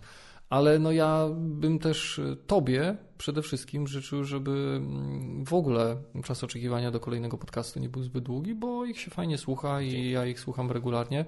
Też w sumie mnie trochę zainspirowałeś do słuchania innych podcastów, a, chociaż niestety z czterech w sumie, które, których słuchałem, dwa się skończyły, tak nic tego nizowego, więc teraz słucham dwóch. Znaczy chciałbym słuchać dwóch, tylko ty za rzadko cokolwiek wypuszczasz, więc tak naprawdę teraz słucham jednego, gdzie regularnie co, co, co tydzień e, wychodzą nowe, e, nowe odcinki, ale tak, no życzę ci, żeby to się kręciło, bo jest, jest fajnie, no fajnie, fajnie się tego słucha i, i ciekawych ludzi miałeś i z tego, co rozmawialiśmy, tutaj oczywiście niczego nie będę zdradzał, ale jest potencjał jeszcze na kolejnych ciekawych e, gości. No jest jeden tutaj, jest teraz jeden podcast na półce dosłownie i mam zamiar go jakoś na dniach ogarnąć i wrzucić, pewnie na początku przyszłego tygodnia jakoś, A, to z e, kim się widziałeś?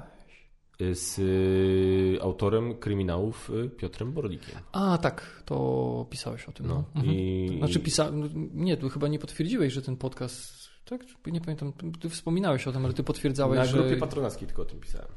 Aha. Y, Więc tak, jest, jest podcast z panem Borlikiem nagrany i będzie jeszcze, no mówię z perspektywy słuchaczy, to najpierw będzie podcast z panem Borlikiem, a teraz z, z Piotrem, a teraz będzie z tobą, więc to, Mhm. więc wy, już, wy już go słyszeliście albo widzieliście. Dobra, e, dzięki wielkie, że wpadłeś. E, coś chcesz jeszcze powiedzieć na do widzenia ostatnie Dziękuję, dziękuję za zaproszenie. Bardzo miło było tutaj znowu być. E, Pamiętajcie, co złego to ja, a nie Kaczmar, także słuchajcie go dalej, wspierajcie. A jak się nadarzy za jakiś czas okazja i nie będzie tony jobów na ciebie za to, że tutaj byłem, to chętnie pojawię się znowu. Także dzięki, pozdrawiam wszystkich bardzo serdecznie. Amen. Amen. Dzięki wielkie, słuchajcie, trzymajcie się i pozdrawiam i do usłyszenia w kolejnych odcinkach. Hej!